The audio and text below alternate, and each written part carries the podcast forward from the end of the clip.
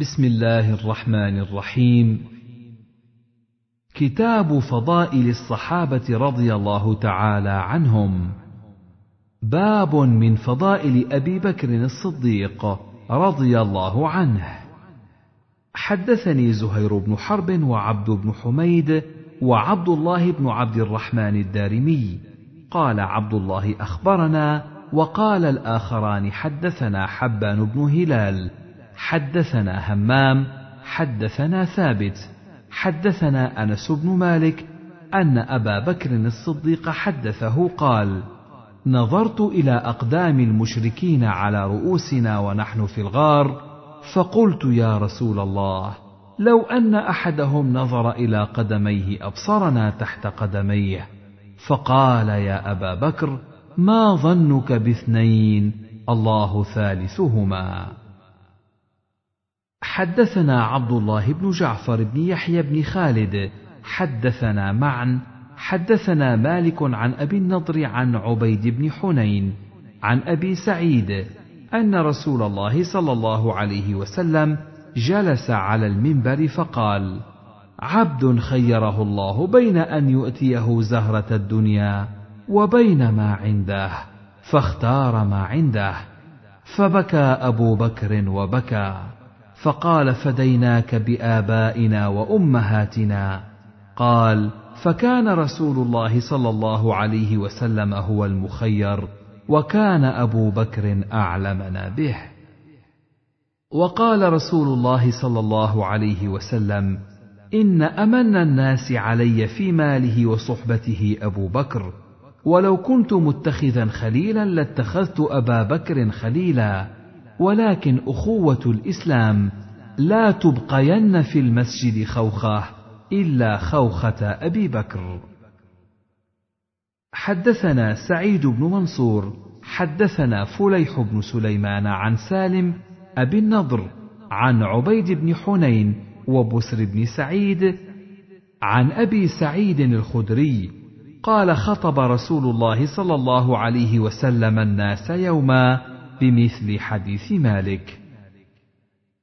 حدثنا محمد بن بشار العبدي حدثنا محمد بن جعفر حدثنا شعبة عن إسماعيل بن رجاء قال سمعت عبد الله بن أبي الهذيل يحدث عن أبي الأحوص قال سمعت عبد الله بن مسعود يحدث عن النبي صلى الله عليه وسلم أنه قال لو كنت متخذا خليلا لاتخذت أبا بكر خليلا ولكنه أخي وصاحبي وقد اتخذ الله عز وجل صاحبكم خليلا. حدثنا محمد بن المثنى وابن بشار واللفظ لابن المثنى. قال حدثنا محمد بن جعفر حدثنا شعبة عن أبي إسحاق عن أبي الأحوص عن عبد الله عن النبي صلى الله عليه وسلم أنه قال: لو كنت متخذا من أمتي أحدا خليلا لاتخذت أبا بكر. حدثنا محمد بن المثنى وابن بشار قال حدثنا عبد الرحمن حدثني سفيان عن أبي إسحاق عن أبي الأحوص عن عبد الله حا وحدثنا عبد بن حميد أخبرنا جعفر بن عون أخبرنا أبو عميس عن ابن أبي مليكة عن عبد الله قال قال رسول الله صلى الله عليه وسلم لو كنت متخذا خليلا لاتخذت ابن أبي قحافة خليلا.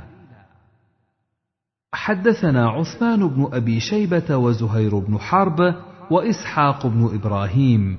قال إسحاق أخبرنا وقال الآخران حدثنا جرير عن مغيرة عن واصل بن حيان عن عبد الله بن أبي الهذيل عن أبي الأحوص عن عبد الله عن النبي صلى الله عليه وسلم قال لو كنت متخذا من أهل الأرض خليلا لاتخذت ابن أبي قحافة خليلا ولكن صاحبكم خليل الله. حدثنا أبو بكر بن أبي شيبة حدثنا أبو معاوية ووكيع حا وحدثنا إسحاق بن إبراهيم أخبرنا جرير حا وحدثنا ابن أبي عمر حدثنا سفيان كلهم عن الأعمش حا وحدثنا محمد بن عبد الله بن نمير وأبو سعيد الأشج واللفظ لهما. قال حدثنا وكيع حدثنا الأعمش عن عبد الله بن مره عن أبي الأحوص عن عبد الله قال قال رسول الله صلى الله عليه وسلم ألا إني أبرأ إلى كل خل من خله ولو كنت متخذا خليلا لاتخذت أبا بكر خليلا إن صاحبكم خليل الله. حدثنا يحيى بن يحيى أخبرنا خالد بن عبد الله عن خالد عن أبي عثمان أخبرني عمرو بن العاص أن رسول الله صلى الله عليه وسلم بعثه على جيش ذات السلاسل فأتيته فقلت أي الناس أحب إليك؟ قال عائشة قلت من الرجال. قال أبوها قلت ثم من؟ قال عمر فعد رجالا. وحدثني الحسن بن علي الحلواني حدثنا جعفر بن عون عن أبي عميس حا وحدثنا عبد بن حميد واللفظ له. أخبرنا جعفر بن عون أخبرنا أبو عميس عن ابن أبي مليكة. سمعت عائشة وسئلت من كان رسول الله صلى الله عليه وسلم مستخلفا لو استخلفاه؟ قالت أبو بكر فقيل لها ثم من بعد أبي بكر؟ قالت عمر. ثم قيل لها من بعد عمر؟ قالت أبو عبيدة بن الجراح. ثم انتهت إلى هذا. حدثني عباد بن موسى. حدثنا إبراهيم بن سعد. أخبرني أبي عن محمد بن جبير بن مطعم عن أبيه. أن امرأة سألت رسول الله صلى الله عليه وسلم شيئا فأمرها أن ترجع إليه. فقالت يا رسول الله أرأيت إن جئت فلم أجدك؟ قال أبي كأنها تعني الموت. قال فإن لم تجديني فأتي أبا بكر. وحدثنيه حجاج بن الشاعر حدثنا يعقوب بن إبراهيم حدثنا أبي عن أبيه أخبرني محمد بن جبير بن مطعم. أن أباه جبير بن مطعم اخبره أن امرأة أتت رسول الله صلى الله عليه وسلم فكلمته في شيء فأمرها بأمر بمثل حديث عباد بن موسى. حدثنا عبيد الله بن سعيد حدثنا يزيد بن هارون أخبرنا إبراهيم بن سعد حدثنا صالح بن كيسان عن الزهري عن عروة عن عائشة قالت قال لي رسول الله صلى الله عليه وسلم في مرضه ادعي لي أبا بكر وأخاك حتى أكتب كتابا فإني أخاف أن يتمنى متمن ويقول قائل أنا أولى ويأبى الله والمؤمنون إلا أبا بكر. حدثنا محمد بن أبي عمر المكي. حدثنا مروان بن معاوية الفزاري عن يزيد وهو ابن كيسان عن أبي حازم الأشجعي عن أبي هريرة قال قال رسول الله صلى الله عليه وسلم من أصبح منكم اليوم صائما؟ قال أبو بكر أنا. قال فمن تبع منكم اليوم جنازة؟ قال أبو بكر أنا. قال فمن أطعم منكم اليوم مسكينا؟ قال أبو بكر أنا. قال فمن عاد منكم اليوم مريضا؟ قال أبو بكر أنا. فقال رسول الله صلى الله عليه وسلم ما اجتمعن في امرئ إلا دخل الجنة. حدثني أبو الطاهر أحمد بن عمرو بن سرح وحرملة بن يحيى. قال أخبرنا ابن وهب. أخبرني يونس عن ابن شهاب حدثني سعيد بن المسيب وأبو سلمة بن عبد الرحمن أنهما سمعا أبا هريرة يقول قال رسول الله صلى الله عليه وسلم بينما رجل يسوق بقرة له قد حمل عليها التفتت إليه البقرة فقالت إني لم أخلق لهذا ولكني إنما خلقت للحرث. فقال الناس سبحان الله تعجبا وفزعا. أبقرة تكلم فقال رسول الله صلى الله عليه وسلم فإني أؤمن به وأبو بكر وعمر. قال أبو هريرة قال رسول الله صلى الله عليه وسلم بين راع في غنمه عدا عليه الذئب فأخذ منه شاه فطلبه الراعي حتى استنقذها منه فالتفت إليه الذئب فقال له من لها يوم السبع؟ يوم ليس لها راع غيري.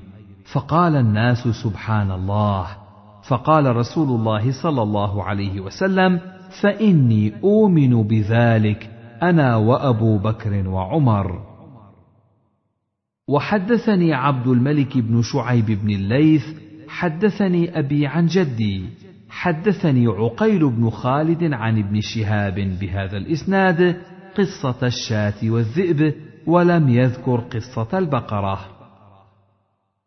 وحدثنا محمد بن عباد حدثنا سفيان بن عيينة حا. وحدثني محمد بن رافع حدثنا أبو داود الحفري. عن سفيان كلاهما عن أبي الزناد عن الأعرج عن أبي سلمة عن أبي هريرة عن النبي صلى الله عليه وسلم بمعنى حديث يونس عن الزهري وفي حديثهما ذكر البقرة والشاة معا وقال في حديثهما فإني أؤمن به أنا وأبو بكر وعمر وما هما ثم وحدثناه محمد بن المثنى وابن بشار قال حدثنا محمد بن جعفر حدثنا شعبة حا وحدثنا محمد بن عباد حدثنا سفيان بن عيينة عن مسعر كلاهما عن سعد بن إبراهيم عن أبي سلمة عن أبي هريرة عن النبي صلى الله عليه وسلم. باب من فضائل عمر رضي الله تعالى عنه. حدثنا سعيد بن عمرو الأشعثي وأبو الربيع العتكي وأبو كريب محمد بن العلاء واللفظ لأبي كريب. قال أبو الربيع حدثنا وقال الآخران أخبرنا ابن المبارك عن عمر بن سعيد بن أبي حسين عن ابن أبي مليكة.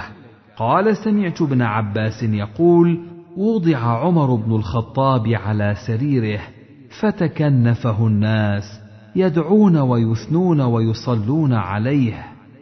قبل أن يرفع وأنا فيهم.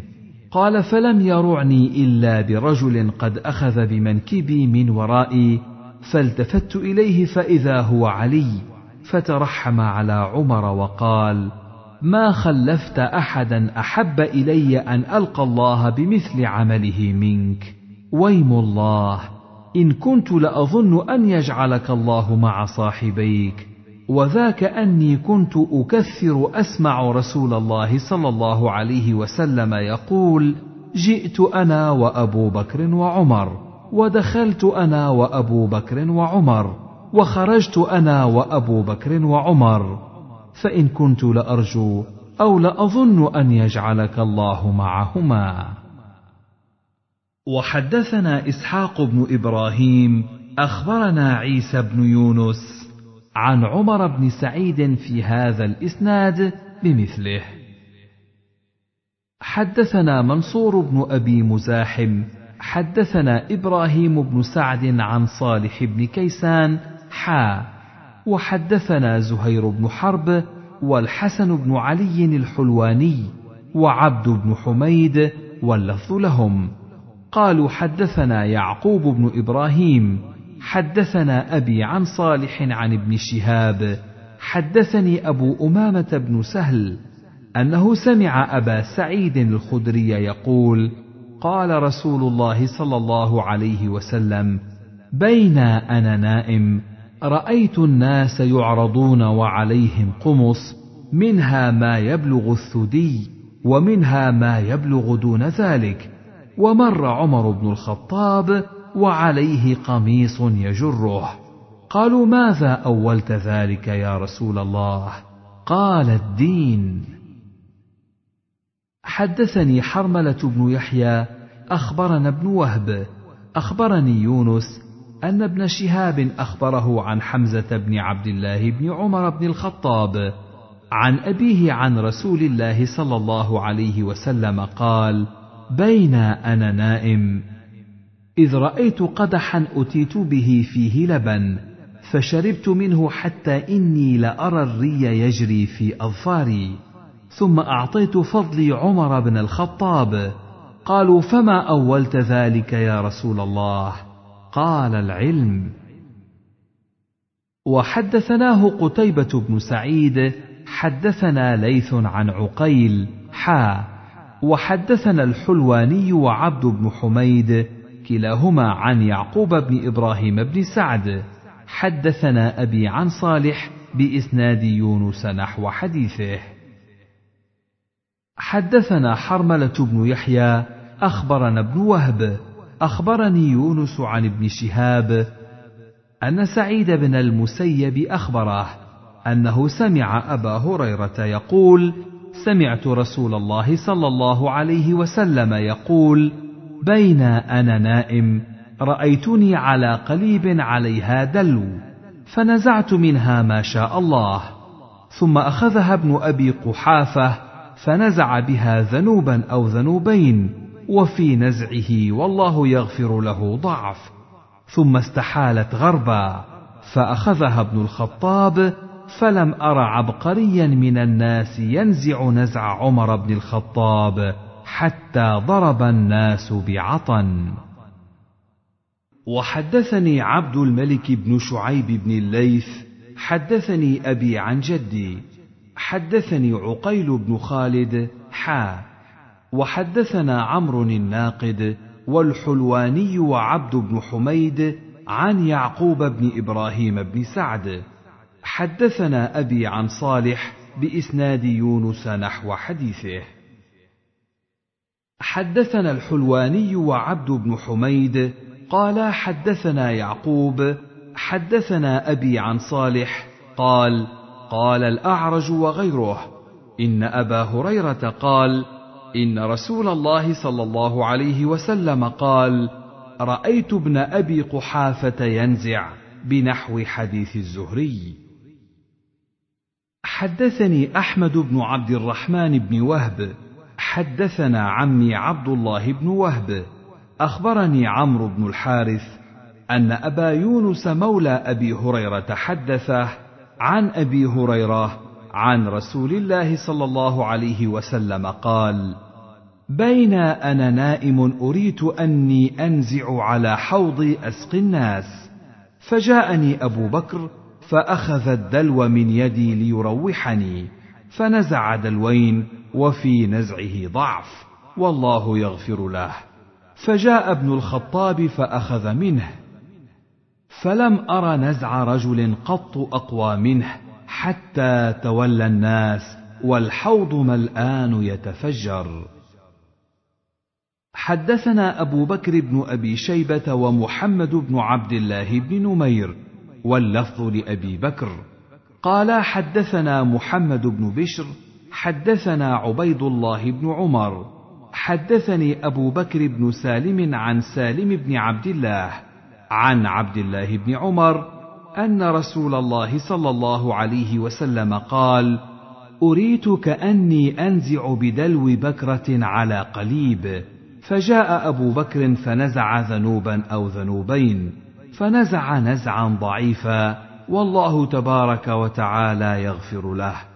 ثم جاء عمر فاستقى فاستحالت غربا فلم أر عبقريا من الناس يفري فريه حتى روي الناس وضربوا العطن.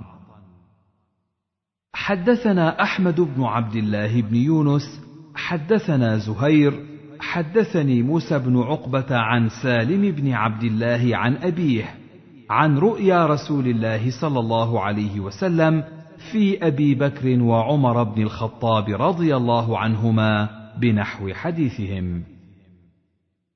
حدثنا محمد بن عبد الله بن نمير. حدثنا أبي. حدثنا سفيان عن عمرو وابن المنكدر.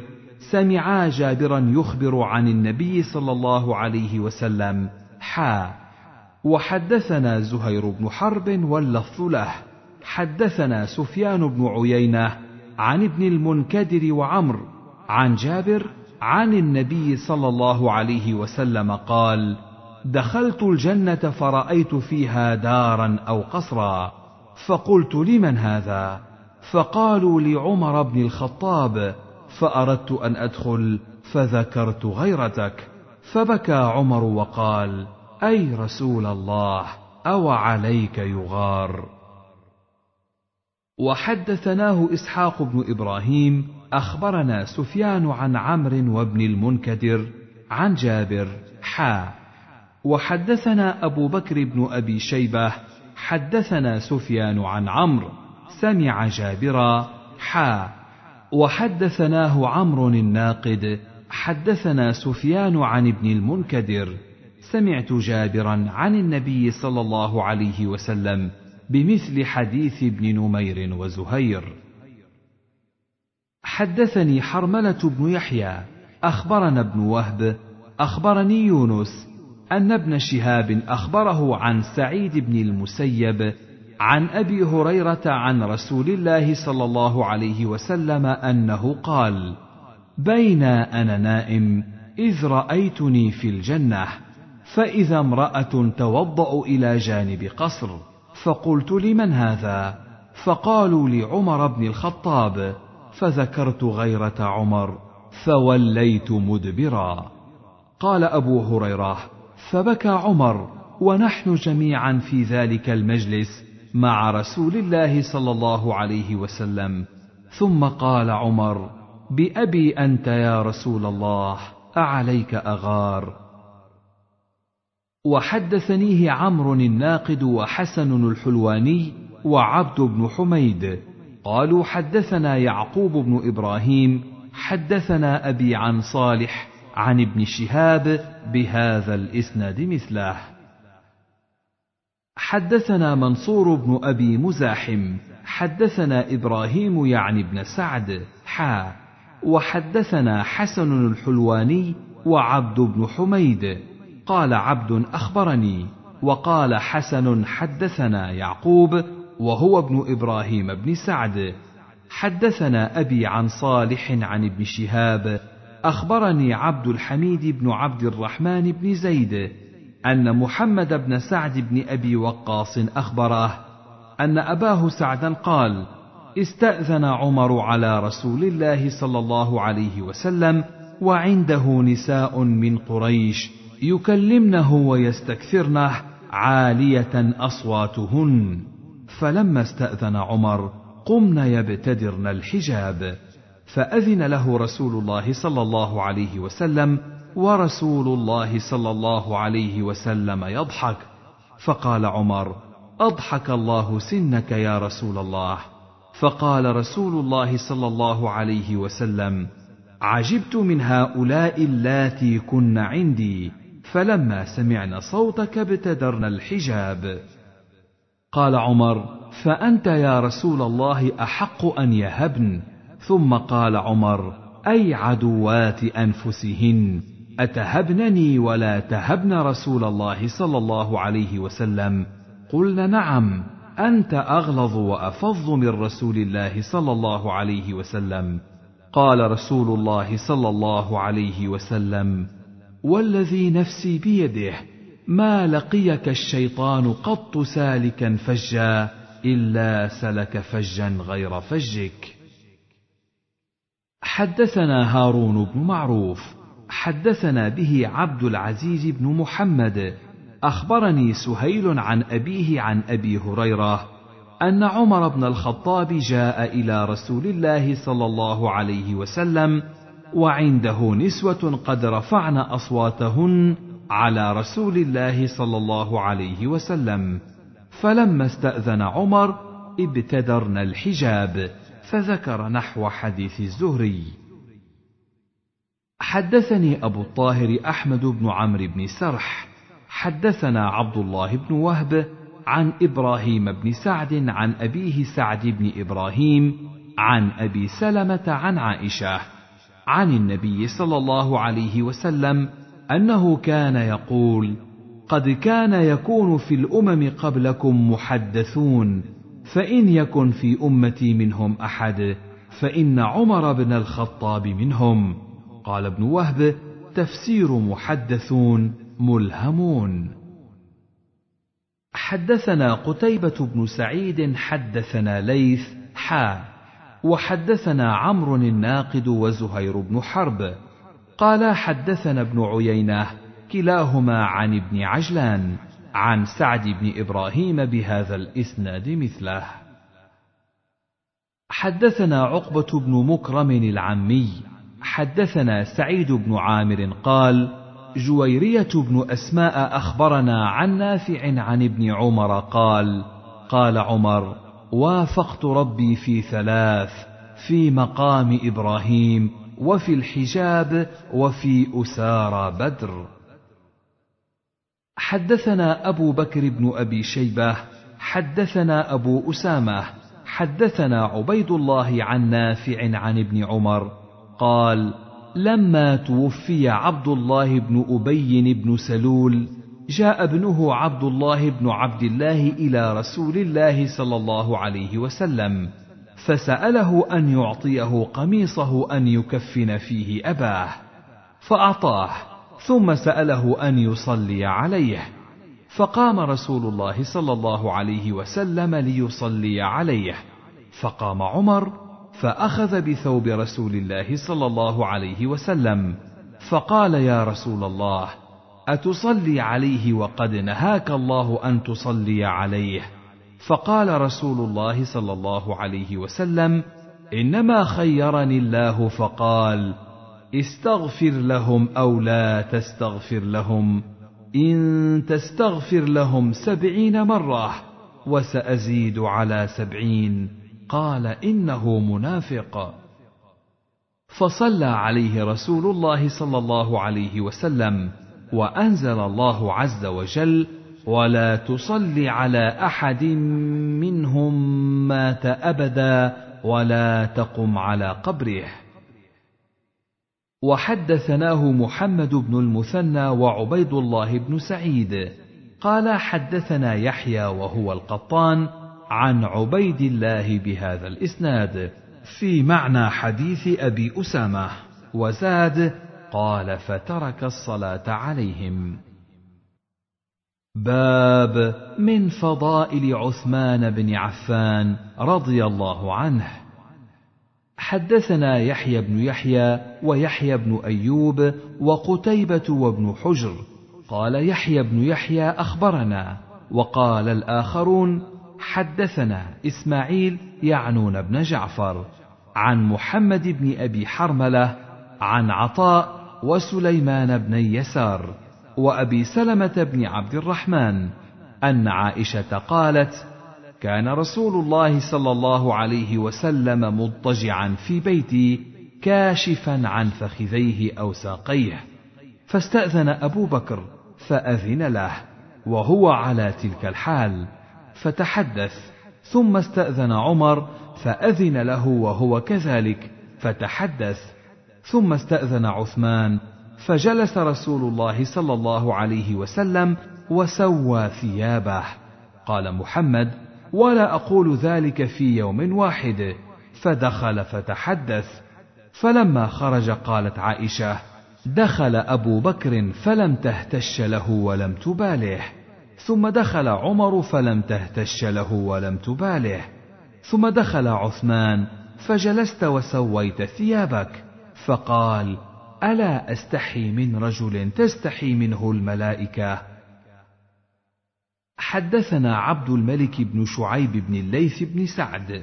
حدثني أبي عن جدي. حدثني عقيل بن خالد عن ابن شهاب عن يحيى بن سعيد بن العاص. أن سعيد بن العاص أخبره أن عائشة زوج النبي صلى الله عليه وسلم وعثمان حدثاه أن أبا بكر استأذن على رسول الله صلى الله عليه وسلم وهو مضطجع على فراشه لابس مرط عائشة. فأذن لأبي بكر وهو كذلك فقضى إليه حاجته ثم انصرف. ثم استأذن عمر فأذن له وهو على تلك الحال فقضى إليه حاجته ثم انصرف. قال عثمان ثم استأذنت عليه فجلس وقال لعائشة اجمعي عليك ثيابك. فقضيت إليه حاجتي ثم انصرفت. فقالت عائشة يا رسول الله ما لي لم أرك فزعت لأبي بكر وعمر رضي الله عنهما كما فزعت لعثمان. قال رسول الله صلى الله عليه وسلم إن عثمان رجل حيي وإني خشيت إن أذنت له على تلك الحال ألا يبلغ إلي في حاجته. حدثناه عمرو الناقد والحسن بن علي الحلواني وعبد بن حميد كلهم عن يعقوب بن إبراهيم بن سعد. حدثنا أبي عن صالح بن كيسان عن ابن شهاب قال أخبرني يحيى بن سعيد بن العاص أن سعيد بن العاص أخبره أن عثمان وعائشة حدثاه أن أبا بكر الصديق استأذن على رسول الله صلى الله عليه وسلم فذكر بمثل حديث عقيل عن الزهري. حدثنا محمد بن المثنى العنزي حدثنا ابن أبي عدي عن عثمان بن غياث عن أبي عثمان النهدي عن أبي موسى الأشعري قال بينما رسول الله صلى الله عليه وسلم في حائط من حائط المدينة وهو متكئ يركز بعود معه بين الماء والطين إذا استفتح رجل فقال افتح وبشره بالجنة. قال فإذا أبو بكر ففتحت له وبشرته بالجنة. قال ثم استفتح رجل آخر فقال افتح وبشره بالجنة. قال فذهبت فإذا هو عمر ففتحت له وبشرته بالجنة. ثم استفتح رجل آخر قال فجلس النبي صلى الله عليه وسلم فقال افتح وبشره بالجنة على بلوى تكون. قال فذهبت فإذا هو عثمان بن عفان قال ففتحت وبشرته بالجنة. قال وقلت الذي قال فقال اللهم صبرا أو الله المستعان. حدثنا أبو الربيع العتكي حدثنا حماد عن أيوب عن أبي عثمان النهدي عن أبي موسى الأشعري أن رسول الله صلى الله عليه وسلم دخل حائطا وأمرني أن أحفظ الباب بمعنى حديث عثمان بن غياث. حدثنا محمد بن مسكين اليمامي حدثنا يحيى بن حسان حدثنا سليمان وهو ابن بلال عن شريك بن أبي نمر عن سعيد بن المسيب أخبرني أبو موسى الأشعري أنه توضأ في بيته ثم خرج فقال لألزمن رسول الله صلى الله عليه وسلم ولأكونن معه يومي هذا. قال فجاء المسجد فسأل عن النبي صلى الله عليه وسلم فقالوا خرج وجهها هنا.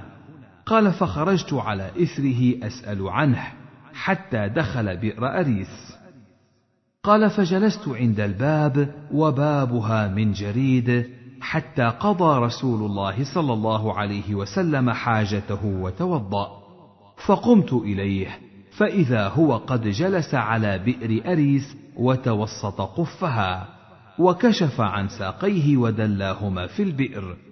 قال فسلمت عليه ثم انصرفت فجلست عند الباب فقلت لأكونن بواب رسول الله صلى الله عليه وسلم اليوم. فجاء أبو بكر فدفع الباب فقلت من هذا؟ فقال أبو بكر. فقلت على رسلك. قال ثم ذهبت فقلت يا رسول الله هذا أبو بكر يستأذن. فقال ائذن له وبشره بالجنة. قال فأقبلت حتى قلت لأبي بكر ادخل ورسول الله صلى الله عليه وسلم يبشرك بالجنة. قال فدخل أبو بكر فجلس عن يمين رسول الله صلى الله عليه وسلم معه في القف ودلى رجليه في البئر كما صنع النبي صلى الله عليه وسلم وكشف عن ساقيه. ثم رجعت فجلست وقد تركت أخي يتوضأ ويلحقني فقلت إن يرد الله بفلان يريد أخاه خيرا يأتي به. فإذا إنسان يحرك الباب فقلت من هذا؟ فقال عمر بن الخطاب فقلت على رسلك. ثم جئت إلى رسول الله صلى الله عليه وسلم فسلمت عليه وقلت هذا عمر يستأذن. فقال أذن له وبشره بالجنة. فجئت عمر فقلت أذن ويبشرك رسول الله صلى الله عليه وسلم بالجنة. قال فدخل فجلس مع رسول الله صلى الله عليه وسلم في القف عن يساره ودلى رجليه في البئر. ثم رجعت فجلست فقلت إن يرد الله بفلان خيرا يعني أخاه يأتي به. فجاء إنسان فحرك الباب فقلت من هذا؟ فقال عثمان بن عفان فقلت على رسلك. قال وجئت النبي صلى الله عليه وسلم فأخبرته فقال إذا له وبشره بالجنة مع بلوى تصيبه. قال فجئت فقلت ادخل ويبشرك رسول الله صلى الله عليه وسلم بالجنة مع بلوى تصيبك. قال فدخل فوجد القف قد ملئ فجلس وجاههم من الشق الآخر. قال شريك فقال سعيد بن المسيب فأولتها قبورهم. حدثنيه أبو بكر بن إسحاق حدثنا سعيد بن عفير حدثني سليمان بن بلال حدثني شريك بن عبد الله بن أبي نمر. سمعت سعيد بن المسيب يقول حدثني أبو موسى الأشعري ها هنا وأشار لي سليمان إلى مجلس سعيد ناحية المقصورة.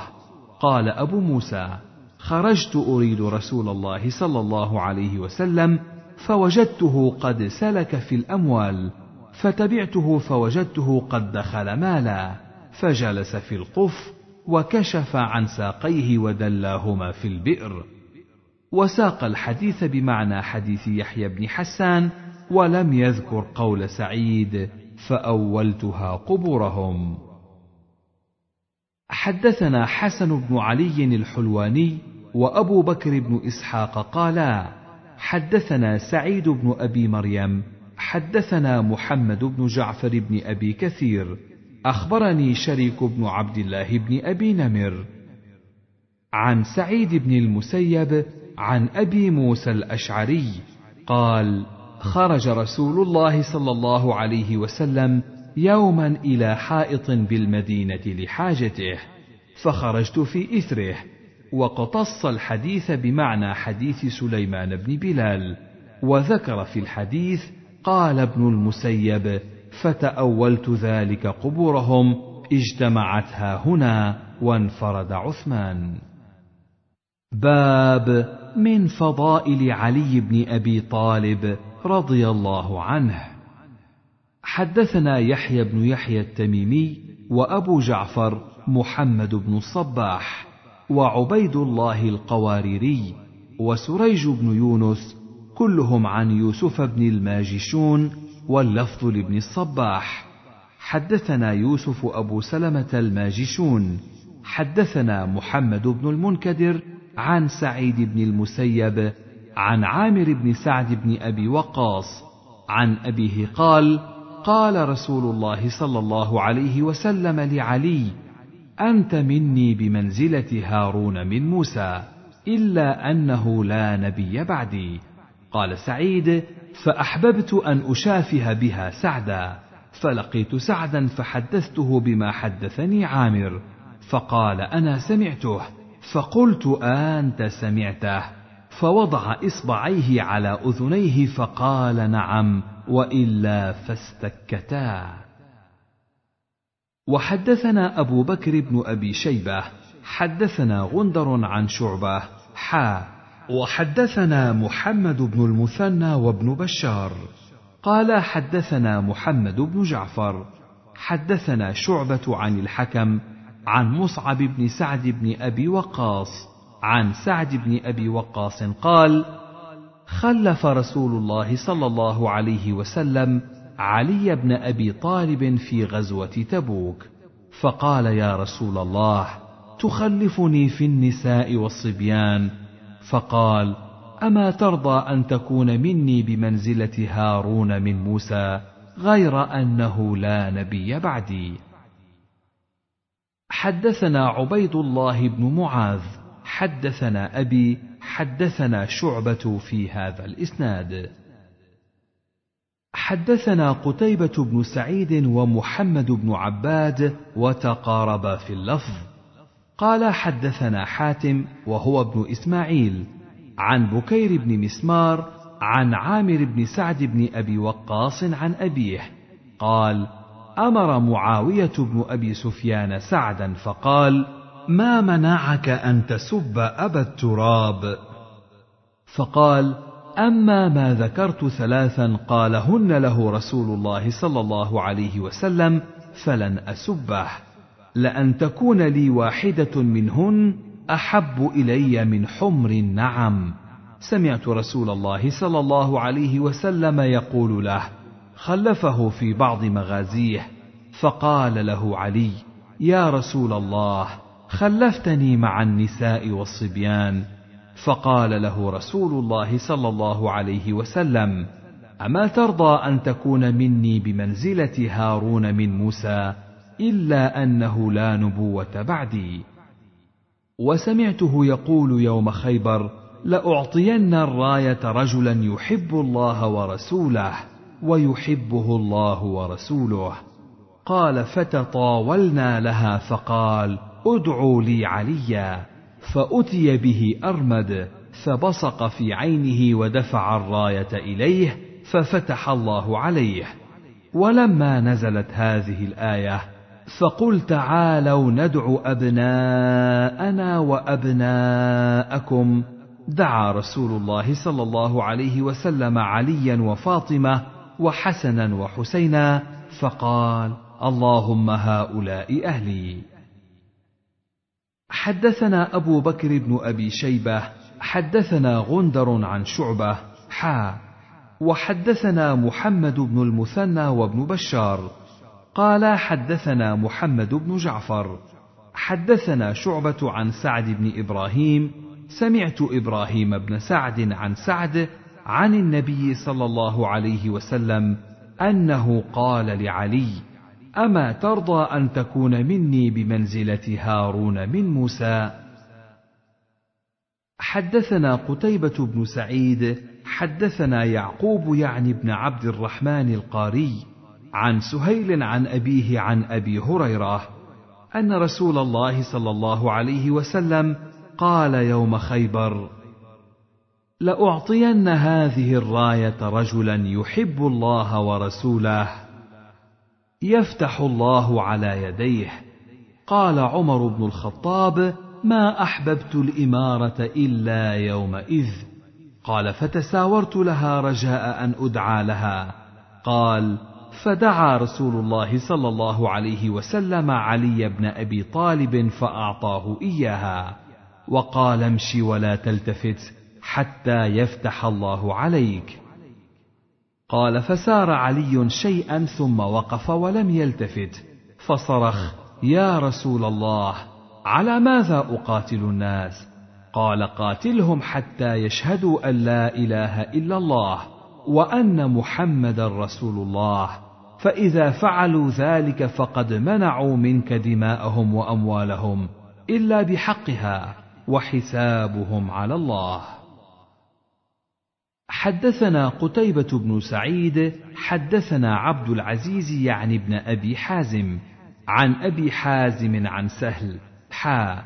وحدثنا قتيبة بن سعيد واللفظ هذا حدثنا يعقوب يعني ابن عبد الرحمن عن أبي حازم أخبرني سهل بن سعد أن رسول الله صلى الله عليه وسلم قال يوم خيبر لأعطين هذه الراية رجلا يفتح الله على يديه يحب الله ورسوله ويحبه الله ورسوله. قال فبات الناس يدوكون ليلتهم أيهم يعطاها؟ قال فلما أصبح الناس غدوا على رسول الله صلى الله عليه وسلم كلهم يرجون أن يعطاها. فقال أين علي بن أبي طالب؟ فقالوا هو يا رسول الله يشتكي عينيه. قال فارسلوا إليه فأتي به. فبصق رسول الله صلى الله عليه وسلم في عينيه ودعا له فبرأ حتى كأن لم يكن به وجع. فأعطاه الراية فقال علي يا رسول الله أقاتلهم حتى يكونوا مثلنا؟ فقال انفذ على رسلك حتى تنزل بساحتهم ثم ادعهم إلى الإسلام وأخبرهم بما يجب عليهم من حق الله فيه. فوالله لأن يهدي الله بك رجلا واحدا خير لك من أن يكون لك حمر النعم. حدثنا قتيبة بن سعيد حدثنا حاتم يعني بن إسماعيل عن يزيد بن أبي عبيد عن سلمة بن الأكوع قال كان علي قد تخلف عن النبي صلى الله عليه وسلم في خيبر وكان رمدا فقال أنا أتخلف عن رسول الله صلى الله عليه وسلم. فخرج علي فلحق بالنبي صلى الله عليه وسلم. فلما كان مساء الليلة التي فتحها الله في صباحها قال رسول الله صلى الله عليه وسلم لأعطين الراية. أو ليأخذن بالراية غدا رجل يحبه الله ورسوله. أو قال يحب الله ورسوله يفتح الله عليه. فإذا نحن بعلي وما نرجوه. فقالوا هذا علي فأعطاه رسول الله صلى الله عليه وسلم الراية ففتح الله عليه. حدثني زهير بن حرب وشجاع بن مخلد جميعا عن ابن علية قال زهير حدثنا إسماعيل بن إبراهيم. حدثني أبو حيان. حدثني يزيد بن حيان. قال انطلقت أنا وحسين بن سبرة وعمر بن مسلم إلى زيد بن أرقم فلما جلسنا إليه قال له حسين لقد لقيت يا زيد خيرا كثيرا. رأيت رسول الله صلى الله عليه وسلم وسمعت حديثه وغزوت معه وصليت خلفه لقد لقيت يا زيد خيرا كثيرا. حدثنا يا زيد ما سمعت من رسول الله صلى الله عليه وسلم. قال يا ابن أخي والله لقد كبرت سني وقدم عهدي ونسيت بعض الذي كنت أعي من رسول الله صلى الله عليه وسلم.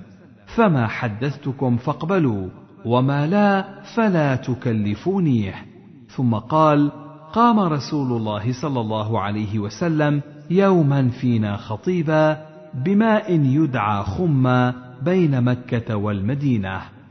فحمد الله وأثنى عليه ووعظ وذكر. ثم قال أما بعد ألا أيها الناس فإنما أنا بشر. يوشك أن يأتي رسول ربي فأجيب وأنا تارك فيكم ثقلين. أولهما كتاب الله فيه الهدى والنور فخذوا بكتاب الله واستمسكوا به فحث على كتاب الله ورغب فيه. ثم قال وأهل بيتي أذكركم الله في أهل بيتي أذكركم الله في أهل بيتي أذكركم الله في أهل بيتي. فقال له حسين ومن أهل بيته يا زيد؟ أليس نساؤه من أهل بيته؟ قال نساؤه من أهل بيته ولكن أهل بيته من حرم الصدقة بعده. قال ومن هم؟ قال هم آل علي وآل عقيل وآل جعفر وآل عباس. قال كل هؤلاء حرم الصدقة؟ قال نعم. وحدثنا محمد بن بكار بن الريان حدثنا حسان يعني بن إبراهيم عن سعيد بن مسروق عن يزيد بن حيان عن زيد بن أرقم عن النبي صلى الله عليه وسلم وساق الحديث بنحوه بمعنى حديث زهير. حدثنا أبو بكر بن أبي شيبة حدثنا محمد بن فضيل حا. وحدثنا إسحاق بن إبراهيم أخبرنا جرير كلاهما عن أبي حيان بهذا الإسناد نحو حديث إسماعيل. وزاد في حديث جرير كتاب الله فيه الهدى والنور من استمسك به وأخذ به كان على الهدى ومن أخطأه ضل. حدثنا محمد بن بكار بن الريان. حدثنا حسان يعني بن إبراهيم عن سعيد وهو ابن مسروق عن يزيد بن حيان عن زيد بن أرقم قال دخلنا عليه فقلنا له لقد رأيت خيرا لقد صاحبت رسول الله صلى الله عليه وسلم وصليت خلفه وساق الحديث بنحو حديث أبي حيان غير أنه قال ألا وإني تارك فيكم ثقلين أحدهما كتاب الله عز وجل هو حبل الله من اتبعه كان على الهدى ومن تركه كان على ضلاله وفيه فقلنا من أهل بيته نساؤه قال لا ويم الله إن المرأة تكون مع الرجل العصر من الدهر ثم يطلقها فترجع إلى أبيها وقومها. أهل بيته أصله وعصبته الذين حرموا الصدقة بعده. حدثنا قتيبة بن سعيد حدثنا عبد العزيز يعني بن أبي حازم عن أبي حازم عن سهل بن سعد قال: استعمل على المدينة رجل من آل مروان، قال فدعا سهل بن سعد فأمره أن يشتم عليا، قال فأبى سهل، فقال له: أما إذ أبيت فقل: لعن الله أبا التراب، فقال سهل ما كان لعلي اسم أحب إليه من أبي التراب وإن كان ليفرح إذا دعي بها. فقال له أخبرنا عن قصته. لم سمي أبا تراب. قال جاء رسول الله صلى الله عليه وسلم بيت فاطمة فلم يجد عليا في البيت. فقال أين ابن عمك؟ فقالت كان بيني وبينه شيء فغاضبني فخرج فلم يقل عندي. فقال رسول الله صلى الله عليه وسلم لإنسان انظر أين هو. فجاء فقال يا رسول الله هو في المسجد راقد. فجاءه رسول الله صلى الله عليه وسلم وهو مضطجع قد سقط رداؤه عن شقه فأصابه تراب. فجعل رسول الله صلى الله عليه وسلم يمسحه عنه ويقول قم أبا التراب قم أبا التراب. باب في فضل سعد بن أبي وقاص رضي الله عنه. حدثنا عبد الله بن مسلمة بن قعنب. حدثنا سليمان بن بلال عن يحيى بن سعيد عن عبد الله بن عامر بن ربيعة عن عائشة قالت أرق رسول الله صلى الله عليه وسلم ذات ليلة فقال ليت رجلا صالحا من أصحابي يحرسني الليلة. قالت وسمعنا صوت السلاح. فقال رسول الله صلى الله عليه وسلم من هذا؟ قال سعد بن أبي وقاص. يا رسول الله جئت أحرسك. قالت عائشة فنام رسول الله صلى الله عليه وسلم حتى سمعت غطيطة. حدثنا قتيبة بن سعيد حدثنا ليث حا. وحدثنا محمد بن رمح. أخبرنا الليث عن يحيى بن سعيد عن عبد الله بن عامر بن ربيعة أن عائشة قالت سهر رسول الله صلى الله عليه وسلم مقدمه المدينة ليلة. فقال ليت رجلا صالحا من أصحابي يحرسني الليلة. قالت فبينا نحن كذلك؟ سمعنا خشخشة سلاح. فقال من هذا؟ قال سعد بن أبي وقاص فقال له رسول الله صلى الله عليه وسلم ما جاء بك؟ قال وقع في نفسي خوف على رسول الله صلى الله عليه وسلم فجئت أحرسه. فدعا له رسول الله صلى الله عليه وسلم ثم نام. وفي رواية ابن رمح فقلنا من هذا؟ حدثناه محمد بن المثنى. حدثنا عبد الوهاب سمعت يحيى بن سعيد يقول سمعت عبد الله بن عامر بن ربيعة يقول قالت عائشة أرق رسول الله صلى الله عليه وسلم ذات ليلة بمثل حديث سليمان بن بلال. حدثنا منصور بن أبي مزاحم حدثنا إبراهيم يعني بن سعد عن أبيه عن عبد الله بن شداد قال سمعت عليا يقول ما جمع رسول الله صلى الله عليه وسلم أبويه لأحد غير سعد بن مالك فإنه جعل يقول له يوم أحد ارمي فداك أبي وأمي. حدثنا محمد بن المثنى وابن بشار قال حدثنا محمد بن جعفر حدثنا شعبة حا وحدثنا أبو بكر بن أبي شيبة حدثنا وكيع حا وحدثنا أبو كريب وإسحاق الحنظلي عن محمد بن بشر عن مسعر حا وحدثنا ابن أبي عمر حدثنا سفيان عن مسعر كلهم عن سعد بن إبراهيم عن عبد الله بن شداد عن علي عن النبي صلى الله عليه وسلم بمثله. حدثنا عبد الله بن مسلمة بن قعنب حدثنا سليمان يعني بن بلال عن يحيى وهو ابن سعيد عن سعيد عن سعد بن أبي وقاص قال لقد جمع لي رسول الله صلى الله عليه وسلم أبويه يوم أحد حدثنا قتيبة بن سعيد وابن رمح عن الليث بن سعد حا وحدثنا ابن المثنى حدثنا عبد الوهاب كلاهما عن يحيى بن سعيد بهذا الإسناد.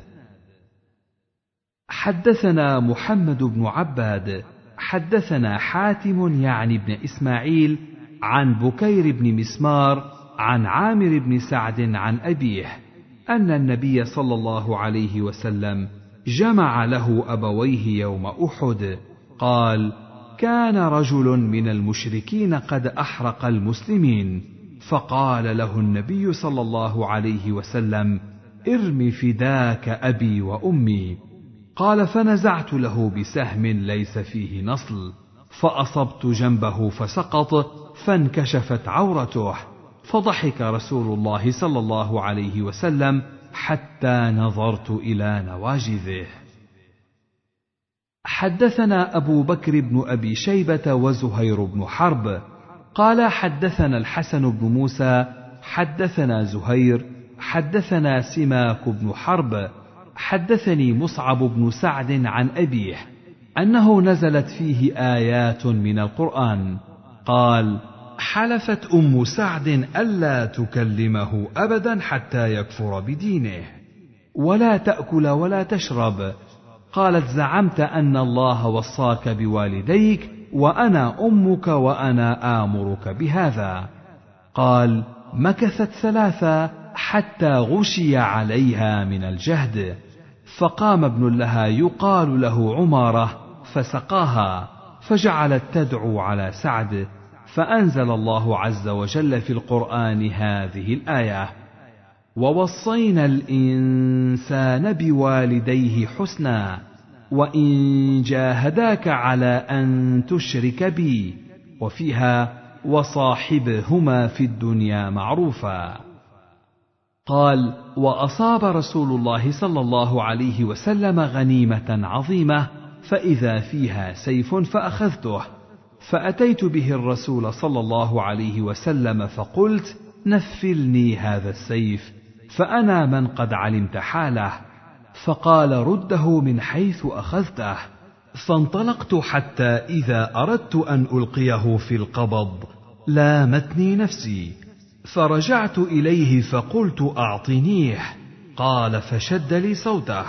رده من حيث أخذته قال فأنزل الله عز وجل يسألونك عن الأنفال.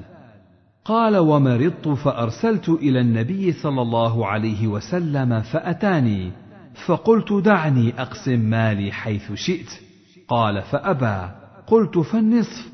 قال فأبى. قلت فالثلث. قال فسكت. فكان بعد الثلث جائزا. قال وأتيت على نفر من الأنصار والمهاجرين. فقالوا تعال نطعمك ونسقيك خمرا. وذلك قبل أن تحرم الخمر. قال فأتيتهم في حش والحش البستان فإذا رأس جزور مشوي عندهم وزق من خمر. قال فأكلت وشربت معهم. قال فذكرت الأنصار والمهاجرون عندهم فقلت المهاجرون خير من الأنصار. قال فأخذ رجل أحد لحيي الرأس فضربني به فجرح بأنفي. فأتيت رسول الله صلى الله عليه وسلم فأخبرته فأنزل الله عز وجل في يعني نفسه شأن الخمر. إنما الخمر والميسر والأنصاب والأزلام رجس من عمل الشيطان. حدثنا محمد بن المثنى ومحمد بن بشار. قال حدثنا محمد بن جعفر. حدثنا شعبة عن سماك بن حرب عن مصعب بن سعد عن أبيه أنه قال أنزلت في أربع آيات وساق الحديث بمعنى حديث زهير عن سماك. وزاد في حديث شعبة قال فكانوا إذا أرادوا أن يطعموها شجروا فاها بعصا ثم أوجروها. وفي حديثه أيضا فضرب به أنف سعد ففزره وكان أنف سعد مفزورا. حدثنا زهير بن حرب حدثنا عبد الرحمن عن سفيان عن المقدام بن شريح عن أبيه عن سعد في نزلت ولا تطرد الذين يدعون ربهم بالغداة والعشي. قال نزلت في ستة أنا وابن مسعود منهم وكان المشركون قالوا له تدني هؤلاء. حدثنا أبو بكر بن أبي شيبة حدثنا محمد بن عبد الله الأسدي عن إسرائيل عن المقدام بن شريح عن أبيه عن سعد قال كنا مع النبي صلى الله عليه وسلم ستة نفر فقال المشركون للنبي صلى الله عليه وسلم اطرد هؤلاء لا يجترئون علينا. قال وكنت أنا وابن مسعود ورجل من هذيل وبلال ورجلان لست أسميهما فوقع في نفس رسول الله صلى الله عليه وسلم ما شاء الله أن يقع؟ فحدث نفسه فأنزل الله عز وجل ولا تطرد الذين يدعون ربهم بالغداة والعشي يريدون وجهه. باب من فضائل طلحة والزبير رضي الله تعالى عنهما. حدثنا محمد بن أبي بكر المقدمي وحامد بن عمر البكراوي ومحمد بن عبد الأعلى. قالوا حدثنا المعتمر وهو ابن سليمان. قال سمعت أبي عن أبي عثمان قال لم يبق مع رسول الله صلى الله عليه وسلم في بعض تلك الأيام التي قاتل فيهن رسول الله صلى الله عليه وسلم غير طلحة وسعد عن حديثهما. حدثنا عمرو الناقد حدثنا سفيان بن عيينة عن محمد بن المنكدر عن جابر بن عبد الله قال سمعته يقول ندب رسول الله صلى الله عليه وسلم الناس يوم الخندق فانتدب الزبير ثم ندبهم فانتدب الزبير ثم ندبهم فانتدب الزبير فقال النبي صلى الله عليه وسلم لكل نبي حواري وحواري الزبير. حدثنا أبو كريب حدثنا أبو أسامة عن هشام بن عروة حا وحدثنا أبو كريب وإسحاق بن إبراهيم جميعا عن وكيع. حدثنا سفيان كلاهما عن محمد بن المنكدر عن جابر عن النبي صلى الله عليه وسلم بمعنى حديث ابن عيينة. حدثنا إسماعيل بن الخليل وسويد بن سعيد كلاهما عن ابن مسهر. قال إسماعيل أخبرنا علي بن مسهر عن هشام بن عروة عن أبيه عن عبد الله بن الزبير. قال كنت أنا وعمر بن أبي سلمة يوم الخندق مع النسوة في أطم حسان. فكان يطأطئ لي مرة فأنظر وأطأطئ له مرة فينظر. فكنت أعرف أبي إذا مر على فرسه في السلاح إلى بني قريظة. قال وأخبرني عبد الله بن عروة عن عبد الله بن الزبير قال فذكرت ذلك لأبي فقال ورأيتني يا بني؟ قلت نعم. قال أما والله لقد جمع لي رسول الله صلى الله عليه وسلم يومئذ أبويه فقال فداك أبي وأمي. وحدثنا أبو كريب حدثنا أبو أسامة عن هشام عن أبيه عن عبد الله بن الزبير قال لما كان يوم الخندق كنت أنا وعمر بن أبي سلمة في الأطم الذي فيه النسوة. يعني نسوة النبي صلى الله عليه وسلم. وساق الحديث بمعنى حديث ابن مسهر في هذا الإسناد ولم يذكر عبد الله بن عروة في الحديث ولكن أدرج القصة في حديث هشام عن أبيه عن ابن الزبير.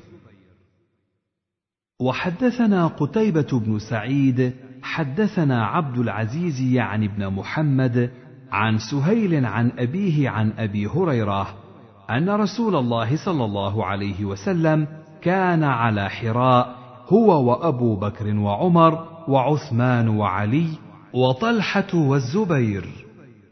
فتحركت الصخره فقال رسول الله صلى الله عليه وسلم اهدأ فما عليك إلا نبي أو صديق أو شهيد. حدثنا عبيد الله بن محمد بن يزيد بن خنيس وأحمد بن يوسف الأزدي.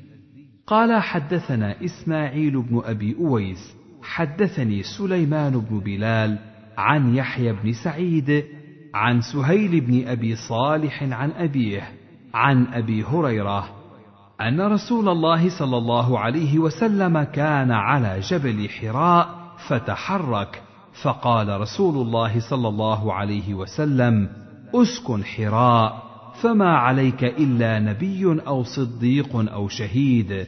وعليه النبي صلى الله عليه وسلم وأبو بكر وعمر وعثمان وعلي وطلحة والزبير وسعد بن أبي وقاص رضي الله عنهم. حدثنا أبو بكر بن أبي شيبة حدثنا ابن نمير وعبده قال حدثنا هشام عن أبيه قال قالت لي عائشة أبواك والله من الذين استجابوا لله والرسول من بعد ما أصابهم القرح. وحدثناه أبو بكر بن أبي شيبة حدثنا أبو أسامة حدثنا هشام بهذا الإسناد وزاد تعني أبا بكر والزبير. حدثنا أبو كريب محمد بن العلاء. حدثنا وكيع. حدثنا إسماعيل عن البهي. عن عروة قال قالت لي عائشة كان أبواك من الذين استجابوا لله والرسول من بعد ما أصابهم القرح. باب فضائل أبي عبيدة بن الجراح. رضي الله تعالى عنه. حدثنا أبو بكر بن أبي شيبة حدثنا إسماعيل بن علية عن خالد حا وحدثني زهير بن حرب حدثنا إسماعيل بن علية أخبرنا خالد عن أبي قلابة قال قال أنس قال رسول الله صلى الله عليه وسلم إن لكل أمة أمينا. وإن أميننا أيتها الأمة أبو عبيدة بن الجراح. حدثني عمرو الناقد حدثنا عفان حدثنا حماد وهو ابن سلمة عن ثابت عن أنس أن أهل اليمن قدموا على رسول الله صلى الله عليه وسلم فقالوا ابعث معنا رجلا يعلمنا السنة والإسلام. قال فأخذ بيد أبي عبيدة فقال هذا أمين هذه الأمة. حدثنا محمد بن المثنى وابن بشار واللفظ لابن المثنى. قال حدثنا محمد بن جعفر حدثنا شعبة. قال سمعت أبا إسحاق يحدث عن صلة بن زفر عن حذيفة قال جاء أهل نجران إلى رسول الله صلى الله عليه وسلم فقالوا يا رسول الله ابعث إلينا رجلا امينا. فقال لأبعثن إليكم رجلا امينا حق أمين حق أمين. قال فاستشرف لها الناس. قال فبعث أبا عبيدة بن الجراح. حدثنا إسحاق بن إبراهيم أخبرنا أبو داود الحفري حدثنا سفيان عن أبي إسحاق بهذا الإسناد نحوه. باب فضائل الحسن والحسين رضي الله عنهما. حدثني أحمد بن حنبل حدثنا سفيان بن عيينة حدثني عبيد الله بن أبي يزيد عن نافع بن جبير عن أبي هريرة عن النبي صلى الله عليه وسلم أنه قال لحسن اللهم إني أحبه فأحبه وأحبب من يحبه. حدثنا ابن أبي عمر حدثنا سفيان عن عبيد الله بن أبي يزيد عن نافع بن جبير بن مطعم عن أبي هريرة قال خرجت مع رسول الله صلى الله عليه وسلم في طائفة من النهار لا يكلمني ولا أكلمه حتى جاء سوق بني قينقاع. ثم انصرف حتى أتى خباء فاطمة فقال أثم لكع أثم لكع يعني حسنا فظننا أنه إنما تحبسه أمه لأن تغسله وتلبسه سخابا. فلم يلبث أن جاء يسعى حتى اعتنق كل واحد منهما صاحبه. فقال رسول الله صلى الله عليه وسلم اللهم إني أحبه فأحبه وأحبب من يحبه. حدثنا عبيد الله بن معاذ حدثنا أبي حدثنا شعبة عن عدي وهو ابن ثابت. حدثنا البراء بن عازب قال رأيت الحسن بن علي على عاتق النبي صلى الله عليه وسلم وهو يقول اللهم إني أحبه فأحبه. حدثنا محمد بن بشار وأبو بكر بن نافع. قال ابن نافع حدثنا غندر حدثنا شعبة عن عدي وهو ابن ثابت. عن البراء قال رأيت رسول الله صلى الله عليه وسلم واضعا الحسن بن علي على عاتقه وهو يقول اللهم إني أحبه فأحبه. حدثني عبد الله بن الرومي اليمامي وعباس بن عبد العظيم العنبري. قال حدثنا النضر بن محمد حدثنا عكرمة وهو ابن عمار. حدثنا إياس عن أبيه قال لقد قدت بنبي الله صلى الله عليه وسلم والحسن والحسين بغلته الشهباء حتى أدخلتهم حجرة النبي صلى الله عليه وسلم هذا قدامه وهذا خلفه. باب فضائل أهل بيت النبي صلى الله عليه وسلم. حدثنا أبو بكر بن أبي شيبة ومحمد بن عبد الله بن نمير واللفظ لأبي بكر. قال حدثنا محمد بن بشر عن زكريا عن مصعب بن شيبة عن صفية بنت شيبة قالت قالت عائشة خرج النبي صلى الله عليه وسلم غداه وعليه مرط مرحل من شعر أسود فجاء الحسن بن علي فأدخله ثم جاء الحسين فدخل معه ثم جاءت فاطمة فأدخلها. ثم جاء علي فأدخله ثم قال إنما يريد الله ليذهب عنكم الرجس أهل البيت ويطهركم تطهيرا. باب فضائل زيد بن حارثة وأسامة بن زيد رضي الله عنهما. حدثنا قتيبة بن سعيد حدثنا يعقوب بن عبد الرحمن القاري عن موسى بن عقبة عن سالم بن عبد الله عن أبيه أنه كان يقول ما كنا ندعو زيد بن حارثة إلا زيد بن محمد حتى نزل في القرآن ادعوهم لآبائهم هو أقسط عند الله. قال الشيخ أبو أحمد محمد بن عيسى أخبرنا أبو العباس السراج ومحمد بن عبد الله بن يوسف الدويري. قالا حدثنا قتيبة بن سعيد بهذا الحديث.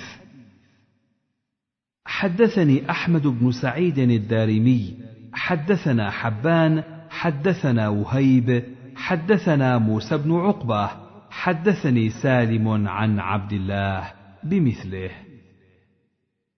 حدثنا يحيى بن يحيى ويحيى بن أيوب وقتيبة وابن حجر قال يحيى بن يحيى أخبرنا وقال الآخرون حدثنا إسماعيل يعنون بن جعفر عن عبد الله بن دينار أنه سمع ابن عمر يقول بعث رسول الله صلى الله عليه وسلم بعثا وأمر عليهم أسامة بن زيد فطعن الناس في إمرته فقام رسول الله صلى الله عليه وسلم فقال إن تطعنوا في إمرته فقد كنتم تطعنون في إمرة أبيه من قبل. ويم الله إن كان لخليقا للإمرة وإن كان لمن أحب الناس إليه وإن هذا لمن أحب الناس إلي بعده. حدثنا أبو كريب محمد بن العلاء حدثنا أبو أسامة عن عمر يعني ابن حمزة عن سالم عن أبيه أن رسول الله صلى الله عليه وسلم قال وهو على المنبر إن تطعنوا في إمارته يريد أسامة بن زيد فقد طعنتم في إمارة أبيه من قبله ويم الله إن كان لخليقا لها ويم الله إن كان لأحب الناس الي ويم الله إن هذا لخليق يريد أسامة بن زيد ويم الله إن كان لأحبهم إلي من بعده فأوصيكم به فإنه من صالحيكم. باب فضائل عبد الله بن جعفر رضي الله عنهما. حدثنا أبو بكر بن أبي شيبة حدثنا إسماعيل بن علية عن حبيب بن الشهيد عن عبد الله بن أبي مليكة. قال عبد الله بن جعفر لابن الزبير أتذكر إذ تلقينا رسول الله صلى الله عليه وسلم أنا وأنت وابن عباس؟ قال نعم فحملنا وتركك. حدثنا إسحاق بن إبراهيم أخبرنا أبو أسامة عن حبيب بن الشهيد بمثل حديث ابن علية وإسناده. حدثنا يحيى بن يحيى وأبو بكر بن أبي شيبة واللفظ ليحيى. قال أبو بكر حدثنا وقال يحيى أخبرنا أبو معاوية عن عاصم الأحول عن مورق العجلي عن عبد الله بن جعفر قال كان رسول الله صلى الله عليه وسلم إذا قدم من سفر تلقي بصبيان أهل بيته. قال وإنه قدم من سفر فسبق بي إليه فحملني بين يديه ثم جيء بأحد ابني فاطمة فأردفه خلفه قال فأدخلنا المدينة ثلاثة على دابة. حدثنا أبو بكر بن أبي شيبة حدثنا عبد الرحيم بن سليمان عن عاصم حدثني مورق حدثني عبد الله بن جعفر قال كان النبي صلى الله عليه وسلم إذا قدم من سفر تلقي بنا. قال فتلقي بي وبالحسن أو بالحسين. قال فحمل أحدنا بين يديه والآخر خلفه حتى دخلنا المدينة. حدثنا شيبان بن فروخ حدثنا مهدي بن ميمون حدثنا محمد بن عبد الله بن أبي يعقوب عن الحسن بن سعد مولى الحسن بن علي عن عبد الله بن جعفر قال أردفني رسول الله صلى الله عليه وسلم ذات يوم خلفه فأسر إلي حديثا لا أحدث به أحدا من الناس.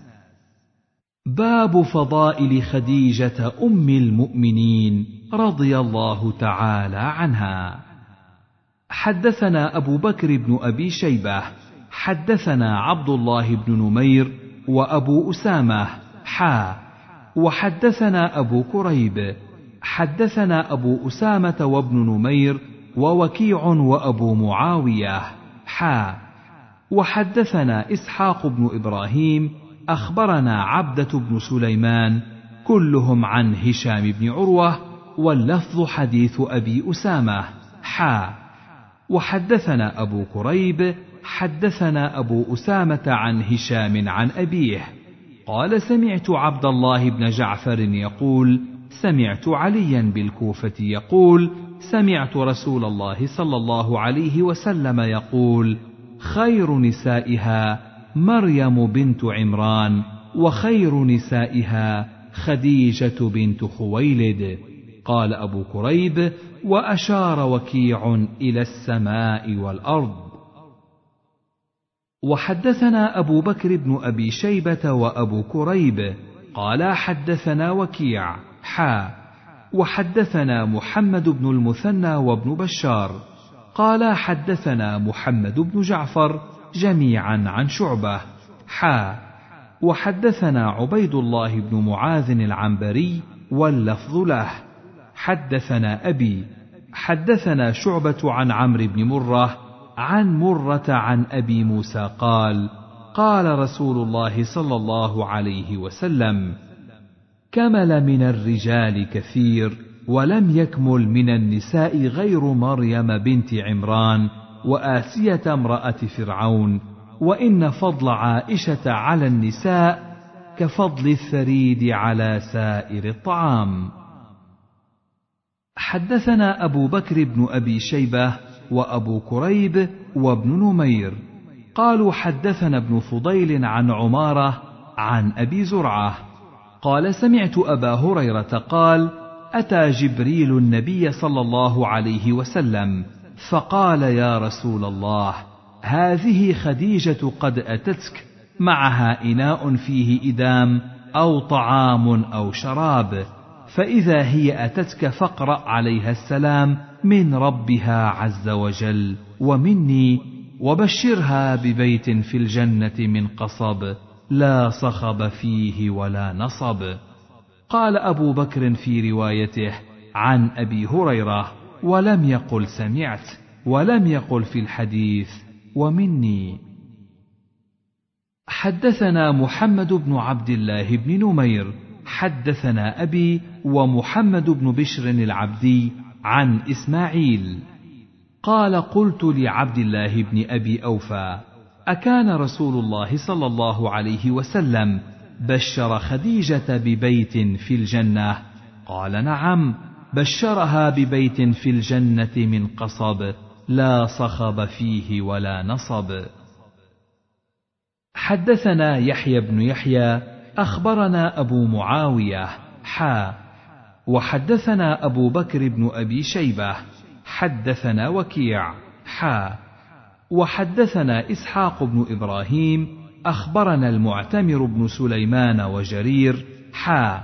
وحدثنا ابن أبي عمر. حدثنا سفيان. كلهم عن إسماعيل بن أبي خالد. عن ابن أبي أوفى. عن النبي صلى الله عليه وسلم بمثله. حدثنا عثمان بن أبي شيبة حدثنا عبدة عن هشام بن عروة عن أبيه عن عائشة قالت بشر رسول الله صلى الله عليه وسلم خديجة بنت خويلد ببيت في الجنة. حدثنا أبو كريب محمد بن العلاء حدثنا أبو أسامة حدثنا هشام عن أبيه عن عائشة قالت ما غرت على امرأة ما غرت على خديجة. ولقد هلكت قبل أن يتزوجني بثلاث سنين لما كنت أسمعه يذكرها. ولقد أمره ربه عز وجل أن يبشرها ببيت من قصب في الجنة وإن كان ليذبح الشاه ثم يهديها إلى خلائلها. حدثنا سهل بن عثمان. حدثنا حفص بن غياث عن هشام بن عروة عن أبيه عن عائشة قالت ما غرت على نساء النبي صلى الله عليه وسلم إلا على خديجة وإني لم أدركها. قالت وكان رسول الله صلى الله عليه وسلم إذا ذبح الشاة فيقول ارسلوا بها إلى أصدقاء خديجه قالت فاغضبته يوما فقلت خديجه فقال رسول الله صلى الله عليه وسلم إني قد رزقت حبها. حدثنا زهير بن حرب وأبو كريب جميعا عن أبي معاوية. حدثنا هشام بهذا الإسناد نحو حديث أبي أسامة إلى قصة الشاه ولم يذكر الزيادة بعدها. حدثنا عبد بن حميد أخبرنا عبد الرزاق أخبرنا معمر عن الزهري عن عروة عن عائشة قالت ما غرت للنبي صلى الله عليه وسلم على امرأة من نسائه ما غرت على خديجة لكثرة ذكره إياها وما رأيتها قط. حدثنا عبد بن حميد أخبرنا عبد الرزاق أخبرنا معمر عن الزهري عن عروة عن عائشة قالت لم يتزوج النبي صلى الله عليه وسلم على خديجة حتى ماتت. حدثنا سويد بن سعيد حدثنا علي بن مسهر عن هشام عن أبيه عن عائشة قالت استأذنت هالة بنت خويلد أخت خديجة على رسول الله صلى الله عليه وسلم فعرف استئذان خديجة فارتاح لذلك فقال اللهم هالة بنت خويلد. فغرت فقلت وما تذكر من عجوز من عجائز قريش حمراء الشدقين؟ هلكت في الدهر فأبدلك الله خيرا منها. باب في فضل عائشة رضي الله تعالى عنها. حدثنا خلف بن هشام وأبو الربيع. جميعا عن حماد بن زيد واللفظ لأبي الربيع. حدثنا حماد حدثنا هشام عن أبيه عن عائشة أنها قالت قال رسول الله صلى الله عليه وسلم أريتك في المنام ثلاث ليال جاءني بك الملك في سرقة من حرير فيقول هذه امرأتك فأكشف عن وجهك فإذا أنت هي فأقول إن يك هذا من عند الله يمضه حدثنا ابن نمير حدثنا ابن إدريس حا. وحدثنا أبو كريب حدثنا أبو أسامة جميعا عن هشام بهذا الإسناد نحوه. حدثنا أبو بكر بن أبي شيبة قال وجدت في كتابي عن أبي أسامة. حدثنا هشام حا. وحدثنا أبو كريب محمد بن العلاء.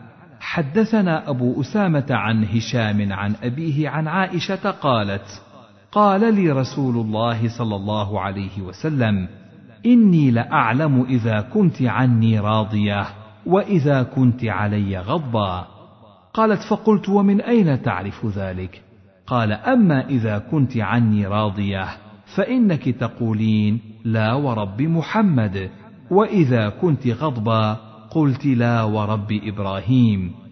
قالت قلت أجل والله يا رسول الله ما أهجر إلا اسمك.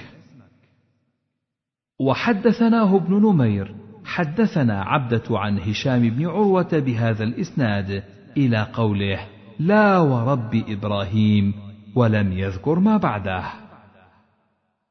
حدثنا يحيى بن يحيى أخبرنا عبد العزيز بن محمد عن هشام بن عروة عن أبيه عن عائشة أنها كانت تلعب بالبنات عند رسول الله صلى الله عليه وسلم. قالت وكانت تأتيني صواحبي فكن ينقمعن من رسول الله صلى الله عليه وسلم.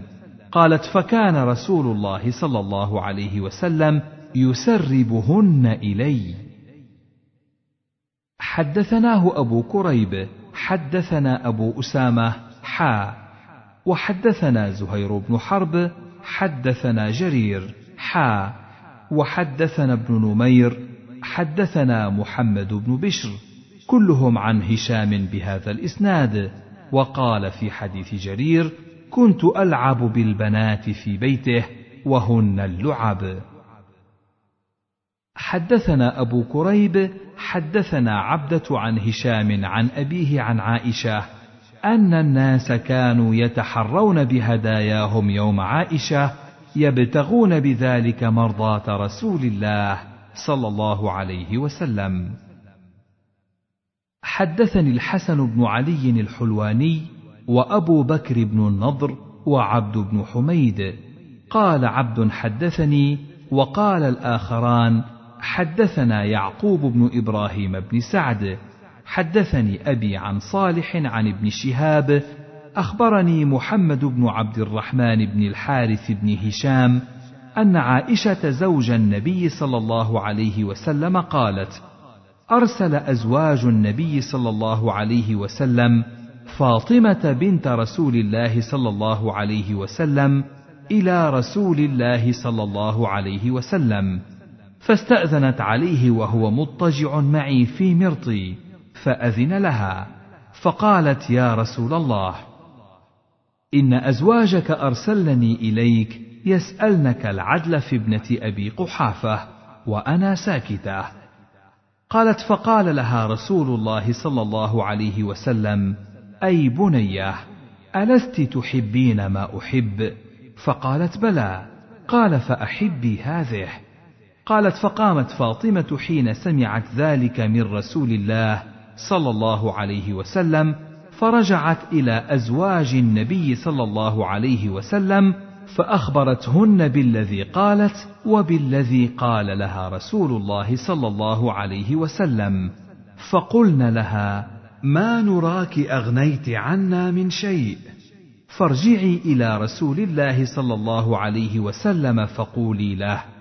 إن أزواجك ينشدنك العدل في ابنة أبي قحافة. فقالت فاطمة والله لا أكلمه فيها أبدا.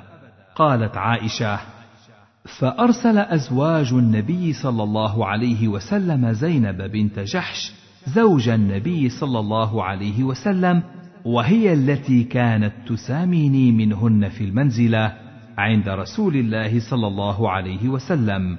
ولم أر امرأة قط خيرا في الدين من زينب وأتقى لله وأصدق حديثا وأوصل للرحم وأعظم صدقة وأشد ابتذالا لنفسها في العمل الذي تصدق به وتقرب به إلى الله تعالى ما عدا ثورة من حد كانت فيها تسرع منها الفيئة.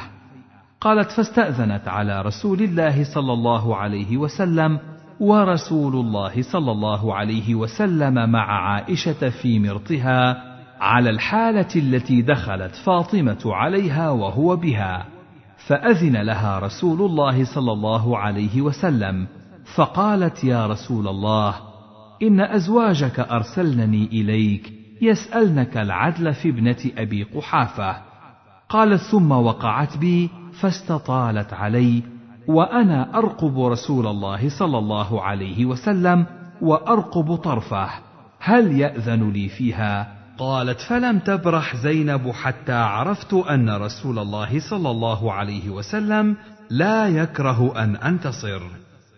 قالت فلما وقعت بها لم أنشبها حين أنحيت عليها. قالت فقال رسول الله صلى الله عليه وسلم وتبسم. إنها ابنة أبي بكر. حدثنيه محمد بن عبد الله بن قهزاز. قال عبد الله بن عثمان حدثنيه عن عبد الله بن المبارك عن يونس عن الزهري بهذا الإسناد مثله في المعنى غير أنه قال فلما وقعت بها لم أنشبها أن أثخنتها غلبه وحدثنا أبو بكر بن أبي شيبة قال وجدت في كتابي عن أبي أسامة عن هشام عن أبيه عن عائشة قالت إن كان رسول الله صلى الله عليه وسلم ليتفقد يقول أين أنا اليوم؟ أين أنا غدا؟ استبطاء ليوم عائشة. قالت فلما كان يومي قبضه الله بين سحري ونحري. حدثنا قتيبة بن سعيد عن مالك بن أنس فيما قرئ عليه عن هشام بن عروة عن عباد بن عبد الله بن الزبير عن عائشة أنها أخبرته أنها سمعت رسول الله صلى الله عليه وسلم يقول قبل أن يموت وهو مسند إلى صدرها وأصغت إليه وهو يقول: اللهم اغفر لي وارحمني. وألحقني بالرفيق. حدثنا أبو بكر بن أبي شيبة وأبو كريب. قال حدثنا أبو أسامة حا. وحدثنا ابن نمير حدثنا أبي حا. وحدثنا إسحاق بن إبراهيم أخبرنا عبدة بن سليمان كلهم عن هشام بهذا الإسناد مثله. وحدثنا محمد بن المثنى وابن بشار واللفظ لابن المثنى قال حدثنا محمد بن جعفر حدثنا شعبة عن سعد بن إبراهيم عن عروة عن عائشة قالت: كنت أسمع أنه لن يموت نبي حتى يخير بين الدنيا والآخرة. قالت: فسمعت النبي صلى الله عليه وسلم في مرضه الذي مات فيه وأخذته بحة يقول مع الذين أنعم الله عليهم من النبيين والصديقين والشهداء والصالحين وحسن أولئك رفيقا. قالت فظننته خير حينئذ. حدثناه أبو بكر بن أبي شيبة حدثنا وكيع حا وحدثنا عبيد الله بن معاذ. حدثنا أبي قال حدثنا شعبة عن سعد بهذا الإسناد مثله. حدثني عبد الملك بن شعيب بن الليث بن سعد. حدثني أبي عن جدي. حدثني عقيل بن خالد. قال قال ابن شهاب أخبرني سعيد بن المسيب وعروة بن الزبير في رجال من أهل العلم. أن عائشة زوج النبي صلى الله عليه وسلم قالت كان رسول الله صلى الله عليه وسلم يقول وهو صحيح إنه لم يقبض نبي قط حتى يرى مقعده في الجنة ثم يخير قالت عائشة فلما نزل برسول الله صلى الله عليه وسلم ورأسه على فخذي غشي عليه ساعة ثم أفاق فأشخص بصره إلى السقف ثم قال اللهم الرفيق الأعلى. قالت عائشة قلت اذا لا يختارنا. قالت عائشة وعرفت الحديث الذي كان يحدثنا به وهو صحيح في قوله إنه لم يقبض نبي قط حتى يرى مقعده من الجنة ثم يخير. قالت عائشة فكانت تلك آخر كلمة تكلم بها رسول الله صلى الله عليه وسلم قوله اللهم الرفيق الأعلى حدثنا إسحاق بن إبراهيم الحنظلي وحدثنا عبد بن حميد كلاهما عن أبي نعيم. قال عبد حدثنا أبو نعيم حدثنا عبد الواحد بن أيمن حدثني ابن أبي مليكة عن القاسم بن محمد عن عائشة قالت كان رسول الله صلى الله عليه وسلم إذا خرج أقرع بين نسائه فطارت القرعة على عائشة وحفصة فخرجتا معه جميعا. وكان رسول الله صلى الله عليه وسلم إذا كان بالليل سار مع عائشة يتحدث معها. فقالت حفصة لعائشة ألا تركبين الليلة بعيري وأركب بعيرك فتنظرين وأنظر؟ قالت بلى فركبت عائشة على بعير حفصة وركبت حفصة على بعير عائشة. فجاء رسول الله صلى الله عليه وسلم إلى جمل عائشة وعليه حفصة فسلم ثم سار معها حتى نزلوا.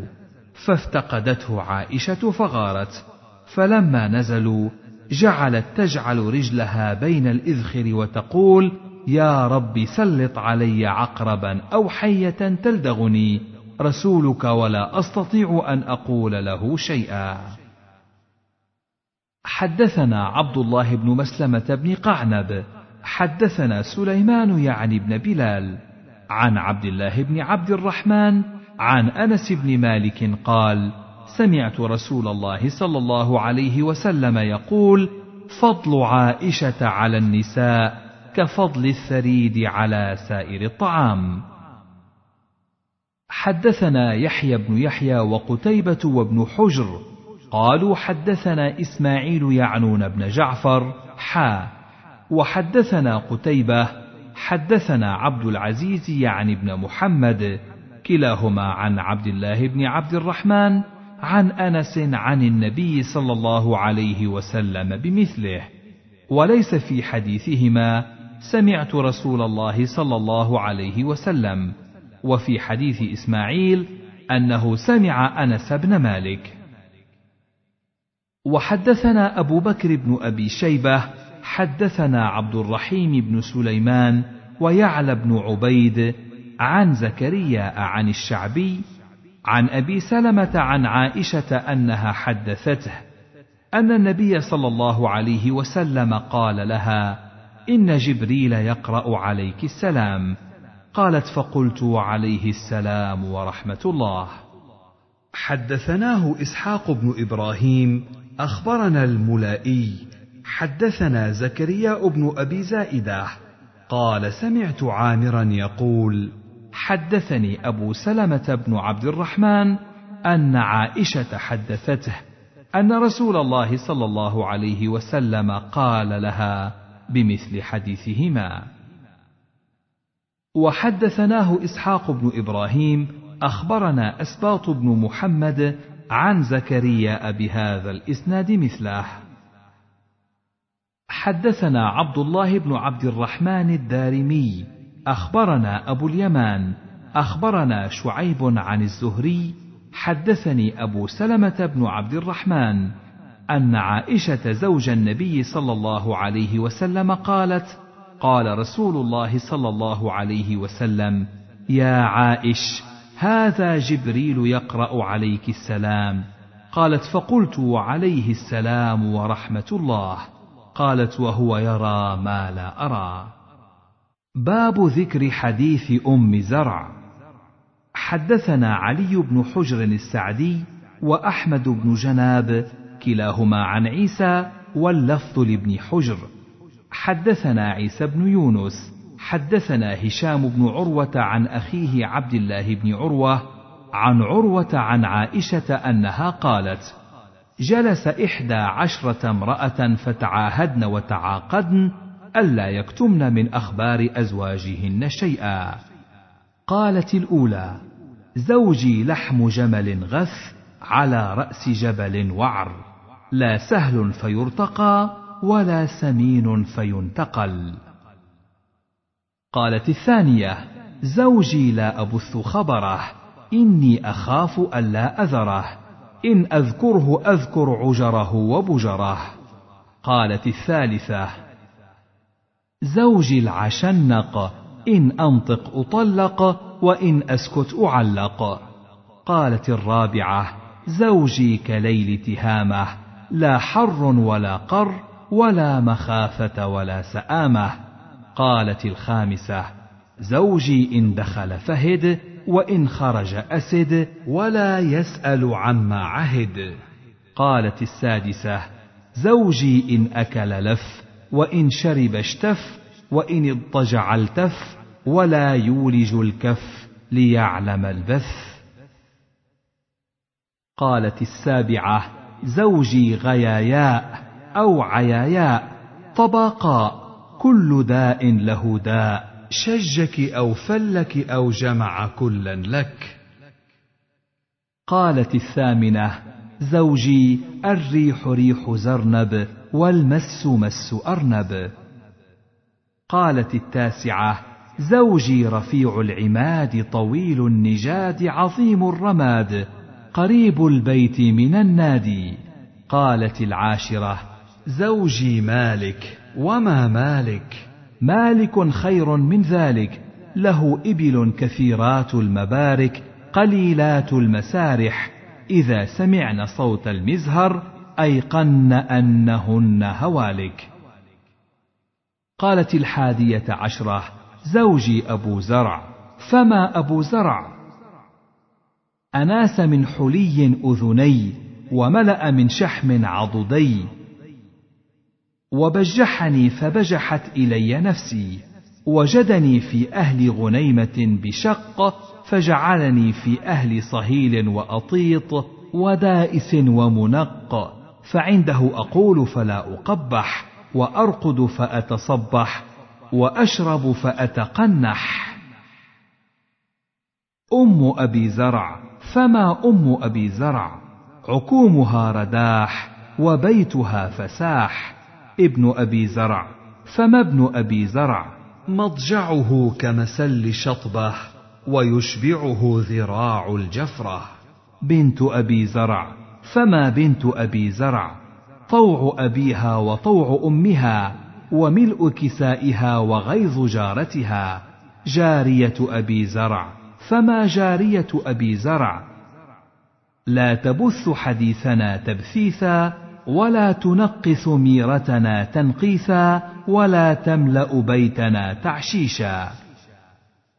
قالت خرج أبو زرع والأوطاب تمخض فلقي امرأة معها ولدان لها كالفهدين يلعبان من تحت خصرها برمانتين فطلقني ونكحها. فنكحت بعده رجلا سريا ركب شريا وأخذ خطيا وأراح علي نعما ثريا. وأعطاني من كل رائحة زوجا. قال كلي أم زرع وميري أهلك. فلو جمعت كل شيء أعطاني ما بلغ أصغر آنية أبي زرع. قالت عائشة قال لي رسول الله صلى الله عليه وسلم كنت لك كأبي زرع لأم زرع. وحدثنيه الحسن بن علي الحلواني حدثنا موسى بن إسماعيل حدثنا سعيد بن سلمة عن هشام بن عروة بهذا الإسناد غير أنه قال عيايا طباقاء ولم يشك وقال قليلات المسارح وقال وصفر ردائها وخير نسائها وعقر جارتها وقال ولا تنقص ميرتنا تنقيثا وقال وأعطاني من كل ذابحة زوجا. باب فضائل فاطمة بنت النبي عليها الصلاة والسلام. حدثنا أحمد بن عبد الله بن يونس وقتيبة بن سعيد كلاهما عن الليث بن سعد. قال ابن يونس حدثنا ليث حدثنا عبد الله بن عبيد الله بن أبي مليكة القرشي التيمي. أن المسور بن مخرمة حدثه أنه سمع رسول الله صلى الله عليه وسلم على المنبر وهو يقول إن بني هشام بن المغيرة استأذنوني أن ينكحوا ابنتهم علي بن أبي طالب فلا آذن لهم ثم لا آذن لهم ثم لا آذن لهم إلا أن يحب ابن أبي طالب أن يطلق ابنتي وينكح ابنتهم. فإنما ابنتي بضعة مني يريبني ما رابها ويؤذيني ما آذاها. حدثني أبو معمر إسماعيل بن إبراهيم الهذلي حدثنا سفيان عن عمرو عن ابن أبي مليكة عن المسور بن مخرمة قال قال رسول الله صلى الله عليه وسلم إنما فاطمة بضعة مني يؤذيني ما آذاها. حدثني أحمد بن حنبل أخبرنا يعقوب بن إبراهيم حدثنا أبي عن الوليد بن كثير حدثني محمد بن عمرو بن حلحلة الدؤلي أن ابن شهاب حدثه أن علي بن الحسين حدثه أنهم حين قدموا المدينة من عند يزيد بن معاوية مقتل الحسين بن علي رضي الله عنهما لقيه المسور بن مخرمة فقال له هل لك إلي من حاجة تأمرني بها؟ قال فقلت له لا. قال له هل أنت معطي سيف رسول الله صلى الله عليه وسلم فإني أخاف أن يغلبك القوم عليه ويم الله. لئن اعطيتنيه لا يخلص إليه أبدا حتى تبلغ نفسي. إن علي بن أبي طالب خطب بنت أبي جهل على فاطمة فسمعت رسول الله صلى الله عليه وسلم وهو يخطب الناس في ذلك على منبره هذا وأنا يومئذ محتلم. فقال إن فاطمة مني وإني أتخوف أن تفتن في دينها. قال ثم ذكر صهرا له من بني عبد شمس فأثنى عليه في مصاهرته إياه فأحسن. قال حدثني فصدقني ووعدني فأوفى لي وإني لست أحرم حلالا ولا أحل حراما. ولكن والله لا تجتمع بنت رسول الله صلى الله عليه وسلم وبنت عدو الله مكانا واحدا أبدا. حدثنا عبد الله بن عبد الرحمن الدارمي أخبرنا أبو اليمان أخبرنا شعيب عن الزهري أخبرني علي بن حسين أن المسور بن مخرمة أخبره أن علي بن أبي طالب خطب بنت أبي جهل وعنده فاطمة بنت رسول الله صلى الله عليه وسلم فلما سمعت بذلك فاطمة أتت النبي صلى الله عليه وسلم فقالت له إن قومك يتحدثون أنك لا تغضب لبناتك وهذا علي ناكحا ابنة أبي جهل. قال المسور فقام النبي صلى الله عليه وسلم فسمعته حين تشهد ثم قال أما بعد فإني أنكحت أبا العاص بن الربيع فحدثني فصدقني. وإن فاطمة بنت محمد مضغة مني وإنما أكره أن يفتنوها وإنها والله لا تجتمع بنت رسول الله وبنت عدو الله عند رجل واحد أبدا. قال فترك علي الخطبة وحدثنيه أبو معن الرقاشي حدثنا وهب يعني ابن جرير عن أبيه قال سمعت النعمان يعني ابن راشد يحدث عن الزهري بهذا الإسناد نحوه. حدثنا منصور بن أبي مزاحم حدثنا إبراهيم يعني ابن سعد عن أبيه عن عروة عن عائشة حا وحدثني زهير بن حرب واللفظ له. حدثنا يعقوب بن إبراهيم حدثنا أبي عن أبيه. أن عروة بن الزبير حدثه أن عائشة حدثته أن رسول الله صلى الله عليه وسلم دعا فاطمة ابنته فسارها فبكت ثم سارها فضحكت فقالت عائشة فقلت لفاطمة ما هذا الذي سارك به رسول الله صلى الله عليه وسلم؟ فبكيت ثم سارك فضحكت قالت سارني فأخبرني بموته فبكيت ثم سارني فأخبرني أني أول من يتبعه من أهله فضحكت. حدثنا أبو كامل الجحدري فضيل بن حسين حدثنا أبو عوانة عن فراس عن عامر عن مسروق عن عائشة قالت كن أزواج النبي صلى الله عليه وسلم عنده لم يغادر منهن واحدة فأقبلت فاطمة تمشي ما تخطئ مشيتها من مشية رسول الله صلى الله عليه وسلم شيئا فلما رآها رحب بها فقال مرحبا بابنتي ثم أجلسها عن يمينه أو عن شماله ثم سارها فبكت بكاء شديدا فلما رأى جزعها سارها الثانية فضحكت. فقلت لها خصك رسول الله صلى الله عليه وسلم من بين نسائه بالسرار ثم أنت تبكين. فلما قام رسول الله صلى الله عليه وسلم سألتها ما قال لك رسول الله صلى الله عليه وسلم؟ قالت ما كنت أفشي على رسول الله صلى الله عليه وسلم سره. قالت فلما توفي رسول الله صلى الله عليه وسلم قلت عزمت عليك بما لي عليك من الحق لما حدثتني ما قال لك رسول الله صلى الله عليه وسلم.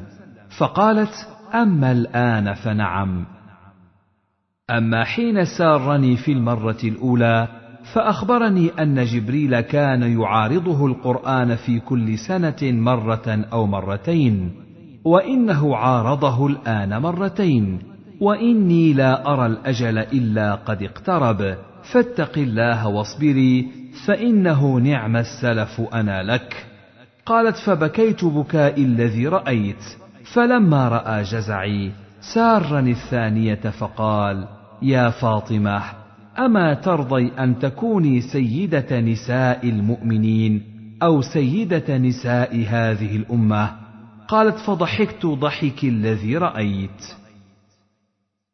حدثنا أبو بكر بن أبي شيبة وحدثنا عبد الله بن نمير عن زكريا حا وحدثنا ابن نمير حدثنا أبي حدثنا زكريا عن فراس عن عامر عن مسروق عن عائشة قالت اجتمع نساء النبي صلى الله عليه وسلم فلم يغادر منهن امرأة. فجاءت فاطمة تمشي كأن مشيتها مشية رسول الله صلى الله عليه وسلم. فقال مرحبا بابنتي. فأجلسها عن يمينه أو عن شماله. ثم إنه أسر إليها حديثا فبكت فاطمة. ثم إنه سارها فضحكت أيضا.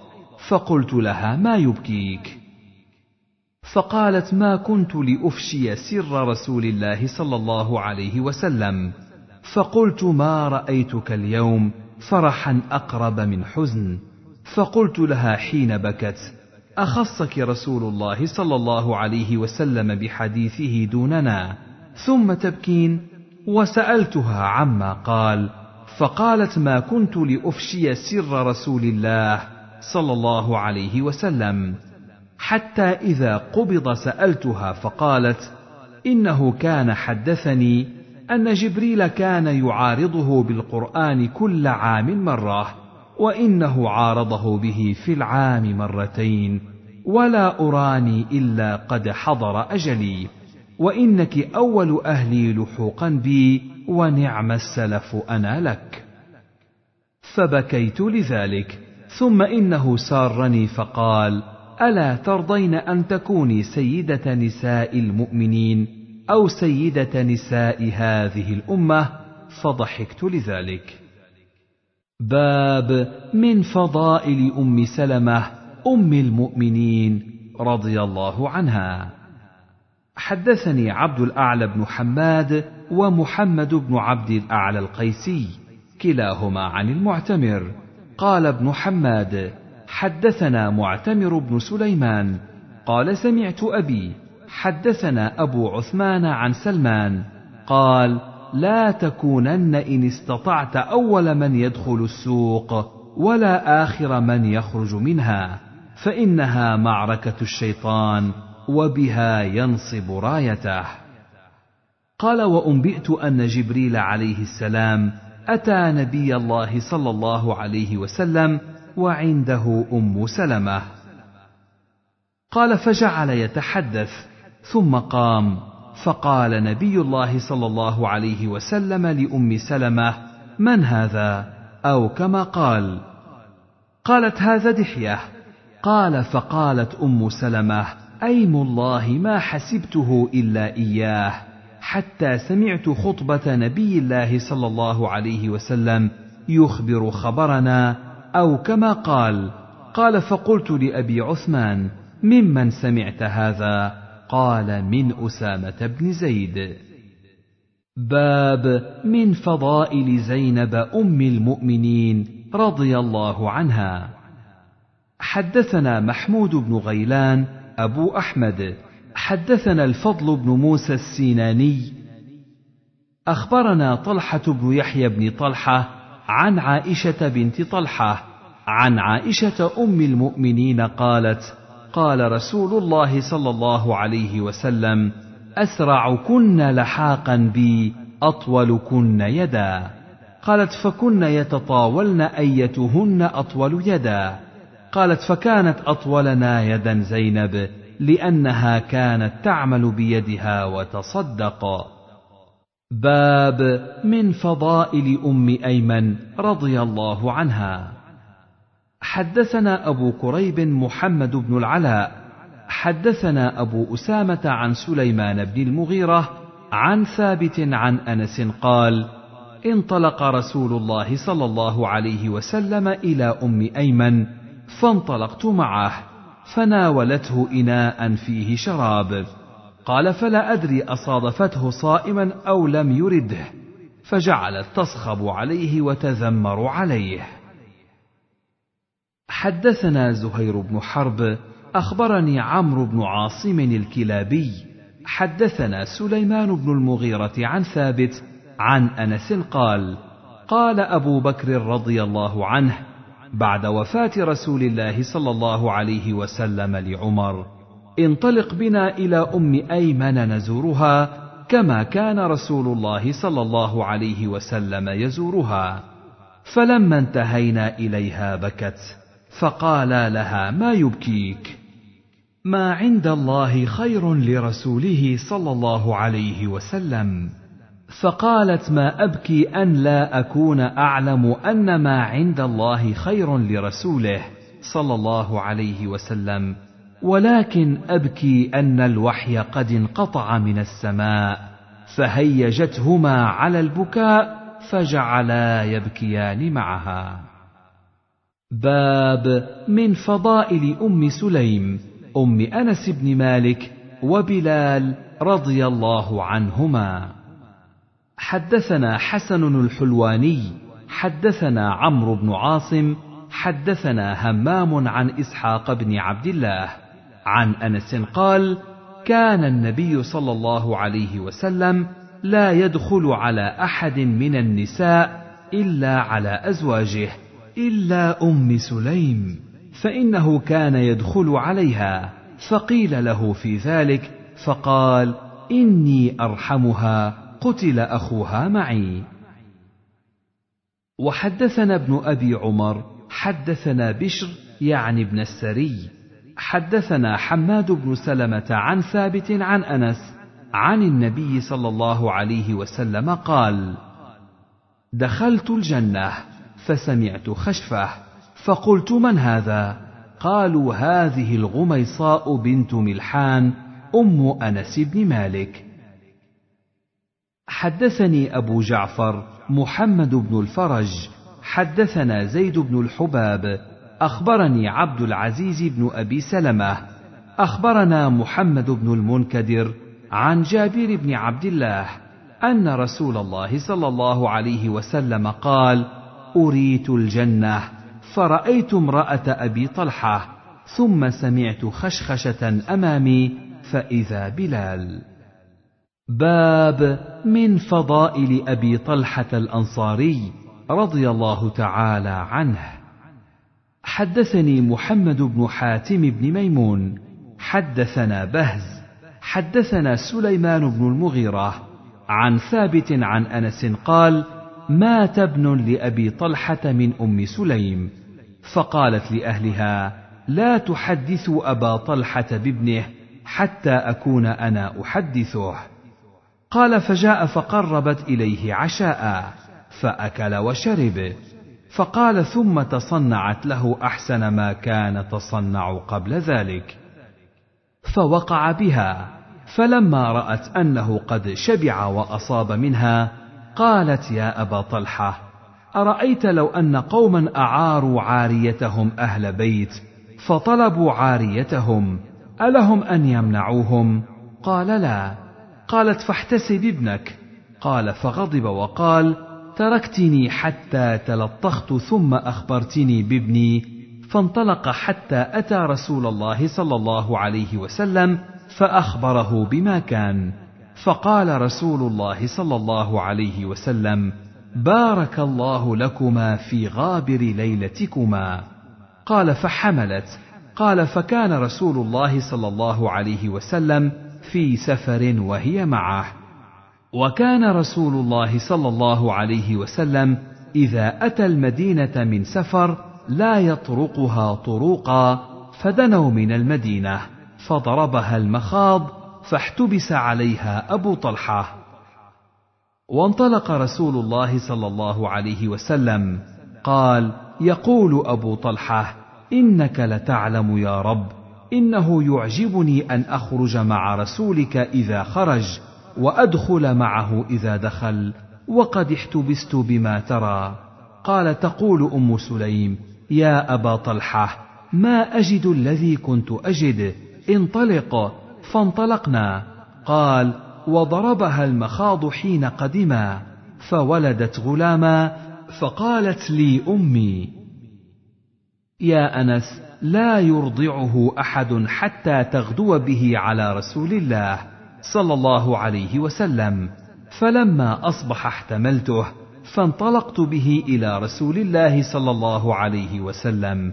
قال فصادفته ومعه ميسم فلما رآني قال لعل أم سليم ولدت. قلت نعم. فوضع الميسم. قال وجئت به فوضعته في حجره. ودعا رسول الله صلى الله عليه وسلم بعجوة من عجوة المدينة فلاكها في فيه حتى ذابت ثم قذفها في في الصبي فجعل الصبي يتلمظها قال فقال رسول الله صلى الله عليه وسلم انظروا إلى حب الأنصار التمر. قال فمسح وجهه وسماه عبد الله. حدثنا أحمد بن الحسن بن خراش حدثنا عمرو بن عاصم حدثنا سليمان بن المغيرة حدثنا ثابت حدثني أنس بن مالك قال مات ابن لأبي طلحة واقتص الحديث بمثله. باب من فضائل بلال رضي الله عنه. حدثنا عبيد بن يعيش ومحمد بن العلاء الهمداني. قال حدثنا أبو أسامة عن أبي حيان حا. وحدثنا محمد بن عبد الله بن نمير واللفظ له. حدثنا أبي حدثنا أبو حيان التيمي يحيى بن سعيد عن أبي زرعة عن أبي هريرة قال قال رسول الله صلى الله عليه وسلم لبلال عند صلاة الغداة يا بلال حدثني بأرجى عمل عملته عندك في الإسلام منفعة فإني سمعت الليلة خشفا عليك بين يدي في الجنة. قال بلال ما عملت عملا في الإسلام أرجى عندي منفعة. من أني لا أتطهر طهورا تاما في ساعة من ليل ولا نهار إلا صليت بذلك الطهور ما كتب الله لي أن أصلي. باب من فضائل عبد الله بن مسعود وأمه رضي الله تعالى عنهما. حدثنا منجاب بن الحارث التميمي وسهل بن عثمان وعبد الله بن عامر بن زرارة الحضرمي وسويد بن سعيد والوليد بن شجاع. قال سهل ومنجاب أخبرنا. وقال الآخرون حدثنا علي بن مسهر عن الأعمش عن إبراهيم عن علقمة عن عبد الله قال لما نزلت هذه الآية ليس على الذين آمنوا وعملوا الصالحات جناح فيما طعموا إذا ما اتقوا وآمنوا إلى آخر الآية. قال لي رسول الله صلى الله عليه وسلم قيل لي أنت منهم. حدثنا إسحاق بن إبراهيم الحنظلي ومحمد بن رافع واللفظ لابن رافع. قال إسحاق أخبرنا وقال ابن رافع حدثنا يحيى بن آدم حدثنا ابن أبي زائدة عن أبيه عن أبي إسحاق عن الأسود بن يزيد عن أبي موسى قال قدمت أنا وأخي من اليمن فكنا حينا وما نرى ابن مسعود وأمه إلا من أهل بيت رسول الله صلى الله عليه وسلم من كثرة دخولهم ولزومهم له. حدثنيه محمد بن حاتم حدثنا إسحاق بن منصور حدثنا إبراهيم بن يوسف عن أبيه عن أبي إسحاق أنه سمع الأسود يقول سمعت أبا موسى يقول لقد قدمت أنا وأخي من اليمن فذكر بمثله. حدثنا زهير بن حرب ومحمد بن المثنى وابن بشار. قالوا حدثنا عبد الرحمن عن سفيان عن أبي إسحاق عن الأسود عن أبي موسى قال أتيت رسول الله صلى الله عليه وسلم وأنا أرى أن عبد الله من أهل البيت أو ما ذكر من نحو هذا. حدثنا محمد بن المثنى وابن بشار واللفظ لابن المثنى. قال حدثنا محمد بن جعفر حدثنا شعبة عن أبي إسحاق قال سمعت أبا الأحوص قال شهدت أبا موسى وأبا مسعود حين مات ابن مسعود فقال أحدهما لصاحبه أتراه ترك بعده مثله؟ فقال إن قلت ذاك إن كان ليؤذن له إذا حجبنا ويشهد إذا غبنا. حدثنا أبو كريب محمد بن العلاء حدثنا يحيى بن آدم حدثنا قطبة هو ابن عبد العزيز عن الأعمش عن مالك بن الحارث عن أبي الأحوص قال: كنا في دار أبي موسى مع نفر من أصحاب عبد الله، وهم ينظرون في مصحف، فقام عبد الله، فقال أبو مسعود: ما أعلم رسول الله صلى الله عليه وسلم ترك بعده أعلم بما أنزل الله من هذا القائم. فقال أبو موسى أما لئن قلت ذاك لقد كان يشهد إذا غبنا ويؤذن له إذا حجبنا وحدثني القاسم بن زكريا حدثنا عبيد الله هو ابن موسى عن شيبان عن الأعمش عن مالك بن الحارث عن أبي الأحوص قال أتيت أبا موسى فوجدت عبد الله وأبا موسى حا وحدثنا أبو كريب حدثنا محمد بن أبي عبيدة حدثنا أبي عن الأعمش عن زيد بن وهب قال كنت جالسا مع حذيفة وأبي موسى وساق الحديث وحديث قطبة أتم وأكثر.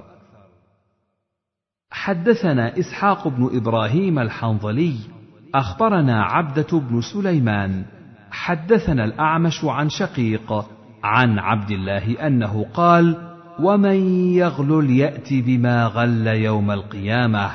ثم قال على قراءة من تأمروني أن أقرأ فلقد قرأت على رسول الله صلى الله عليه وسلم بضعا وسبعين سورة. ولقد علم أصحاب رسول الله صلى الله عليه وسلم أني أعلمهم بكتاب الله ولو أعلم أن احدا أعلم مني لرحلت إليه. قال شقيق فجلست في حلق أصحاب محمد صلى الله عليه وسلم فما سمعت احدا يرد ذلك عليه ولا يعيبه. حدثنا أبو كريب حدثنا يحيى بن آدم حدثنا قطبة عن الأعمش عن مسلم عن مسروق عن عبد الله قال والذي لا إله غيره ما من كتاب الله سورة إلا أنا أعلم حيث نزلت وما من آية إلا أنا أعلم فيما أنزلت ولو أعلم أحدا هو أعلم بكتاب الله مني تبلغه الإبل لركبت إليه. حدثنا أبو بكر بن أبي شيبة ومحمد بن عبد الله بن نمير. قال حدثنا وكيع حدثنا الأعمش عن شقيق عن مسروق. قال كنا نأتي عبد الله بن عمرو فنتحدث إليه. وقال ابن نمير عنده. فذكرنا يوما عبد الله بن مسعود فقال لقد ذكرتم رجلا لا أزال أحبه بعد شيء سمعته من رسول الله صلى الله عليه وسلم. سمعت رسول الله صلى الله عليه وسلم يقول خذوا القرآن من أربعة من ابن أم عبد فبدأ به ومعاذ بن جبل وأبي بن كعب وسالم مولى أبي حذيفة. حدثنا قتيبة بن سعيد وزهير بن حرب وعثمان بن أبي شيبة. قالوا حدثنا جرير عن الأعمش عن أبي وائل عن مسروق.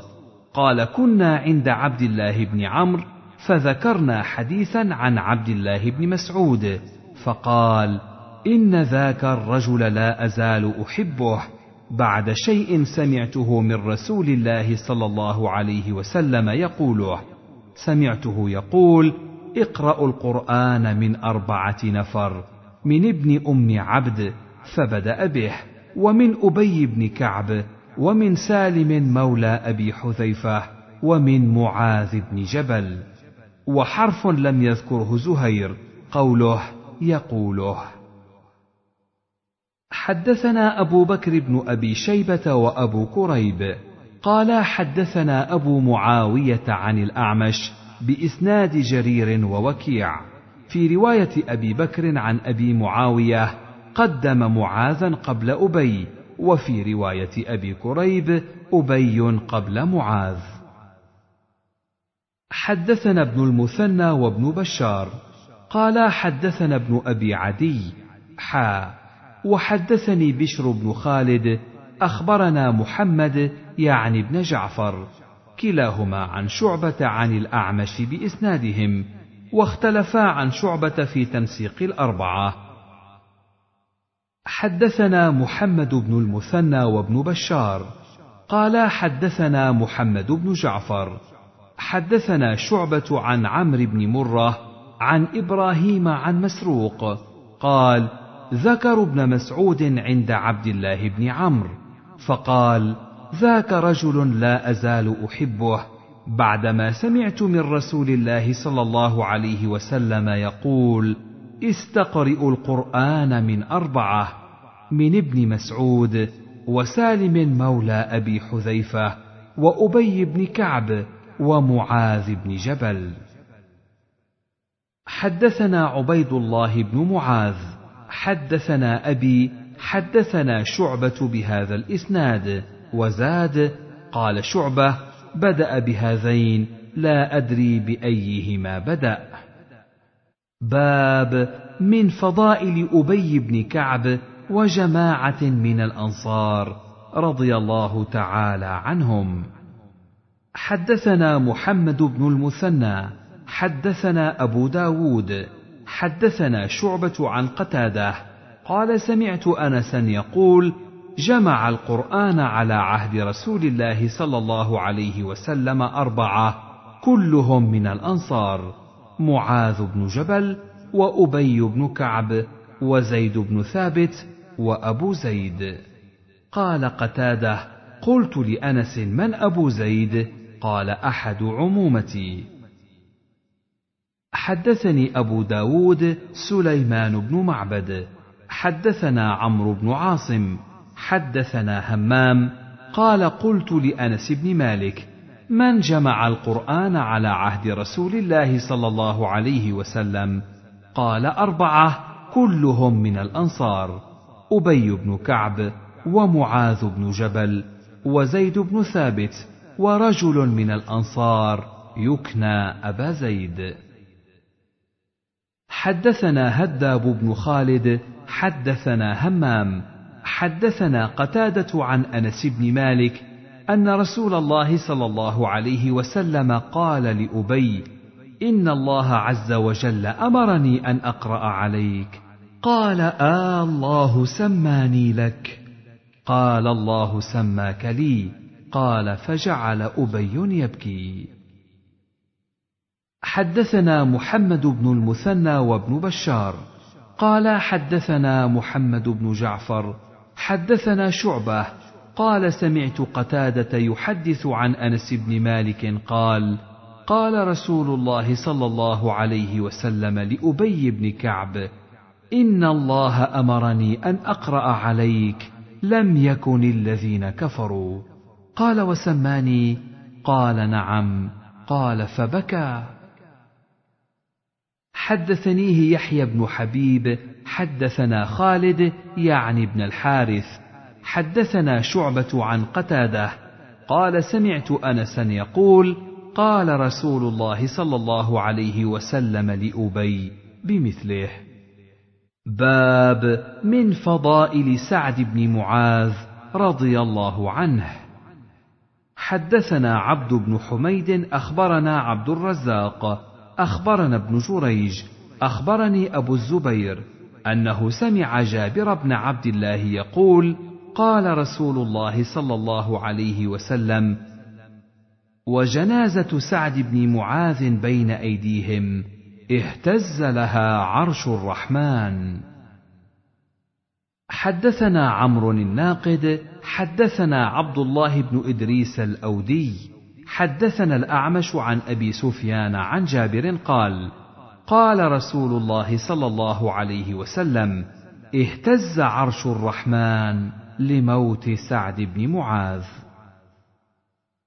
حدثنا محمد بن عبد الله الرزي حدثنا عبد الوهاب بن عطاء الخفاف.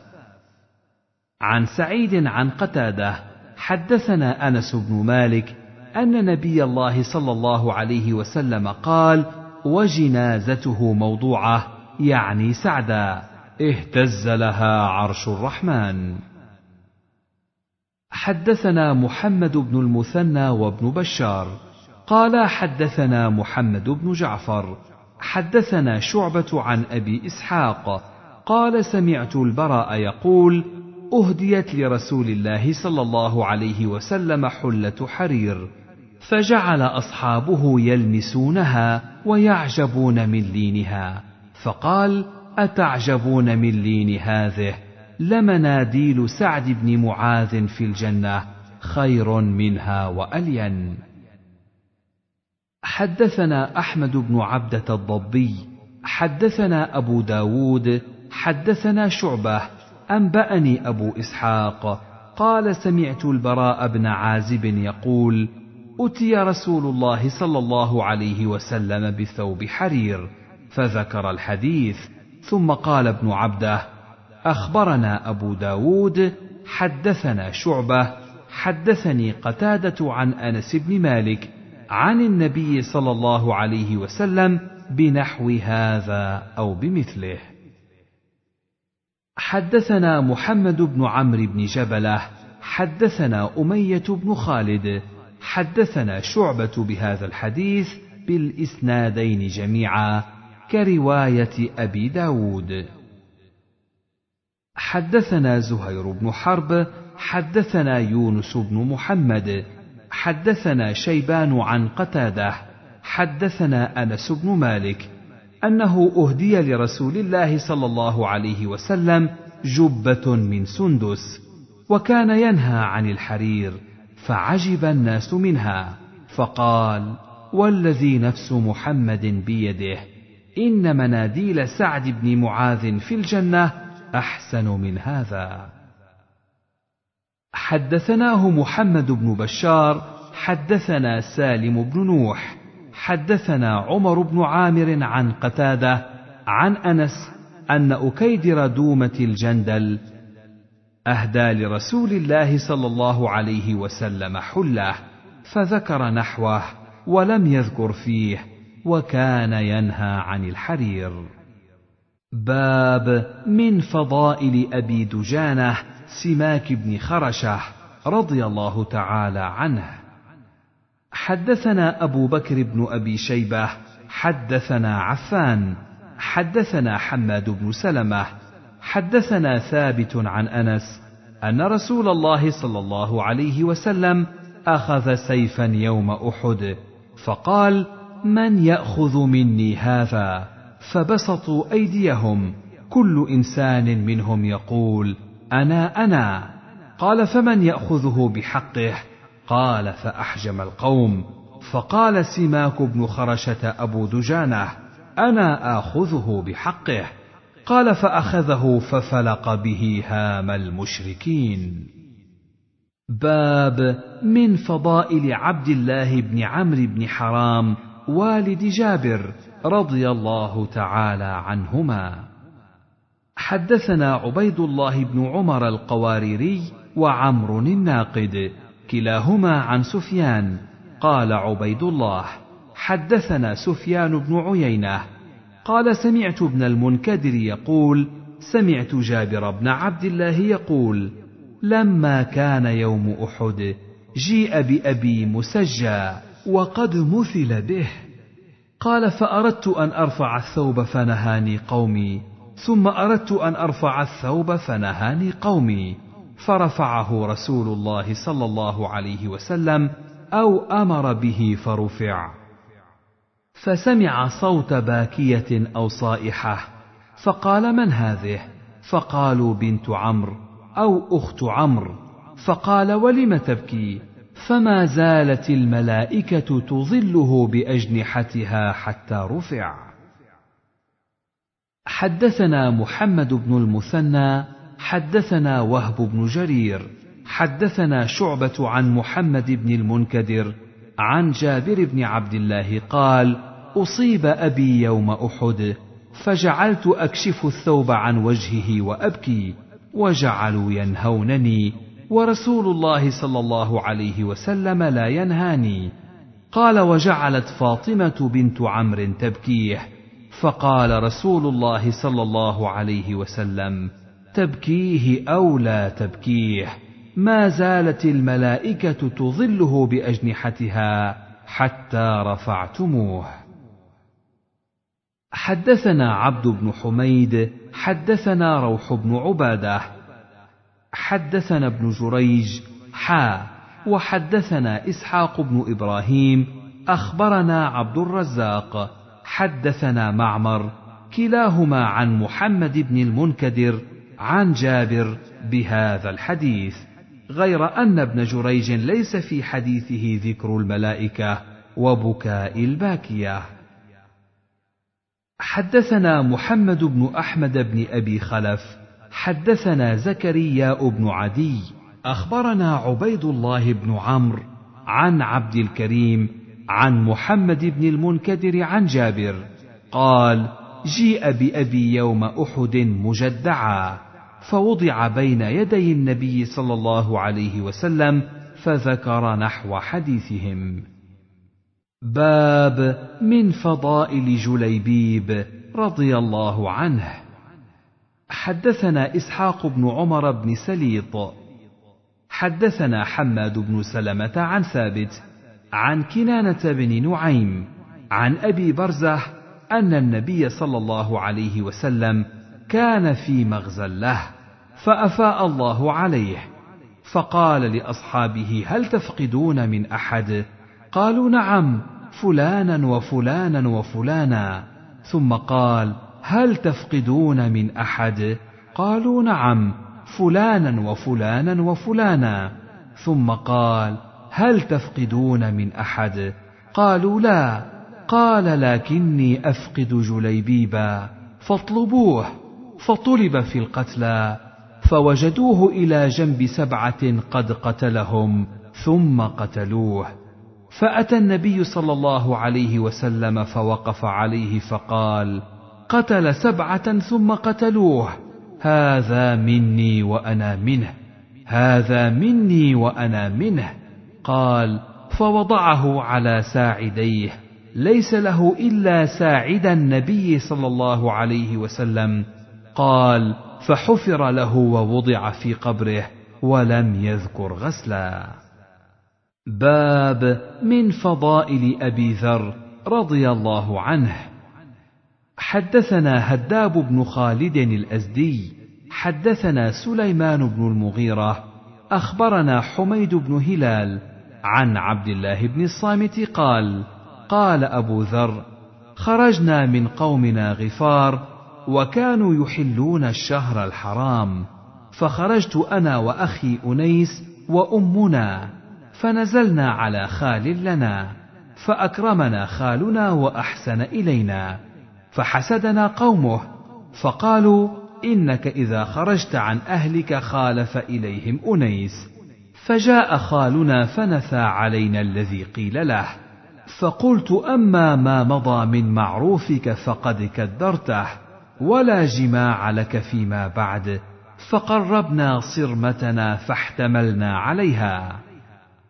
وتغطى خالنا ثوبه فجعل يبكي فانطلقنا حتى نزلنا بحضرة مكة فنافر أنيس عن صرمتنا وعن مثلها فاتيا الكاهن فخير أنيسا فأتانا أنيس بصرمتنا ومثلها معها. قال وقد صليت يا ابن أخي قبل أن ألقى رسول الله صلى الله عليه وسلم بثلاث سنين. قلت لمن؟ قال لله. قلت فأين توجه؟ قال أتوجه حيث يوجهني ربي. أصلي عشاء حتى إذا كان من آخر الليل. القيت كاني خفاء حتى تعلوني الشمس. فقال أنيس إن لي حاجة بمكة فاكفني. فانطلق أنيس حتى أتى مكة فراث علي. ثم جاء فقلت ما صنعت؟ قال لقيت رجلا بمكة على دينك يزعم أن الله أرسله. قلت فما يقول الناس؟ قال يقولون شاعر كاهن ساحر. وكان أنيس أحد الشعراء. قال أنيس لقد سمعت قول الكهنة فما هو بقولهم. ولقد وضعت قوله على أقراء الشعر فما يلتئم على لسان أحد بعدي أنه شعر. والله إنه لصادق وإنهم لكاذبون. قال قلت فاكفني حتى أذهب فأنظر. قال فأتيت مكة فتضعفت رجلا منهم. فقلت أين هذا الذي تدعونه الصابئ؟ فأشار إلي. فقال الصابئ فمال علي أهل الوادي بكل مدرة وعظم حتى خررت مغشيا علي. قال فارتفعت حين ارتفعت كأني نصب أحمر. قال فأتيت زمزم فغسلت عني الدماء وشربت من مائها. ولقد لبثت يا ابن أخي ثلاثين بين ليلة ويوم. ما كان لي طعام إلا ماء زمزم.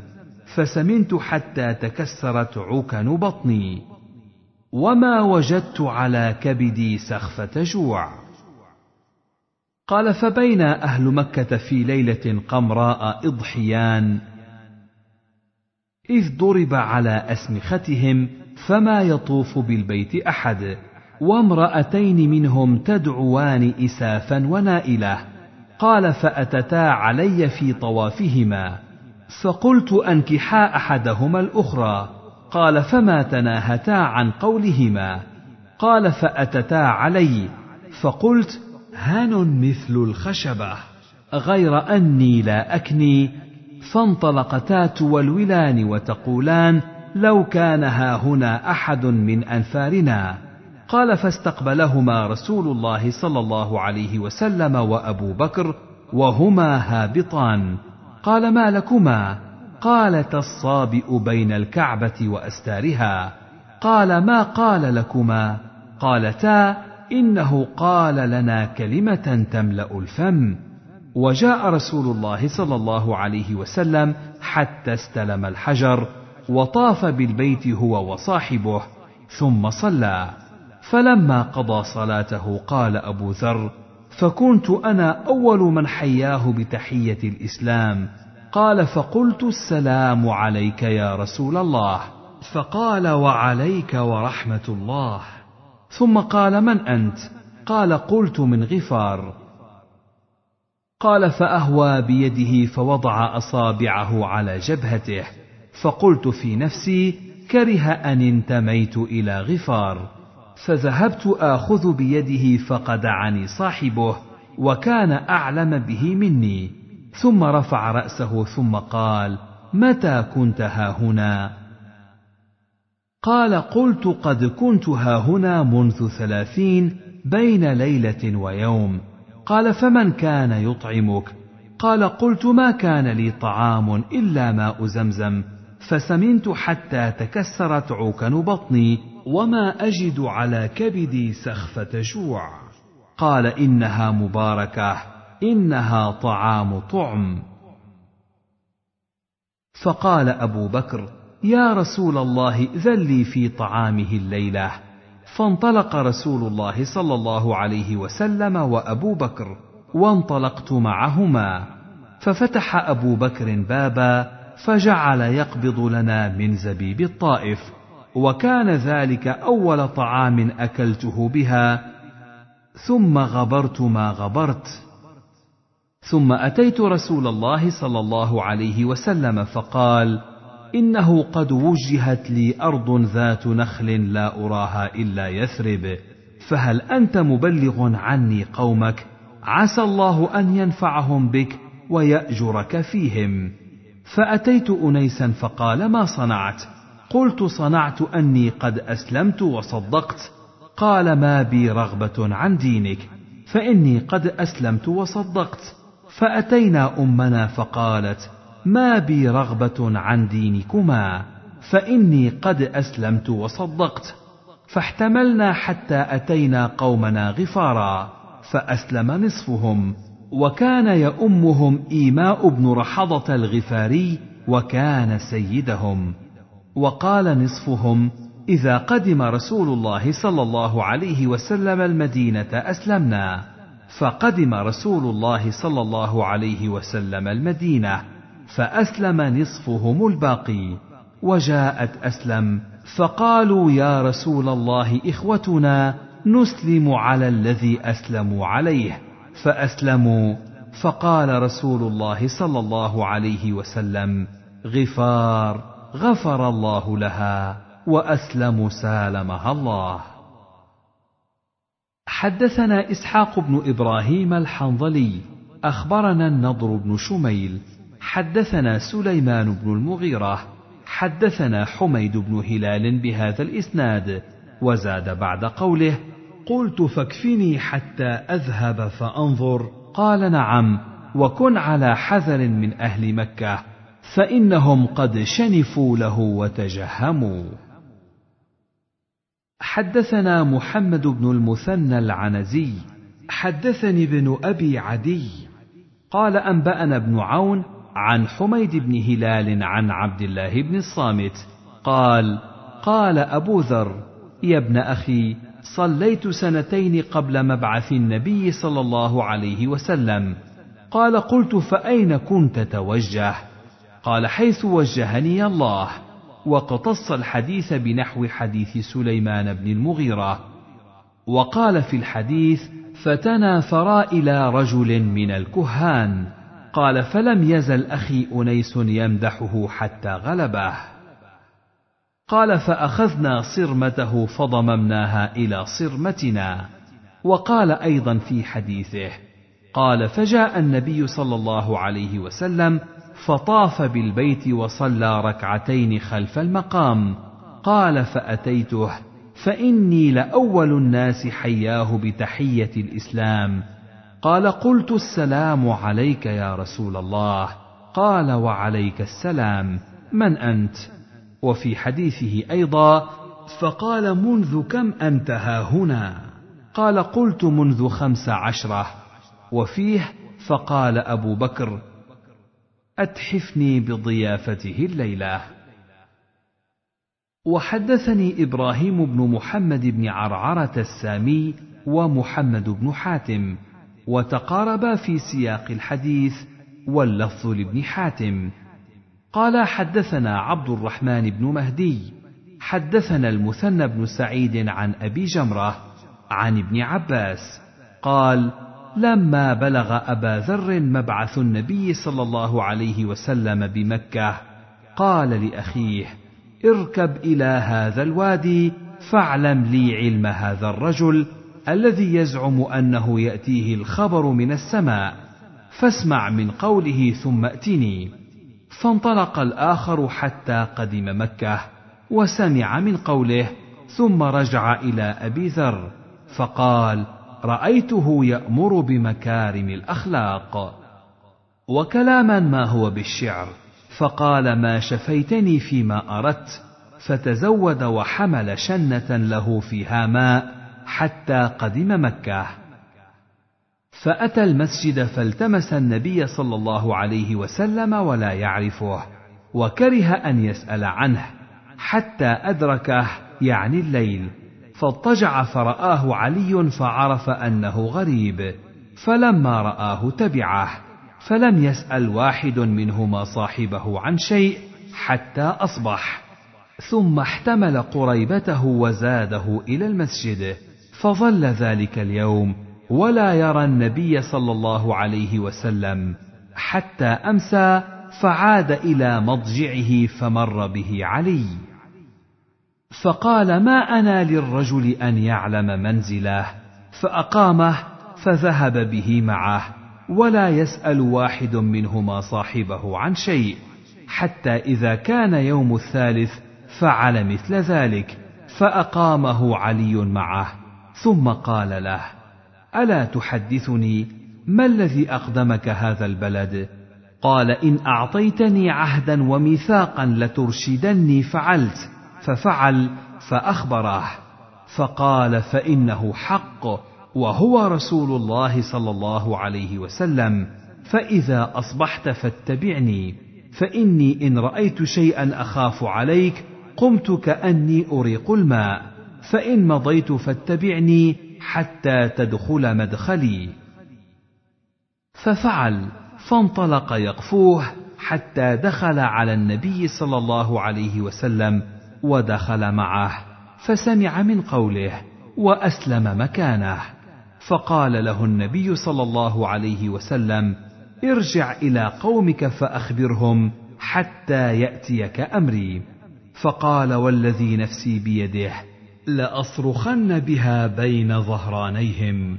فخرج حتى أتى المسجد فنادى بأعلى صوته أشهد أن لا إله إلا الله. وأن محمدا رسول الله وثار القوم فضربوه حتى أضجعوه فأتى العباس فأكب عليه فقال ويلكم ألستم تعلمون أنه من غفار وأن طريق تجاركم إلى الشام عليهم فأنقذه منهم ثم عاد من الغد بمثلها وثاروا إليه فضربوه فأكب عليه العباس فأنقذه.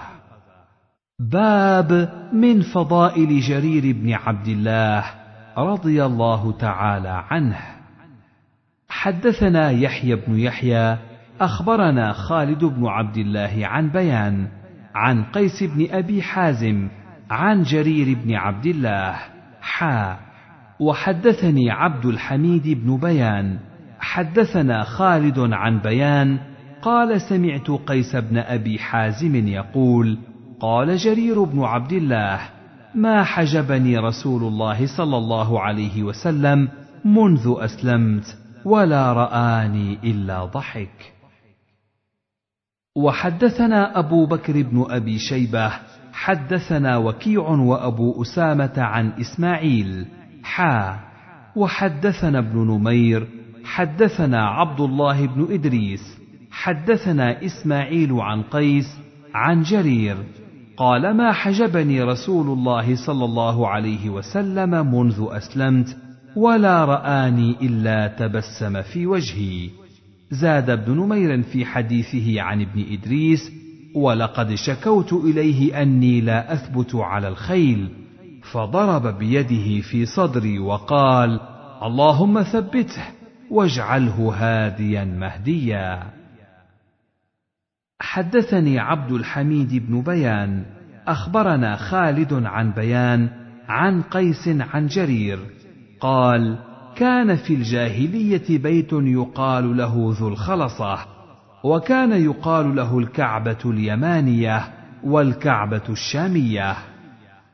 فقال رسول الله صلى الله عليه وسلم هل أنت مريحي من ذي الخلصة والكعبة اليمانية والشامية؟ فنفرت إليه في مائه وخمسين من أحمس فكسرناه وقتلنا من وجدنا عنده فأتيته فأخبرته قال فدعا لنا ولأحمس. حدثنا إسحاق بن إبراهيم أخبرنا جرير عن إسماعيل بن أبي خالد عن قيس بن أبي حازم عن جرير بن عبد الله البجلي قال قال لي رسول الله صلى الله عليه وسلم يا جرير ألا تريحني من ذي الخلصة بيت لخثعم كان يدعى كعبة اليمانية. قال فنفرت في خمسين ومائه فارس وكنت لا أثبت على الخيل. فذكرت ذلك لرسول الله صلى الله عليه وسلم فضرب يده في صدري فقال اللهم ثبته واجعله هاديا مهديا. قال فانطلق فحرقها بالنار ثم بعث جرير إلى رسول الله صلى الله عليه وسلم رجلا يبشره يكنى أبا أرطاه منا. فأتى رسول الله صلى الله عليه وسلم فقال له ما جئتك حتى تركناها كأنها جمل أجرب. فبرك رسول الله صلى الله عليه وسلم على خيل أحمس ورجالها خمس مرات. حدثنا أبو بكر بن أبي شيبة حدثنا وكيع حا. وحدثنا ابن نمير حدثنا أبي حا. وحدثنا محمد بن عباد حدثنا سفيان حا. وحدثنا ابن أبي عمر حدثنا مروان يعني الفزاري حا. وحدثني محمد بن رافع. حدثنا أبو أسامة. كلهم عن إسماعيل بهذا الإسناد. وقال في حديث مروان فجاء بشير جرير أبو أرطاه حسين بن ربيعة يبشر النبي صلى الله عليه وسلم. باب فضائل عبد الله بن عباس رضي الله عنهما. حدثنا زهير بن حرب وأبو بكر بن النضر. قال حدثنا هاشم بن القاسم. حدثنا ورقاء بن عمر اليشكري. قال سمعت عبيد الله بن أبي يزيد يحدث عن ابن عباس أن النبي صلى الله عليه وسلم أتى الخلاء فوضعت له وضوءا. فلما خرج قال من وضع هذا؟ في رواية زهير قالوا وفي رواية أبي بكر قلت ابن عباس. قال اللهم فقهه. باب من فضائل عبد الله بن عمر رضي الله عنهما. حدثنا أبو الربيع العتكي وخلف بن هشام وأبو كامل الجحدري كلهم عن حماد بن زيد. قال أبو الربيع حدثنا حماد بن زيد حدثنا أيوب عن نافع عن ابن عمر قال رأيت في المنام كأن في يدي قطعة استبرق وليس مكان أريد من الجنة إلا طارت إليه. قال فقصصته على حفصة فقصته حفصة على النبي صلى الله عليه وسلم فقال النبي صلى الله عليه وسلم أرى عبد الله رجلا صالحا. حدثنا إسحاق بن إبراهيم وعبد بن حميد واللفظ لعبد. قال أخبرنا عبد الرزاق. أخبرنا معمر عن الزهري عن سالم عن ابن عمر. قال كان الرجل في حياة رسول الله صلى الله عليه وسلم إذا رأى رؤيا قصها على رسول الله صلى الله عليه وسلم. فتمنيت أن أرى رؤيا أقصها على النبي صلى الله عليه وسلم. قال وكنت غلاما شابا عزبا وكنت أنام في المسجد على عهد رسول الله صلى الله عليه وسلم. فرأيت في النوم كأن ملكين أخذاني فذهبا بي إلى النار. فإذا هي مطوية كطي البئر وإذا لها قرنان كقرني البئر وإذا فيها ناس قد عرفتهم فجعلت أقول أعوذ بالله من النار أعوذ بالله من النار أعوذ بالله من النار. قال فلقيهما ملك فقال لي لم ترع فقصصتها على حفصة فقصتها حفصة على رسول الله صلى الله عليه وسلم فقال النبي صلى الله عليه وسلم نعم الرجل عبد الله لو كان يصلي من الليل. قال سالم فكان عبد الله بعد ذلك لا ينام من الليل إلا قليلا. حدثنا عبد الله بن عبد الرحمن الدارمي أخبرنا موسى بن خالد ختن الفريابي عن أبي إسحاق الفزاري عن عبيد الله بن عمر عن نافع عن ابن عمر قال كنت أبيت في المسجد ولم يكن لي أهل فرأيت في المنام كانما انطلق بي إلى بئر فذكر عن النبي صلى الله عليه وسلم بمعنى حديث الزهري عن سالم عن أبيه. باب من فضائل أنس بن مالك رضي الله عنه. حدثنا محمد بن المثنى وابن بشار. قال حدثنا محمد بن جعفر. حدثنا شعبة. سمعت قتادة يحدث عن أنس عن أم سليم أنها قالت يا رسول الله خادمك أنس ادعو الله له. فقال اللهم أكثر ماله وولده. وبارك له فيما أعطيته. حدثنا محمد بن المثنى حدثنا أبو داود حدثنا شعبة عن قتادة. سمعت انسا يقول قالت أم سليم يا رسول الله خادمك أنس فذكر نحوه. حدثنا محمد بن بشار حدثنا محمد بن جعفر حدثنا شعبة عن هشام بن زيد سمعت أنس بن مالك يقول مثل ذلك. وحدثني زهير بن حرب حدثنا هاشم بن القاسم حدثنا سليمان عن ثابت عن أنس قال دخل النبي صلى الله عليه وسلم علينا وما هو إلا أنا وأمي وأم حرام خالتي.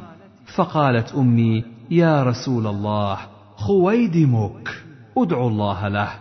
قال فدعا لي بكل خير وكان في آخر ما دعا لي به أن قال اللهم أكثر ماله وولده وبارك له فيه. حدثني أبو معن الرقاشي حدثنا عمر بن يونس حدثنا عكرمة حدثنا إسحاق حدثنا أنس قال جاءت بي أمي أم أنس إلى رسول الله صلى الله عليه وسلم وقد أزرتني بنصف خمارها وردتني بنصفه. فقالت يا رسول الله هذا أنيس ابني أتيتك به يخدمك فادع الله له. فقال اللهم أكثر ماله وولده.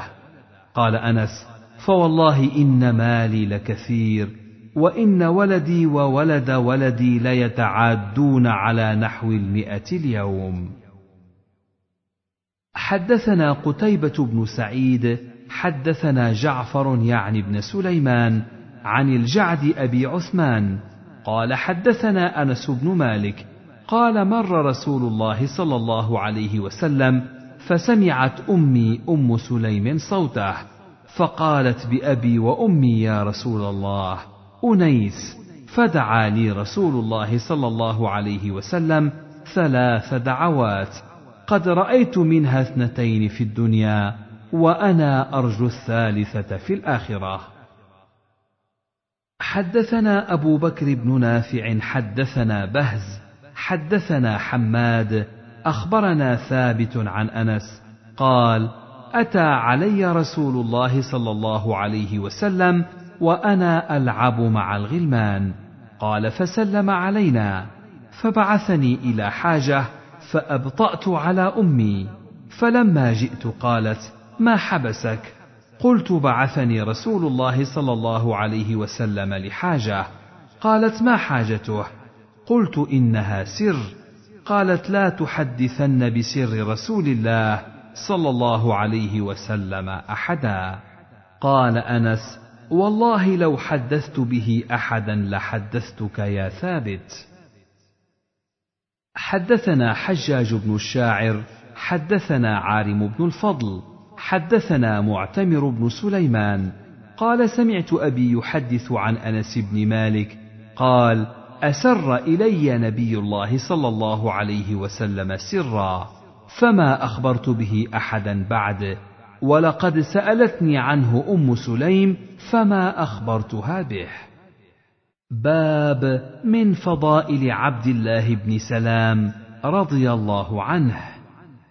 حدثني زهير بن حرب حدثنا إسحاق بن عيسى حدثني مالك عن أبي النضر عن عامر بن سعد قال سمعت أبي يقول ما سمعت رسول الله صلى الله عليه وسلم يقول لحي يمشي إنه في الجنة إلا لعبد الله بن سلام.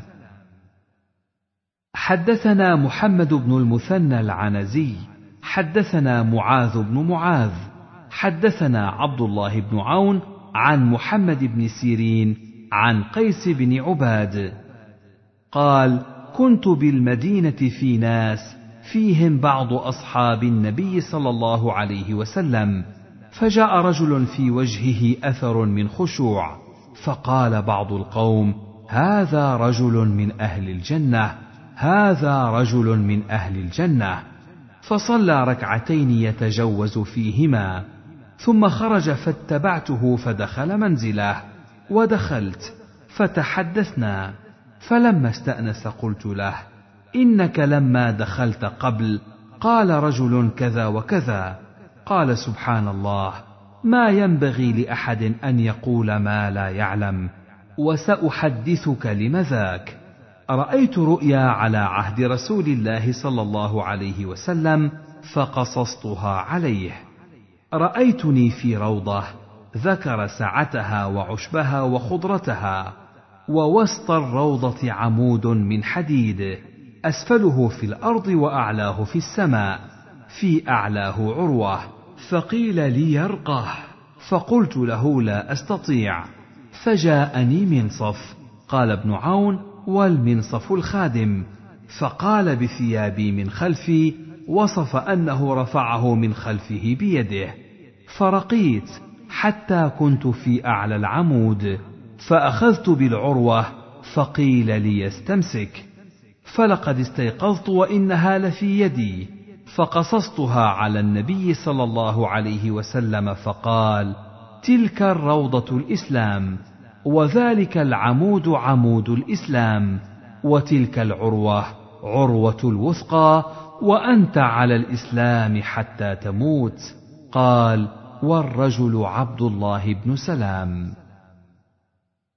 حدثنا محمد بن عمرو بن عباد بن جبلة بن أبي رواد حدثنا حرمي بن عمارة حدثنا قرة بن خالد عن محمد بن سيرين قال قال قيس بن عباد كنت في حلقة فيها سعد بن مالك وابن عمر فمر عبد الله بن سلام فقالوا هذا رجل من أهل الجنة فقمت فقلت له إنهم قالوا كذا وكذا قال سبحان الله. ما كان ينبغي لهم أن يقولوا ما ليس لهم به علم. إنما رأيت كأن عمودا وضع في روضة خضراء فنصب فيها وفي رأسها عروة وفي أسفلها منصف والمنصف الوصيف. فقيل ليرقه فرقيت حتى أخذت بالعروة فقصصتها على رسول الله صلى الله عليه وسلم. فقال رسول الله صلى الله عليه وسلم يموت عبد الله وهو آخذ بالعروة الوثقى. حدثنا قتيبة بن سعيد وإسحاق بن إبراهيم واللفظ لقتيبة. حدثنا جرير عن الأعمش عن سليمان بن مسهر عن خرشة بن الحر قال كنت جالسا في حلقة في مسجد المدينة. قال وفيها شيخ حسن الهيئة وهو عبد الله بن سلام. قال فجعل يحدثهم حديثا حسنا. قال فلما قام قال القوم من سره أن ينظر إلى رجل من أهل الجنة فلينظر إلى هذا. قال فقلت والله لأتبعنه فلأعلمن مكان بيته.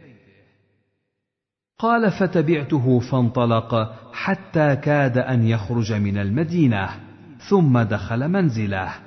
قال فاستأذنت عليه فأذن لي. فقال ما حاجتك يا ابن أخي؟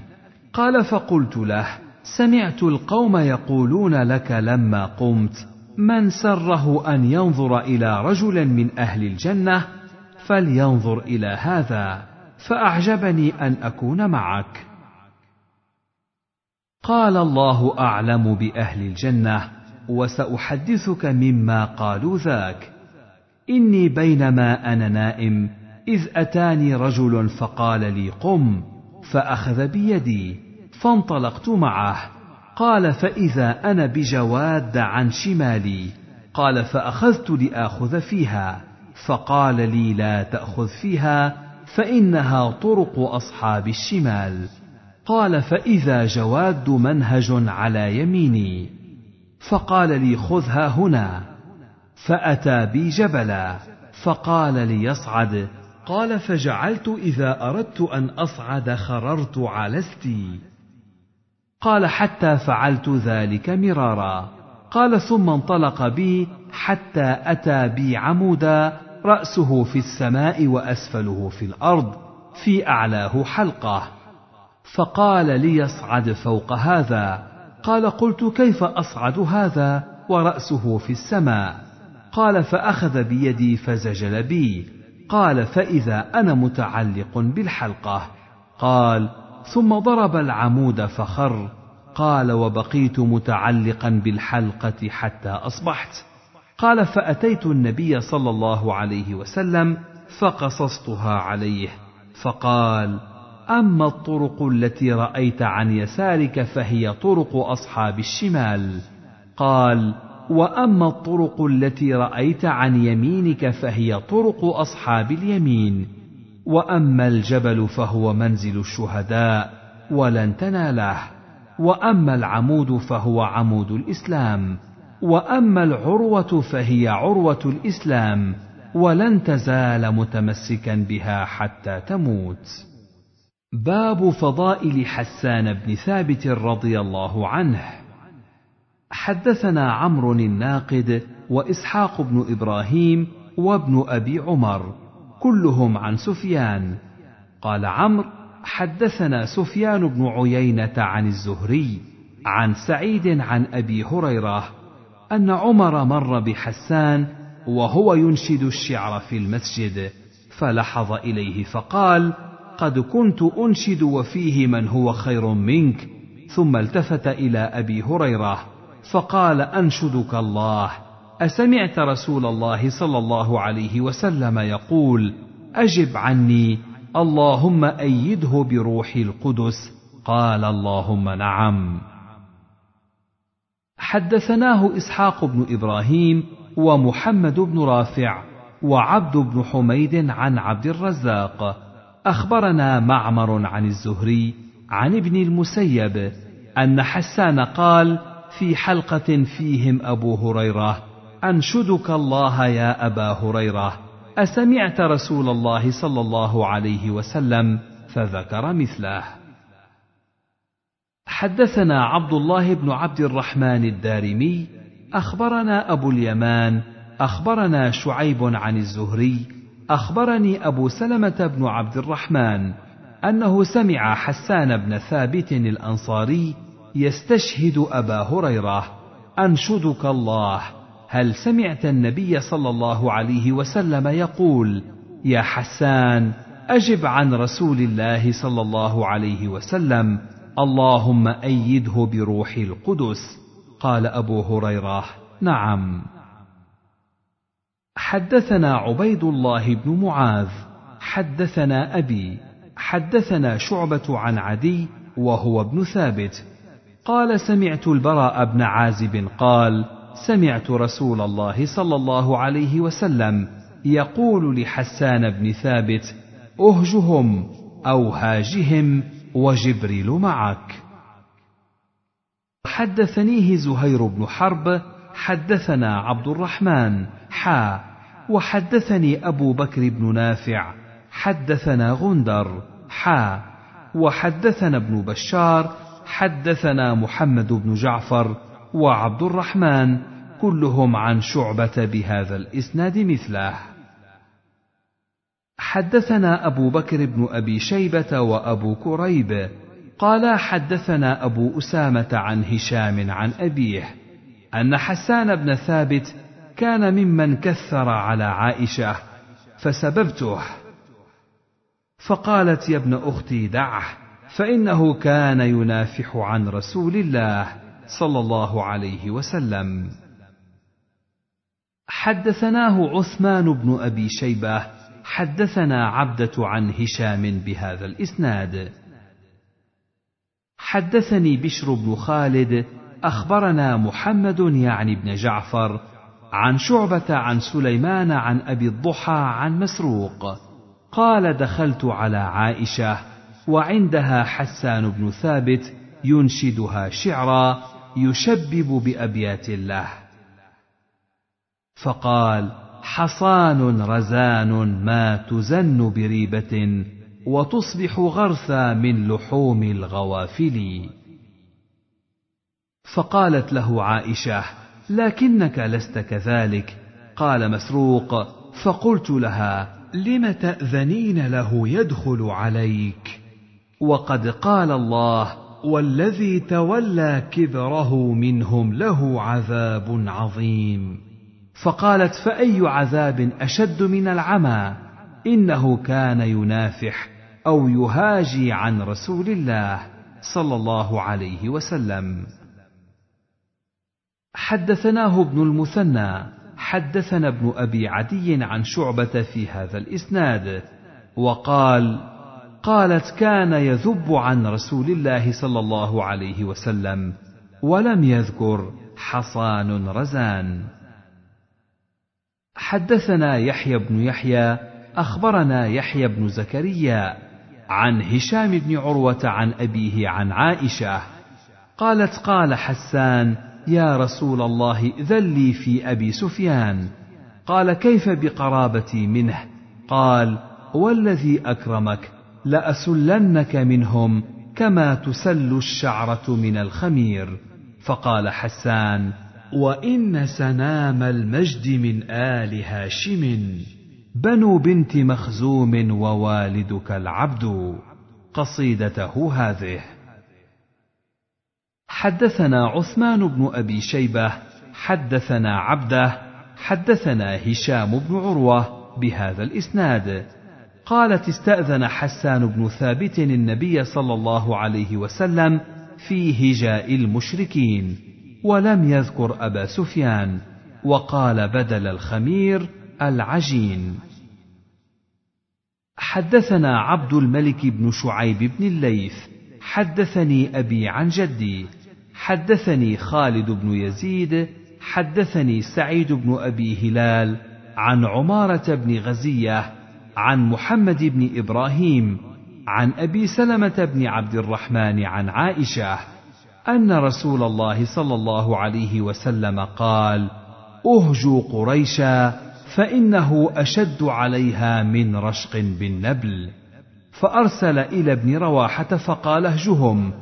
فهجاهم فلم يرض فأرسل إلى كعب بن مالك ثم أرسل إلى حسان بن ثابت فلما دخل عليه قال حسان قد آن لكم أن ترسلوا إلى هذا الأسد الضارب بذنبه.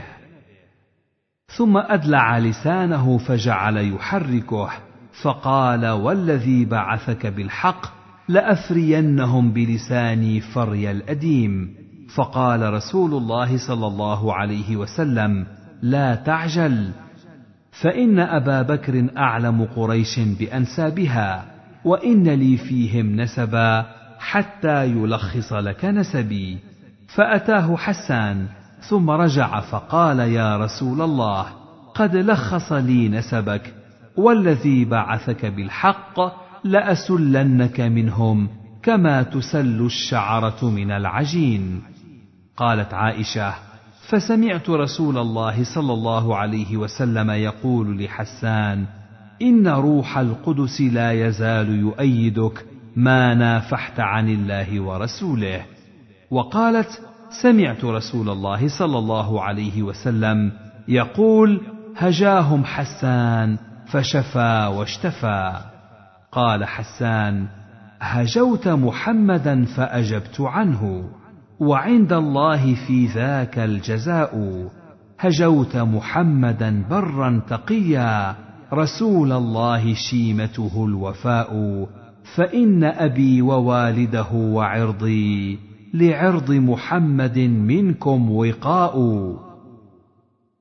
ثكلت بنيتي إن لم تروها تثير النقع من كنفي كدائي يبارين الأعنة مصعدات. على أكتافها الأسل الظماء تظل جيادنا متمطرات تلطمهن بالخمر النساء فإن أعرضتم عنا اعتمرنا وكان الفتح وانكشف الغطاء.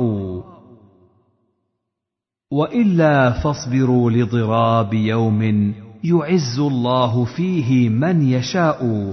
وقال الله قد أرسلت عبدا يقول الحق ليس به خفاء وقال الله قد يسرت جندا هم الأنصار عرضتها اللقاء لنا في كل يوم من معد سباب أو قتال أو هجاء فمن يهجو رسول الله منكم ويمدحه وينصره سواء وجبريل رسول الله فينا وروح القدس ليس له كفاء.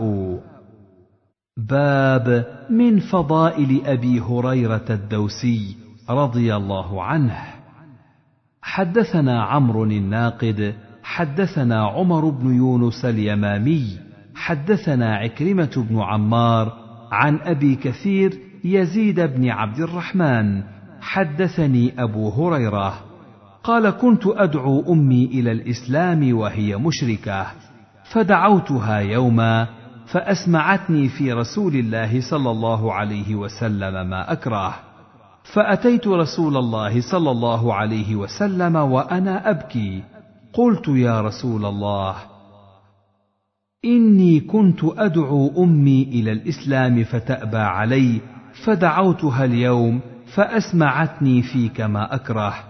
فادعوا الله أن يهدي أم أبي هريرة. فقال رسول الله صلى الله عليه وسلم اللهم اهدي أم أبي هريرة. فخرجت مستبشرا بدعوة نبي الله صلى الله عليه وسلم. فلما جئت فصرت إلى الباب فإذا هو مجاف. فسمعت أمي خشف قدمي فقالت مكانك يا أبا هريرة. وسمعت خضخضة الماء. قال فاغتسلت ولبست درعها وعجلت عن خمارها ففتحت الباب ثم قالت يا أبا هريرة أشهد أن لا إله إلا الله وأشهد أن محمدا عبده ورسوله. قال فرجعت إلى رسول الله صلى الله عليه وسلم فأتيته وأنا أبكي من الفرح. قال قلت يا رسول الله أبشر قد استجاب الله دعوتك وهدى أم أبي هريرة فحمد الله وأثنى عليه وقال خيرا. قال قلت يا رسول الله أدعو الله أن يحببني أنا وأمي إلى عباده المؤمنين ويحببهم إلينا. قال فقال رسول الله صلى الله عليه وسلم اللهم حبب عبيدك هذا يعني أبا هريرة وأمه إلى عبادك المؤمنين وحبب إليهم المؤمنين. فما خلق مؤمن يسمع بي ولا يراني إلا أحبني. حدثنا قتيبة بن سعيد وأبو بكر بن أبي شيبة وزهير بن حرب جميعا عن سفيان. قال زهير حدثنا سفيان بن عيينة عن الزهري عن الأعرج قال سمعت أبا هريرة يقول: إنكم تزعمون أن أبا هريرة يكثر الحديث عن رسول الله صلى الله عليه وسلم، والله الموعد. كنت رجلا مسكينا أخدم رسول الله صلى الله عليه وسلم على ملء بطني وكان المهاجرون يشغلهم الصفق بالأسواق وكانت الأنصار يشغلهم القيام على أموالهم.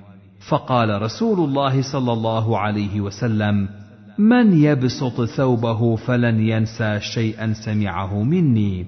فبسطت ثوبي حتى قضى حديثه ثم ضممته إلي فما نسيت شيئا سمعته منه. حدثني عبد الله بن جعفر بن يحيى بن خالد أخبرنا معا. أخبرنا مالك حا. وحدثنا عبد بن حميد. أخبرنا عبد الرزاق. أخبرنا معمر. كلاهما عن الزهري عن الأعرج. عن أبي هريرة بهذا الحديث. غير أن مالكا انتهى حديثه عند انقضاء قول أبي هريرة. ولم يذكر في حديثه الرواية عن النبي صلى الله عليه وسلم من يبسط ثوبه إلى آخره. وحدثني حرملة بن يحيى التجيبي أخبرنا ابن وهب أخبرني يونس عن ابن شهاب أن عروة بن الزبير حدثه أن عائشة قالت ألا يعجبك أبو هريرة؟ جاء فجلس إلى جنب حجرتي يحدث عن النبي صلى الله عليه وسلم يسمعني ذلك. وكنت أسبح فقام قبل أن أقضي سبحتي ولو أدركته لرددت عليه. إن رسول الله صلى الله عليه وسلم لم يكن يسرد الحديث كسردكم. قال ابن شهاب وقال ابن المسيب إن أبا هريرة قال يقولون إن أبا هريرة قد أكثر والله الموعد. ويقولون ما بال المهاجرين والأنصار لا يتحدثون مثل أحاديثه وسأخبركم عن ذلك. إن إخواني من الأنصار كان يشغلهم عمل أراضيهم وإن إخواني من المهاجرين كان يشغلهم الصفق بالأسواق. وكنت ألزم رسول الله صلى الله عليه وسلم على ملء بطني. فأشهد إذا غابوا وأحفظ إذا نسوا. ولقد قال رسول الله صلى الله عليه وسلم يوما أيكم يبسط ثوبه فيأخذ من حديثي هذا ثم يجمعه إلى صدره فإنه لم ينس شيئا سمعه. فبسطت بردة علي حتى فرغ من حديثه ثم جمعتها إلى صدري فما نسيت بعد ذلك اليوم شيئا حدثني به ولولا آيتان أنزلهما الله في كتابه ما حدثت شيئا أبدا. إن الذين يكتمون ما أنزلنا من البينات والهدى إلى آخر الآيتين. وحدثنا عبد الله بن عبد الرحمن الدارمي أخبرنا أبو اليمان عن شعيب عن الزهري أخبرني سعيد بن المسيب وأبو سلمة بن عبد الرحمن أن أبا هريرة قال إنكم تقولون إن أبا هريرة يكثر الحديث عن رسول الله صلى الله عليه وسلم بنحو حديثهم. باب من فضائل أهل بدر رضي الله عنهم وقصة حاطب بن أبي بلتعة. حدثنا أبو بكر بن أبي شيبة وعمر الناقد وزهير بن حرب وإسحاق بن إبراهيم وابن أبي عمر واللفظ لعمرو قال إسحاق أخبرنا وقال الآخرون حدثنا سفيان بن عيينة عن عمرو عن الحسن بن محمد أخبرني عبيد الله بن أبي رافع وهو كاتب علي. قال سمعت عليا رضي الله عنه وهو يقول بعثنا رسول الله صلى الله عليه وسلم أنا والزبير والمقداد فقال ائتوا روضة خاخ فإن بها ضعينة معها كتاب فخذوه منها. فانطلقنا تعادى بنا خيلنا فإذا نحن بالمرأة فقلنا أخرج الكتاب. فقالت ما معي كتاب؟ فقلنا لتخرجن الكتاب أو لتلقين الثياب. فأخرجته من عقاصها. فأتينا به رسول الله صلى الله عليه وسلم. فإذا فيه من حاطب بن أبي بلتعة إلى ناس من المشركين من أهل مكة. يخبرهم ببعض أمر رسول الله صلى الله عليه وسلم. فقال رسول الله صلى الله عليه وسلم يا حاطب ما هذا؟ قال لا تعجل علي يا رسول الله إني كنت امرا ملصقا في قريش. قال سفيان كان حليفا لهم ولم يكن من أنفسها. وكان ممن كان معك من المهاجرين لهم قرابات يحمون بها أهليهم. فأحببت إذ فاتني ذلك من النسب فيهم أن أتخذ فيهم يدا يحمون بها قرابتي ولم أفعله كفرا ولا ارتدادا عن ديني ولا رضا بالكفر بعد الإسلام. فقال النبي صلى الله عليه وسلم صدق. فقال عمر دعني يا رسول الله أضرب عنق هذا المنافق. فقال إنه قد شهد بدرا.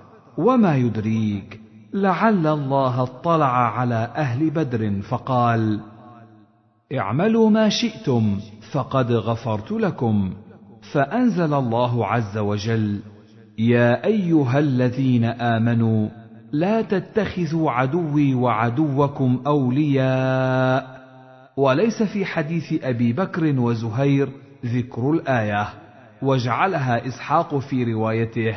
من تلاوة سفيان. حدثنا أبو بكر بن أبي شيبة حدثنا محمد بن فضيل حا. وحدثنا إسحاق بن إبراهيم أخبرنا عبد الله بن إدريس حا.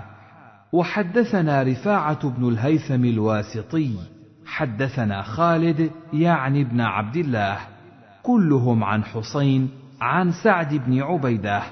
عن أبي عبد الرحمن السلمي عن علي قال بعثني رسول الله صلى الله عليه وسلم وأبا مرثد الغنوي والزبير بن العوام وكلنا فارس فقال انطلقوا حتى تأتوا روضة خاخ فإن بها امرأة من المشركين معها كتاب من حاطب إلى المشركين فذكر بمعنى حديث عبيد الله بن أبي رافع. عن علي.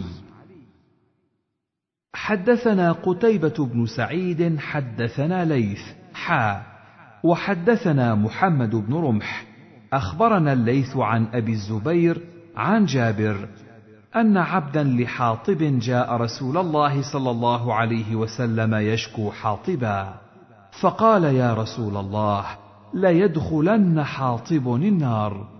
فقال رسول الله صلى الله عليه وسلم كذبت لا يدخلها فإنه شهد بدرا والحديبية. باب من فضائل أصحاب الشجرة أهل بيعة الرضوان رضي الله عنهم. حدثني هارون بن عبد الله حدثنا حجاج بن محمد قال قال ابن جريج أخبرني أبو الزبير أنه سمع جابر بن عبد الله يقول أخبرتني أم مبشر أنها سمعت النبي صلى الله عليه وسلم يقول عند حفصة لا يدخل النار إن شاء الله من أصحاب الشجرة أحد الذين بايعوا تحتها. قالت بلى يا رسول الله. فانتهرها. فقالت حفصة وإن منكم إلا واردها. فقال النبي صلى الله عليه وسلم قد قال الله عز وجل ثم ننجي الذين اتقوا ونذر الظالمين فيها جثيا. باب من فضائل أبي موسى وأبي عامر الأشعريين رضي الله عنهما. حدثنا أبو عامر الأشعري وأبو كريب جميعا عن أبي أسامة قال أبو عامر حدثنا أبو أسامة حدثنا بريد عن جده أبي بردة عن أبي موسى قال كنت عند النبي صلى الله عليه وسلم وهو نازل بالجعرانة بين مكة والمدينة ومعه بلال. فأتى رسول الله صلى الله عليه وسلم رجل أعرابي فقال ألا تنجز لي يا محمد ما وعدتني؟ فقال له رسول الله صلى الله عليه وسلم أبشر. فقال له الأعرابي أكثرت علي من أبشر. فأقبل رسول الله صلى الله عليه وسلم على أبي موسى وبلال كهيئة الغضبان. فقال إن هذا قد رد البشرى. فاقبلا أنتما. فقالا قبلنا يا رسول الله. ثم دعا رسول الله صلى الله عليه وسلم بقدح فيه ماء فغسل يديه ووجهه فيه ومج فيه. ثم قال اشربا منه وأفرغا على وجوهكما ونحوركما وأبشرا. فاخذا القدح ففعلا ما أمرهما به رسول الله صلى الله عليه وسلم. فنادتهما أم سلمة من وراء الستر افضلا لامكما مما في إنائكما فأفضلا لها منه طائفة. حدثنا عبد الله بن براد أبو عامر الأشعري وأبو كريب محمد بن العلاء واللفظ لأبي عامر. قال حدثنا أبو أسامة عن بريد عن أبي بردة عن أبيه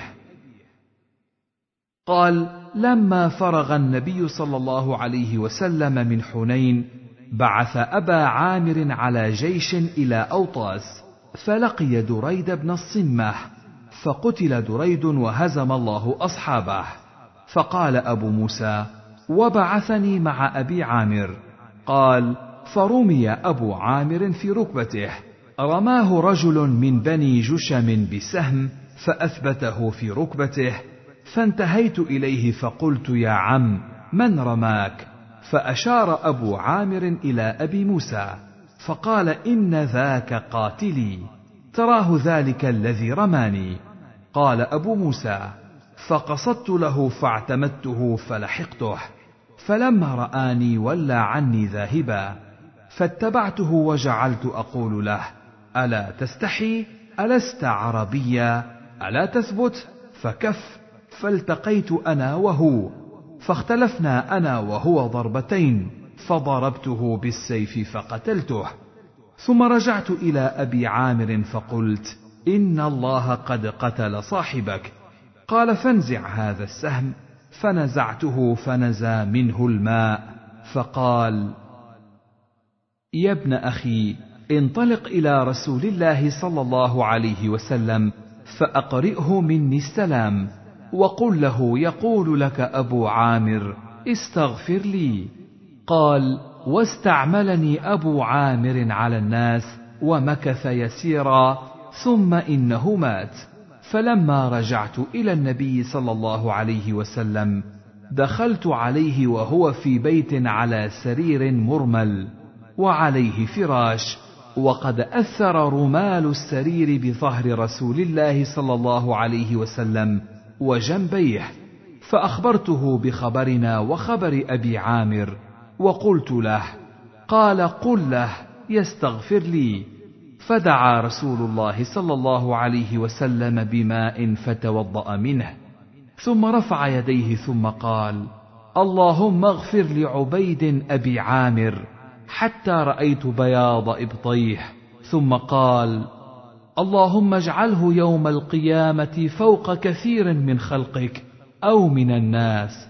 فقلت ولي يا رسول الله فاستغفر.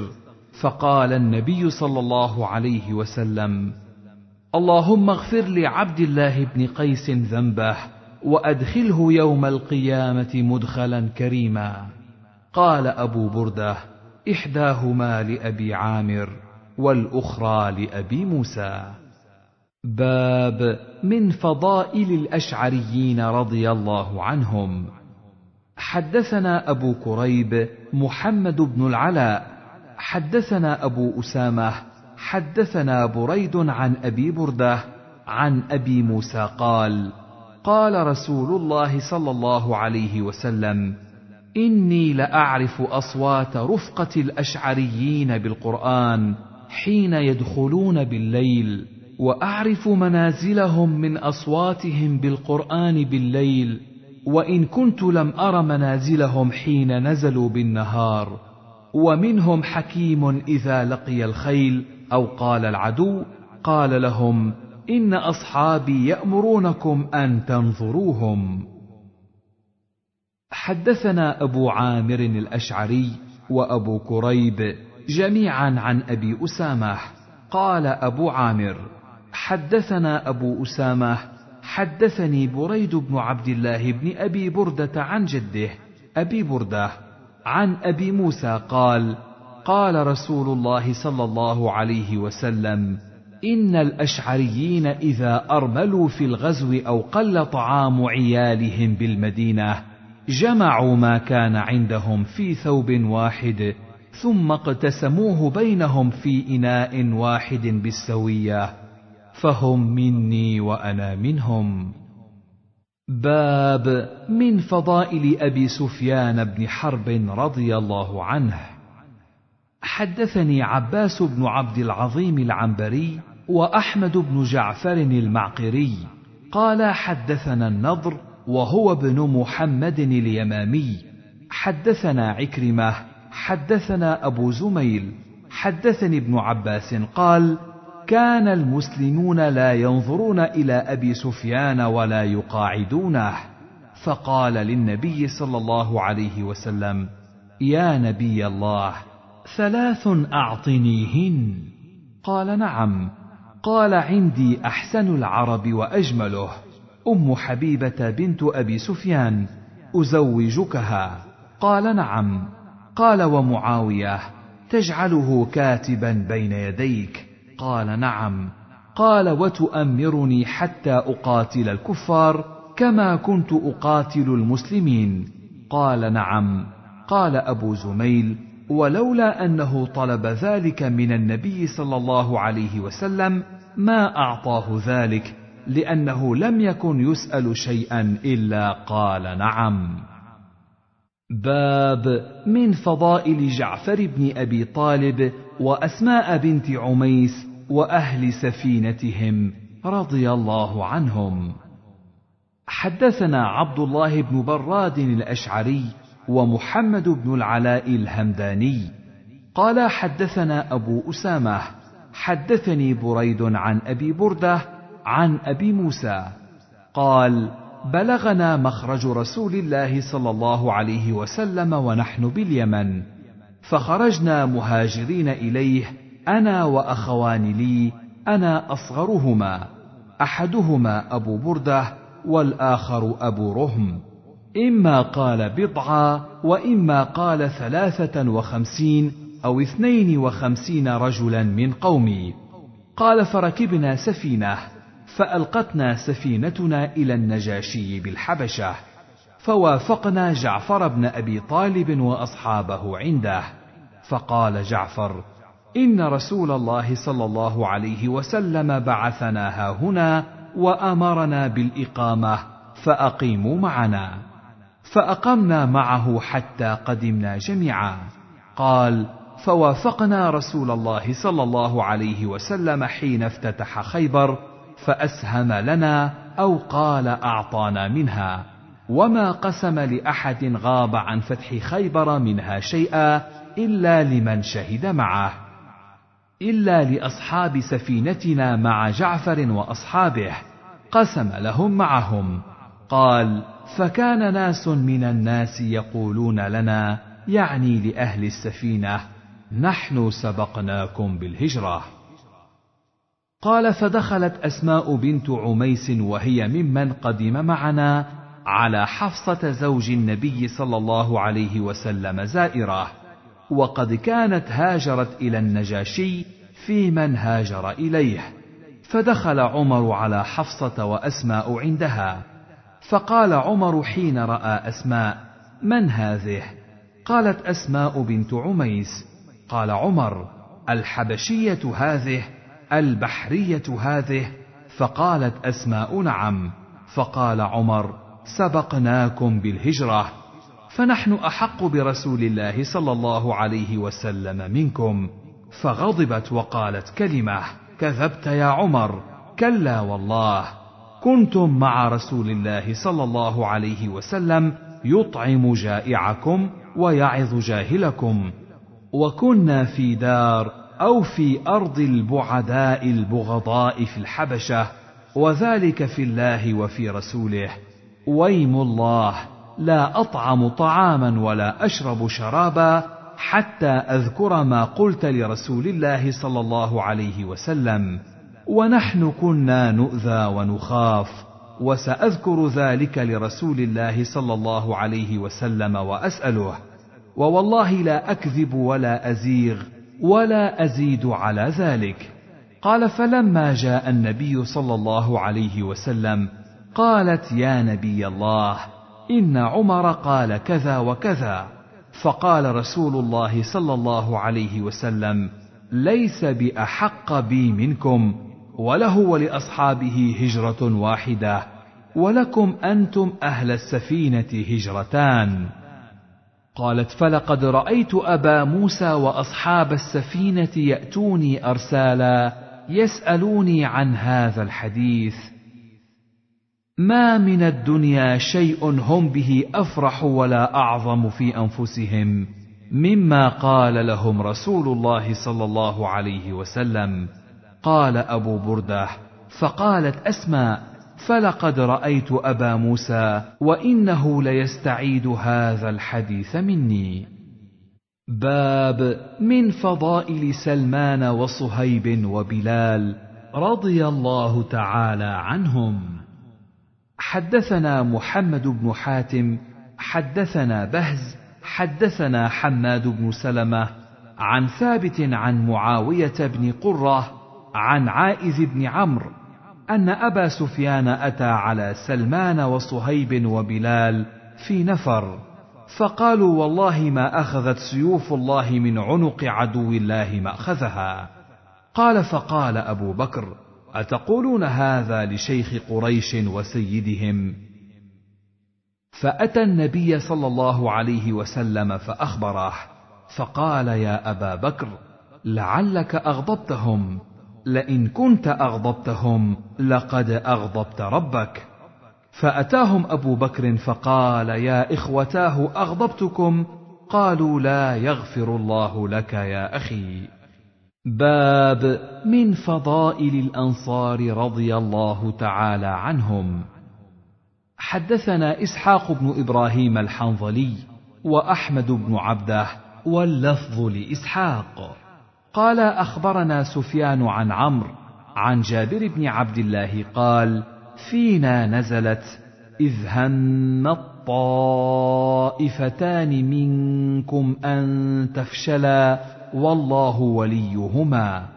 بنو سلمة وبنو حارثة وما نحب أنها لم تنزل لقول الله عز وجل والله وليهما. حدثنا محمد بن المثنى حدثنا محمد بن جعفر وعبد الرحمن بن مهدي. قال حدثنا شعبة عن قتادة عن النضر بن أنس عن زيد بن أرقم قال قال رسول الله صلى الله عليه وسلم اللهم اغفر للأنصار ولأبناء الأنصار وأبناء أبناء الأنصار. وحدثنيه يحيى بن حبيب حدثنا خالد يعني بن الحارث حدثنا شعبة بهذا الإسناد. حدثني أبو معن الرقاشي حدثنا عمر بن يونس حدثنا عكرمة وهو ابن عمار حدثنا إسحاق وهو ابن عبد الله بن أبي طلحة أن انسا حدثه أن رسول الله صلى الله عليه وسلم استغفر للأنصار. قال وأحسبه قال ولذراري الأنصار ولموالي الأنصار لا أشك فيه. حدثني أبو بكر بن أبي شيبة وزهير بن حرب جميعا عن ابن علية واللفظ لزهير. حدثنا إسماعيل عن عبد العزيز وهو ابن صهيب عن أنس أن النبي صلى الله عليه وسلم رأى صبيانا ونساء مقبلين من عرس فقام نبي الله صلى الله عليه وسلم ممثلا فقال اللهم أنتم من أحب الناس إلي. اللهم أنتم من أحب الناس إلي. يعني الأنصار. حدثنا محمد بن المثنى وابن بشار جميعا عن غندر. قال ابن المثنى حدثنا محمد بن جعفر. حدثنا شعبة عن هشام بن زيد. سمعت أنس بن مالك يقول جاءت امرأة من الأنصار إلى رسول الله صلى الله عليه وسلم. قال فخلا بها رسول الله صلى الله عليه وسلم وقال والذي نفسي بيده إنكم لأحب الناس إلي ثلاث مرات. حدثنيه يحيى بن حبيب حدثنا خالد بن الحارث حا وحدثنا أبو بكر بن أبي شيبة وأبو كريب. قال حدثنا ابن إدريس كلاهما عن شعبة بهذا الإسناد. حدثنا محمد بن المثنى ومحمد بن بشار واللفظ لابن المثنى. قال حدثنا محمد بن جعفر. أخبرنا شعبة. سمعت قتادة يحدث عن أنس بن مالك أن رسول الله صلى الله عليه وسلم قال إن الأنصار كرشي وعيبتي. وإن الناس سيكثرون ويقلون فاقبلوا من محسنهم واعفوا عن مسيئهم. باب في خير دور الأنصار رضي الله عنهم. حدثنا محمد بن المثنى وابن بشار واللفظ لابن المثنى. قال حدثنا محمد بن جعفر حدثنا شعبة سمعت قتادة يحدث عن أنس بن مالك عن أبي أسيد قال قال رسول الله صلى الله عليه وسلم خير دور الأنصار بنو النجار ثم بنو عبد الأشهل ثم بنو الحارث بن الخزرج ثم بنو ساعدة وفي كل دور الأنصار خير. فقال سعد ما أرى رسول الله صلى الله عليه وسلم إلا قد فضل علينا. فقيل قد فضلكم على كثير. حدثناه محمد بن المثنى حدثنا أبو داود حدثنا شعبة عن قتادة. سمعت أنسا يحدث عن أبي أسيد الأنصاري عن النبي صلى الله عليه وسلم نحوه. حدثنا قتيبة وابن رمح عن الليث بن سعد حا. وحدثنا قتيبة حدثنا عبد العزيز يعني ابن محمد حا وحدثنا ابن المثنى وابن أبي عمر. قال حدثنا عبد الوهاب الثقفي كلهم عن يحيى بن سعيد عن أنس عن النبي صلى الله عليه وسلم بمثله غير أنه لا يذكر في الحديث قول سعد. حدثنا محمد بن عباد ومحمد بن مهران الرازي. واللفظ لابن عباد. حدثنا حاتم وهو ابن إسماعيل عن عبد الرحمن بن حميد عن إبراهيم بن محمد بن طلحة. قال سمعت أبا أسيد خطيبا عند ابن عتبة.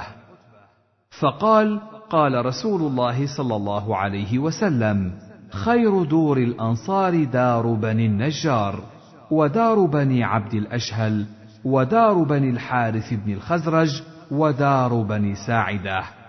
والله لو كنت مؤثرا بها أحدا لآثرت بها عشيرتي.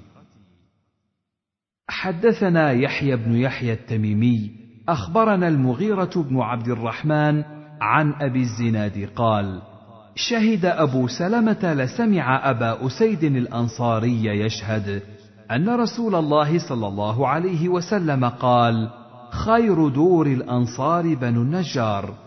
ثم بنو عبد الأشهل ثم بنو الحارث بن الخزرج ثم بنو ساعدة وفي كل دور الأنصار خير. قال أبو سلمة قال أبو أسيد اتهم أنا على رسول الله صلى الله عليه وسلم لو كنت كاذبا لبدأت بقومي بني ساعدة وبلغ ذلك سعد بن عبادة فوجد في نفسه وقال خلفنا فكنا آخر الأربع. أسرجوا لي حماري آتي رسول الله صلى الله عليه وسلم. وكلمه ابن أخيه سهل. فقال أتذهب لترد على رسول الله صلى الله عليه وسلم؟ ورسول الله صلى الله عليه وسلم أعلم. أوليس حسبك أن تكون رابع أربع؟ فرجع وقال الله ورسوله أعلم. وأمر بحماره فحل عنه. حدثنا عمرو بن علي بن بحر حدثني أبو داود حدثنا حرب بن شداد عن يحيى بن أبي كثير حدثني أبو سلمة أن أبا أسيد الأنصاري حدثه أنه سمع رسول الله صلى الله عليه وسلم يقول خير الأنصار أو خير دور الأنصار بمثل حديثهم في ذكر الدور ولم يذكر قصة سعد بن عبادة رضي الله عنه. وحدثني عمرو الناقد وعبد بن حميد قال حدثنا يعقوب وهو ابن إبراهيم بن سعد. حدثنا أبي عن صالح عن ابن شهاب قال قال أبو سلمة وعبيد الله بن عبد الله بن عتبة بن مسعود سمعا أبا هريرة يقول قال رسول الله صلى الله عليه وسلم وهو في مجلس عظيم من المسلمين. أحدثكم بخير دور الأنصار؟ قالوا نعم يا رسول الله. قال رسول الله صلى الله عليه وسلم بنو عبد الأشهل. قالوا ثم من يا رسول الله؟ قال ثم بنو النجار. قالوا ثم من يا رسول الله؟ قال ثم بنو الحارث بن الخزرج. قالوا ثم من يا رسول الله؟ قال ثم بنو ساعدة. قالوا ثم من يا رسول الله؟ قال ثم في كل دور الأنصار خير. فقام سعد بن عبادة مغضبا. فقال أنحن آخر الأربع حين سمى رسول الله صلى الله عليه وسلم دارهم فأراد كلام رسول الله صلى الله عليه وسلم. فقال له رجال من قومه اجلس ألا ترضى أن سمى رسول الله صلى الله عليه وسلم داركم في الأربع الدور التي سمى فمن ترك فلم يسم أكثر ممن سمى. فانتهى سعد بن عبادة عن كلام رسول الله صلى الله عليه وسلم. باب في حسن صحبة الأنصار رضي الله عنهم. حدثنا نصر بن علي الجهضمي ومحمد بن المثنى وابن بشار جميعا عن ابن عرعرة واللفظ للجهضمي. حدثني محمد بن عرعرة. حدثنا شعبة عن يونس بن عبيد عن ثابت البناني عن أنس بن مالك قال خرجت مع جرير بن عبد الله البجلي في سفر فكان يخدمني. فقلت له لا تفعل. فقال إني قد رأيت الأنصار تصنع برسول الله صلى الله عليه وسلم شيئا. آليت ألا أصحب أحدا منهم إلا خدمته. زاد ابن المثنى وابن بشار في حديثهما. وكان جرير أكبر من أنس. وقال ابن بشار أسن من أنس. باب دعاء النبي صلى الله عليه وسلم لغفار وأسلم.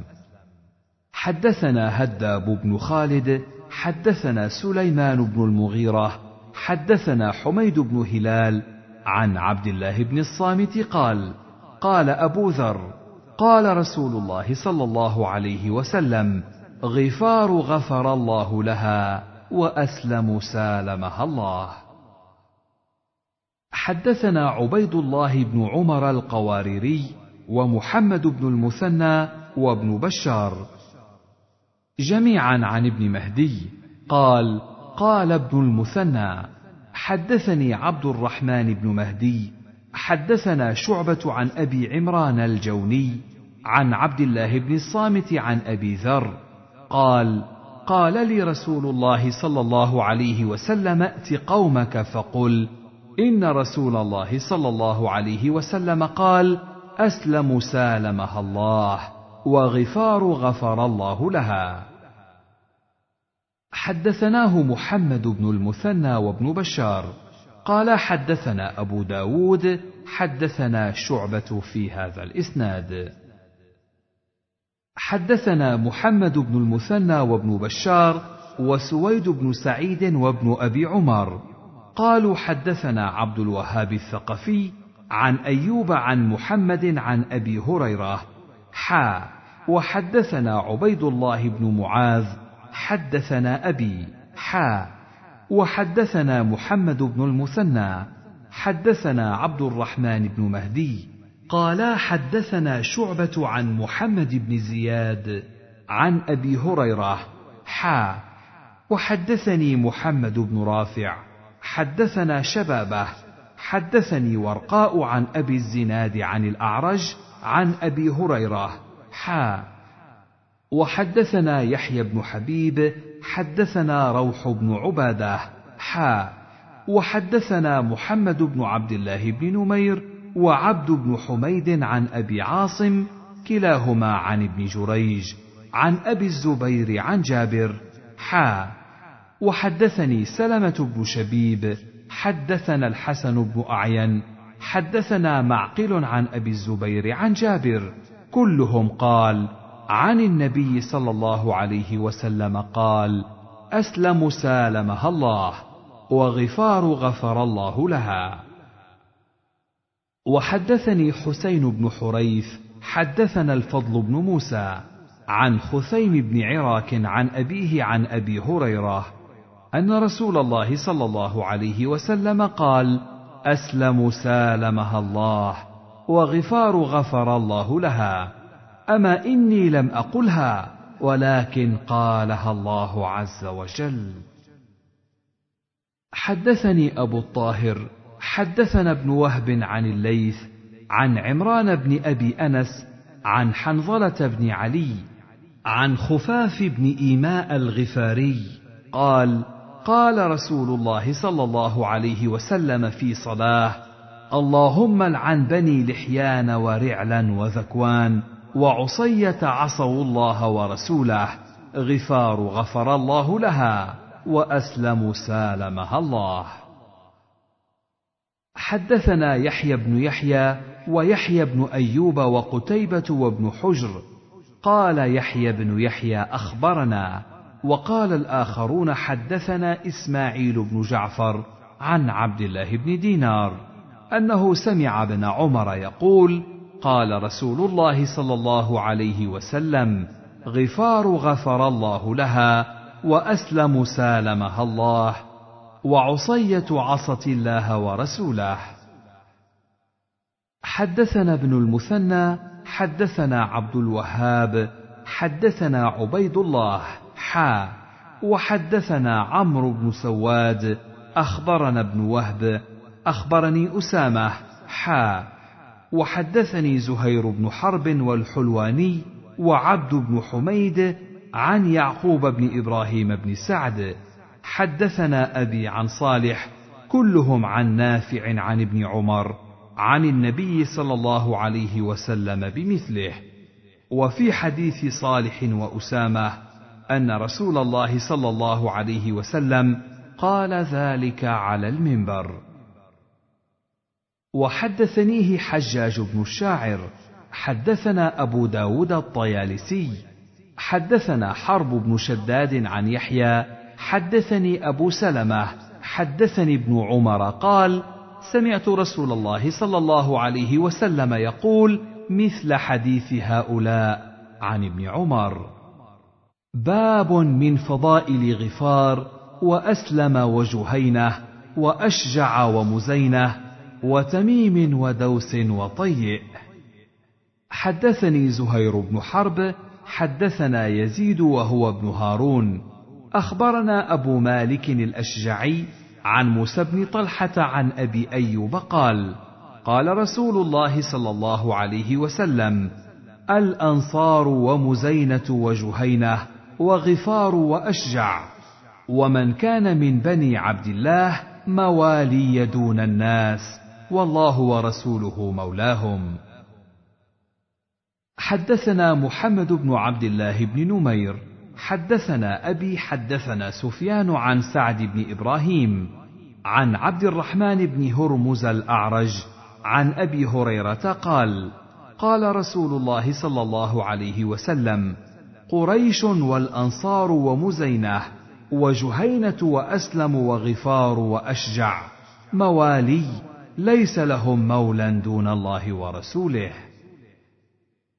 حدثنا عبيد الله بن معاذ حدثنا أبي حدثنا شعبة عن سعد بن إبراهيم بهذا الإسناد مثله.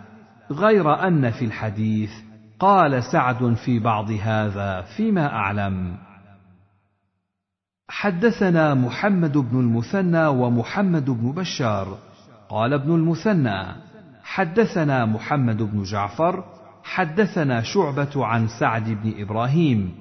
قال سمعت أبا سلمة يحدث عن أبي هريرة عن النبي صلى الله عليه وسلم أنه قال أسلم وغفار ومزينة ومن كان من جهينة أو جهينة خير من بني تميم وبني عامر والحليفين أسد وغطفان. حدثنا قتيبة بن سعيد حدثنا المغيرة يعني الحزامي عن أبي الزناد عن الأعرج عن أبي هريرة قال قال رسول الله صلى الله عليه وسلم حا. وحدثنا عمرو الناقد وحسن الحلواني وعبد بن حميد. قال عبد أخبرني وقال الآخران حدثنا يعقوب بن إبراهيم بن سعد. حدثنا أبي عن صالح عن الأعرج قال قال أبو هريرة قال رسول الله صلى الله عليه وسلم والذي نفس محمد بيده لغفار وأسلم ومزينة ومن كان من جهينة أو قال جهينة ومن كان من مزينة خير عند الله يوم القيامة من أسد وطيء وغطفان. حدثني زهير بن حرب ويعقوب الدورقي. قال حدثنا إسماعيل يعنيان بن علية. حدثنا أيوب عن محمد عن أبي هريرة قال قال رسول الله صلى الله عليه وسلم لأسلم وغفار وشيء من مزينة وجهينة أو شيء من جهينة ومزينة خير عند الله. قال أحسبه قال يوم القيامة من أسد وغطفان وهوازن وتميم. حدثنا أبو بكر بن أبي شيبة حدثنا غندر عن شعبة حا. وحدثنا محمد بن المثنى وابن بشار. قال حدثنا محمد بن جعفر حدثنا شعبة عن محمد بن أبي يعقوب. سمعت عبد الرحمن بن أبي بكرة يحدث عن أبيه أن الأقرع بن حابس جاء إلى رسول الله صلى الله عليه وسلم فقال إنما بايعك سراق الحجيج من أسلم وغفار ومزينة وأحسب جهينة. محمد الذي شك. فقال رسول الله صلى الله عليه وسلم أرأيت إن كان أسلم وغفار ومزينة وأحسب جهينة خيرا من بني تميم وبني عامر وأسد وغطفان اخابوا وخسروا؟ فقال نعم. قال فوالذي نفسي بيده إنهم لأخير منهم وليس في حديث ابن أبي شيبة محمد الذي شك. حدثني هارون بن عبد الله حدثنا عبد الصمد حدثنا شعبة حدثني سيد بني تميم محمد بن عبد الله بن أبي يعقوب الضبي بهذا الإسناد مثله وقال وجهينه ولم يقل أحسب. حدثنا نصر بن علي الجهضمي حدثنا أبي حدثنا شعبة عن أبي بشر عن عبد الرحمن بن أبي بكرة عن أبيه عن رسول الله صلى الله عليه وسلم قال أسلم وغفار ومزينة وجهينة خير من بني تميم ومن بني عامر والحليفين بني أسد وغطفان. حدثنا محمد بن المثنى وهارون بن عبد الله. قال حدثنا عبد الصمد حا وحدثنيه عمرو الناقد حدثنا شبابة بن سوار قال حدثنا شعبة عن أبي بشر بهذا الإسناد. حدثنا أبو بكر بن أبي شيبة وأبو كريب واللفظ لأبي بكر. قال حدثنا وكيع عن سفيان عن عبد الملك بن عمير عن عبد الرحمن بن أبي بكرة عن أبيه قال قال رسول الله صلى الله عليه وسلم أرأيتم إن كان جهينة وأسلم وغفار خيرا من بني تميم وبني عبد الله بن غطفان وعامر بن صعصعة ومد بها صوته. فقالوا يا رسول الله فقد خابوا وخسروا. قال فإنهم خير. وفي رواية أبي كريب أرأيتم إن كان جهينة ومزينة وأسلم وغفار؟ حدثني زهير بن حرب حدثنا أحمد بن إسحاق حدثنا أبو عوانة عن مغيرة عن عامر عن عدي بن حاتم قال أتيت عمر بن الخطاب فقال لي إن أول صدقة بيضت وجه رسول الله صلى الله عليه وسلم ووجوه أصحابه. صدقة طيء جئت بها إلى رسول الله صلى الله عليه وسلم. حدثنا يحيى بن يحيى أخبرنا المغيرة بن عبد الرحمن عن أبي الزناد عن الأعرج عن أبي هريرة قال قدم الطفيل وأصحابه فقالوا يا رسول الله إن دوسا قد كفرت وأبت فادعوا الله عليها. فقيل هلك الدوس. فقال اللهم اهد دوسا وأت بهم.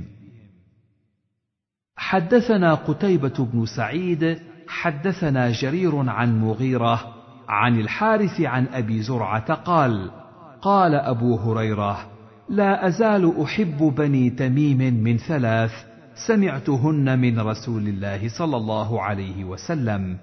سمعت رسول الله صلى الله عليه وسلم يقول هم أشد أمتي على الدجال. قال وجاءت صدقاتهم.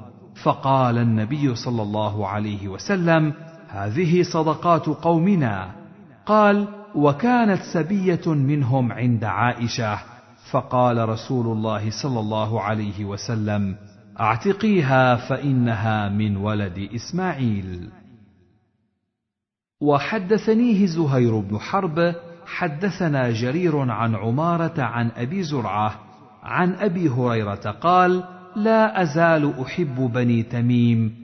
بعد ثلاث سمعتهن من رسول الله صلى الله عليه وسلم يقولها فيهم فذكر مثله. وحدثنا حامد بن عمر البكراوي حدثنا مسلمة بن علقمة المازني إمام مسجد داود. حدثنا داود عن الشعبي عن أبي هريرة قال ثلاث خصال سمعتهن من رسول الله صلى الله عليه وسلم في بني تميم لا أزال أحبهم بعد. وساق الحديث بهذا المعنى غير أنه قال هم أشد الناس قتالا في الملاحم ولم يذكر الدجال.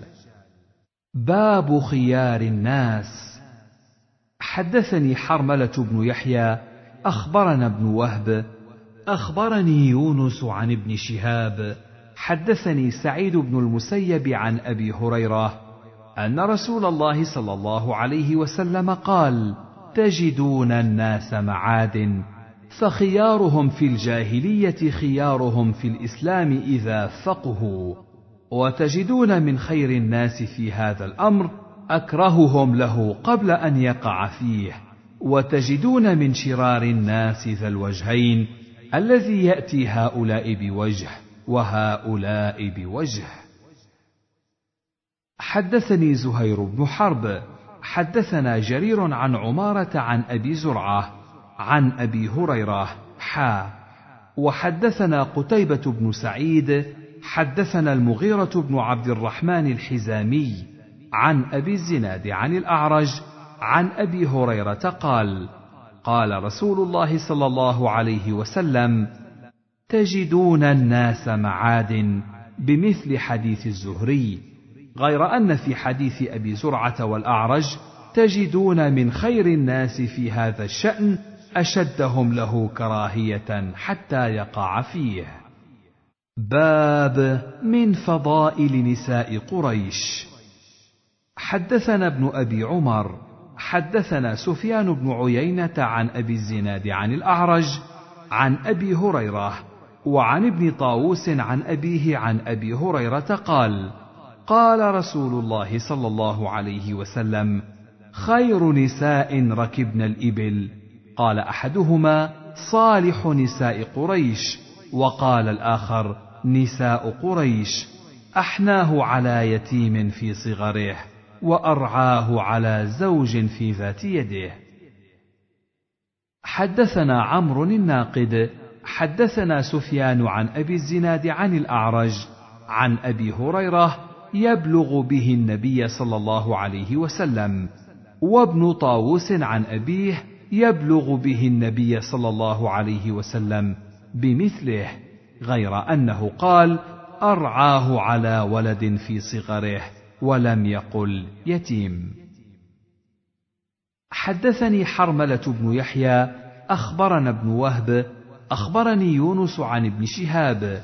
حدثني سعيد بن المسيب أن أبا هريرة قال سمعت رسول الله صلى الله عليه وسلم يقول نساء قريش خير نساء ركبن الإبل احناه على طفل وأرعاه على زوج في ذات يده. قال يقول أبو هريرة على إثر ذلك ولم تركب مريم بنت عمران بعيرا قط. حدثني محمد بن رافع وعبد بن حميد قال عبد أخبرنا. وقال ابن رافع حدثنا عبد الرزاق أخبرنا معمر عن الزهري عن ابن المسيب عن أبي هريرة أن النبي صلى الله عليه وسلم خطب أم هانئ بنت أبي طالب فقالت يا رسول الله إني قد كبرت ولي عيال. فقال رسول الله صلى الله عليه وسلم خير نساء ركبن. ثم ذكر بمثل حديث يونس غير أنه قال أحناه على ولد في صغره. حدثني محمد بن رافع وعبد بن حميد قال ابن رافع حدثنا وقال عبد أخبرنا عبد الرزاق أخبرنا معمر عن ابن طاووس عن أبيه عن أبي هريرة حا.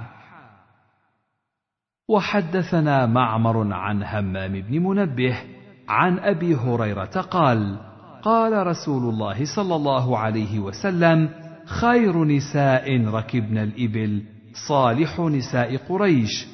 أحناه على ولد في صغره وأرعاه على زوج في ذات يده. حدثني أحمد بن عثمان بن حكيم الأودي حدثنا خالد يعني بن مخلد حدثني سليمان وهو ابن بلال حدثني سهيل عن أبيه عن أبي هريرة عن النبي صلى الله عليه وسلم بمثل حديث معمر هذا سواء. باب مؤاخاة النبي صلى الله عليه وسلم بين أصحابه رضي الله تعالى عنهم. حدثني حجاج بن الشاعر حدثنا عبد الصمد حدثنا حماد يعني بن سلمة. عن ثابت عن أنس أن رسول الله صلى الله عليه وسلم آخى بين أبي عبيدة بن الجراح وبين أبي طلحة. حدثني أبو جعفر محمد بن الصباح. حدثنا حفص بن غياث حدثنا عاصم الأحول. قال قيل لأنس بن مالك بلغك أن رسول الله صلى الله عليه وسلم قال لا حلف في الإسلام؟ فقال أنس قد حالف رسول الله صلى الله عليه وسلم بين قريش والأنصار في داره. حدثنا أبو بكر بن أبي شيبة ومحمد بن عبد الله بن نمير. قال حدثنا عبدة بن سليمان عن عاصم عن أنس. قال حالف رسول الله صلى الله عليه وسلم بين قريش والأنصار في داره التي بالمدينة. حدثنا أبو بكر بن أبي شيبة حدثنا عبد الله بن نمير وأبو أسامة عن زكريا عن سعد بن إبراهيم عن أبيه عن جبير بن مطعم قال قال رسول الله صلى الله عليه وسلم لا حلف في الإسلام وأيما حلف كان في الجاهلية لم يزده الإسلام إلا شدة. باب بيان أن بقاء النبي صلى الله عليه وسلم أمان لأصحابه وبقاء أصحابه أمان للأمة.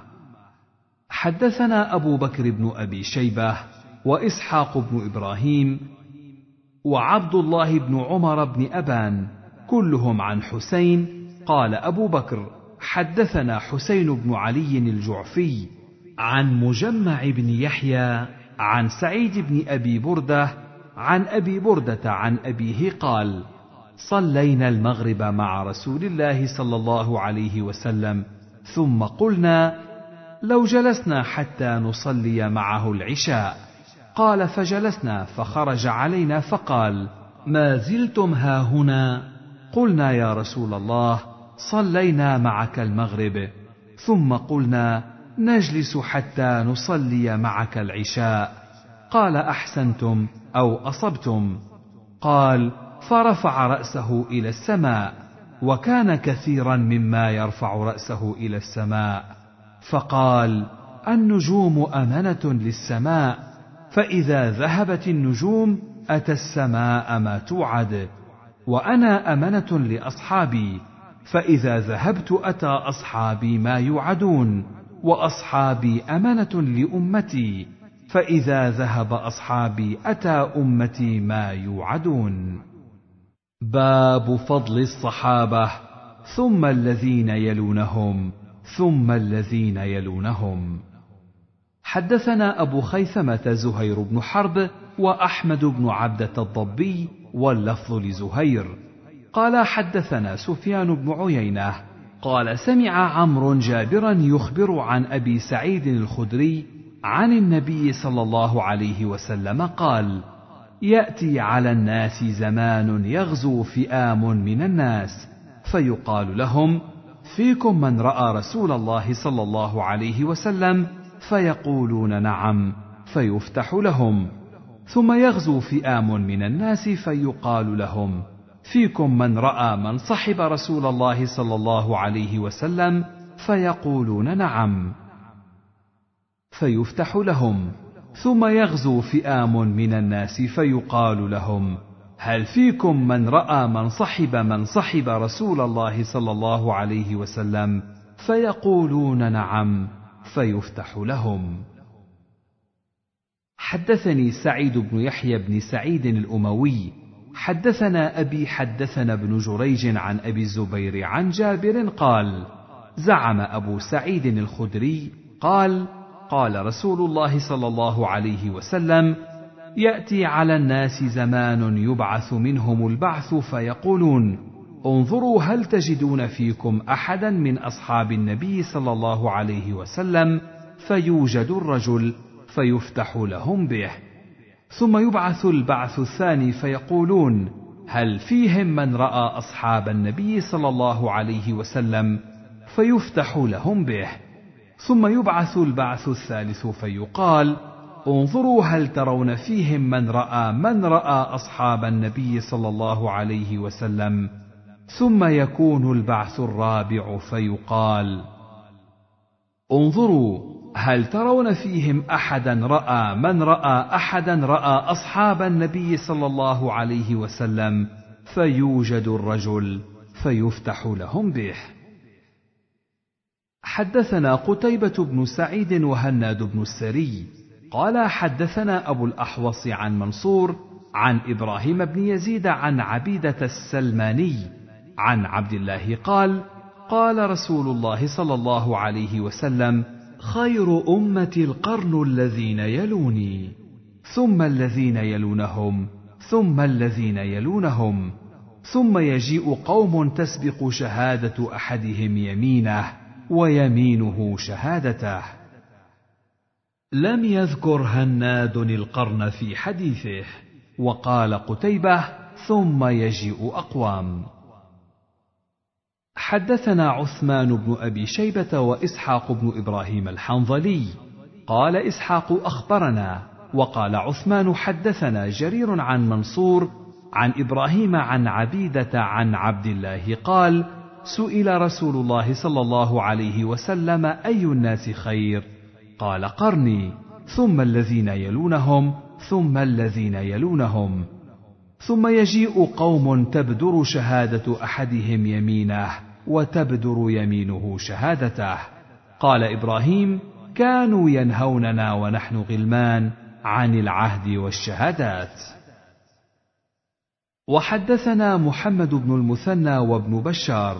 قال حدثنا محمد بن جعفر حدثنا شعبة حا وحدثنا محمد بن المثنى وابن بشار قال حدثنا عبد الرحمن حدثنا سفيان كلاهما عن منصور بإسناد أبي الأحوص وجرير بمعنى حديثهما. وليس في حديثهما سئل رسول الله صلى الله عليه وسلم. وحدثني الحسن بن علي الحلواني حدثنا أزهر بن سعد السمان عن ابن عون عن إبراهيم عن عبيدة عن عبد الله عن النبي صلى الله عليه وسلم قال خير الناس قرني ثم الذين يلونهم ثم الذين يلونهم. فلا أدري في الثالثة أو في الرابعة قال ثم يتخلف من بعدهم خلف تسبق شهادة أحدهم يمينه ويمينه شهادته. حدثني يعقوب بن إبراهيم حدثنا هشيم عن أبي بشر حا وحدثني إسماعيل بن سالم أخبرنا هشيم أخبرنا أبو بشر عن عبد الله بن شقيق عن أبي هريرة قال قال رسول الله صلى الله عليه وسلم خير امتي القرن الذين بعثت فيهم ثم الذين يلونهم والله أعلم أذكر الثالث أم لا؟ قال ثم يخلف قوم يحبون السمانة يشهدون قبل أن يستشهدوا. حدثنا محمد بن بشار حدثنا محمد بن جعفر حا. وحدثني أبو بكر بن نافع حدثنا غندر عن شعبة حا. وحدثني حجاج بن الشاعر حدثنا أبو الوليد حدثنا أبو عوانة كلاهما عن أبي بشر بهذا الإسناد مثله غير أن في حديث شعبة قال أبو هريرة فلا أدري مرتين أو ثلاثة حدثنا أبو بكر بن أبي شيبة ومحمد بن المثنى وابن بشار جميعا عن غندر. قال ابن المثنى حدثنا محمد بن جعفر حدثنا شعبة سمعت أبا جمرة حدثني زهدم بن مضرب سمعت عمران بن حسين يحدث أن رسول الله صلى الله عليه وسلم قال إن خيركم قرني ثم الذين يلونهم ثم الذين يلونهم ثم الذين يلونهم. قال عمران فلا أدري أقال رسول الله صلى الله عليه وسلم بعد قرنه مرتين أو ثلاثة. ثم يكون بعدهم قوم يشهدون ولا يستشهدون ويخونون ولا يؤتمنون وينذرون ولا يوفون ويظهر فيهم السمن. حدثني محمد بن حاتم حدثنا يحيى بن سعيد حا وحدثنا عبد الرحمن بن بشر العبدي حدثنا بهز حا وحدثني محمد بن رافع حدثنا شبابة كلهم عن شعبة بهذا الإسناد وفي حديثهم قال لا أدري أذكر بعد قرنه قرنين أو ثلاثة. وفي حديث شبابة قال سمعت زهدم بن مضرب وجاءني في حاجة على فرس فحدثني أنه سمع عمران بن حسين وفي حديث يحيى وشبابة ينذرون ولا يفون. وفي حديث بهز يوفون كما قال ابن جعفر. وحدثنا قتيبة بن سعيد ومحمد بن عبد الملك الأموي. قال حدثنا أبو عوانة حا. وحدثنا محمد بن المثنى وابن بشار. قال حدثنا معاذ بن هشام. حدثنا أبي كلاهما عن قتادة عن زرارة بن أوفى عن عمران بن حسين عن النبي صلى الله عليه وسلم بهذا الحديث خير هذه الأمة القرن الذين بعثت فيهم ثم الذين يلونهم. زاد في حديث أبي عوانة قال والله أعلم أذكر الثالث أم لا بمثل حديث زهدم عن عمران وزاد في حديث هشام عن قتادة ويحلفون ولا يستحلفون حدثنا أبو بكر بن أبي شيبة وشجاع بن مخلد واللفظ لأبي بكر قال حدثنا حسين وهو ابن علي الجعفي عن زائدة عن السدي عن عبد الله البهي عن عائشة قالت: سأل رجل النبي صلى الله عليه وسلم: أي الناس خير؟ قال القرن الذي أنا فيه، ثم الثاني، ثم الثالث.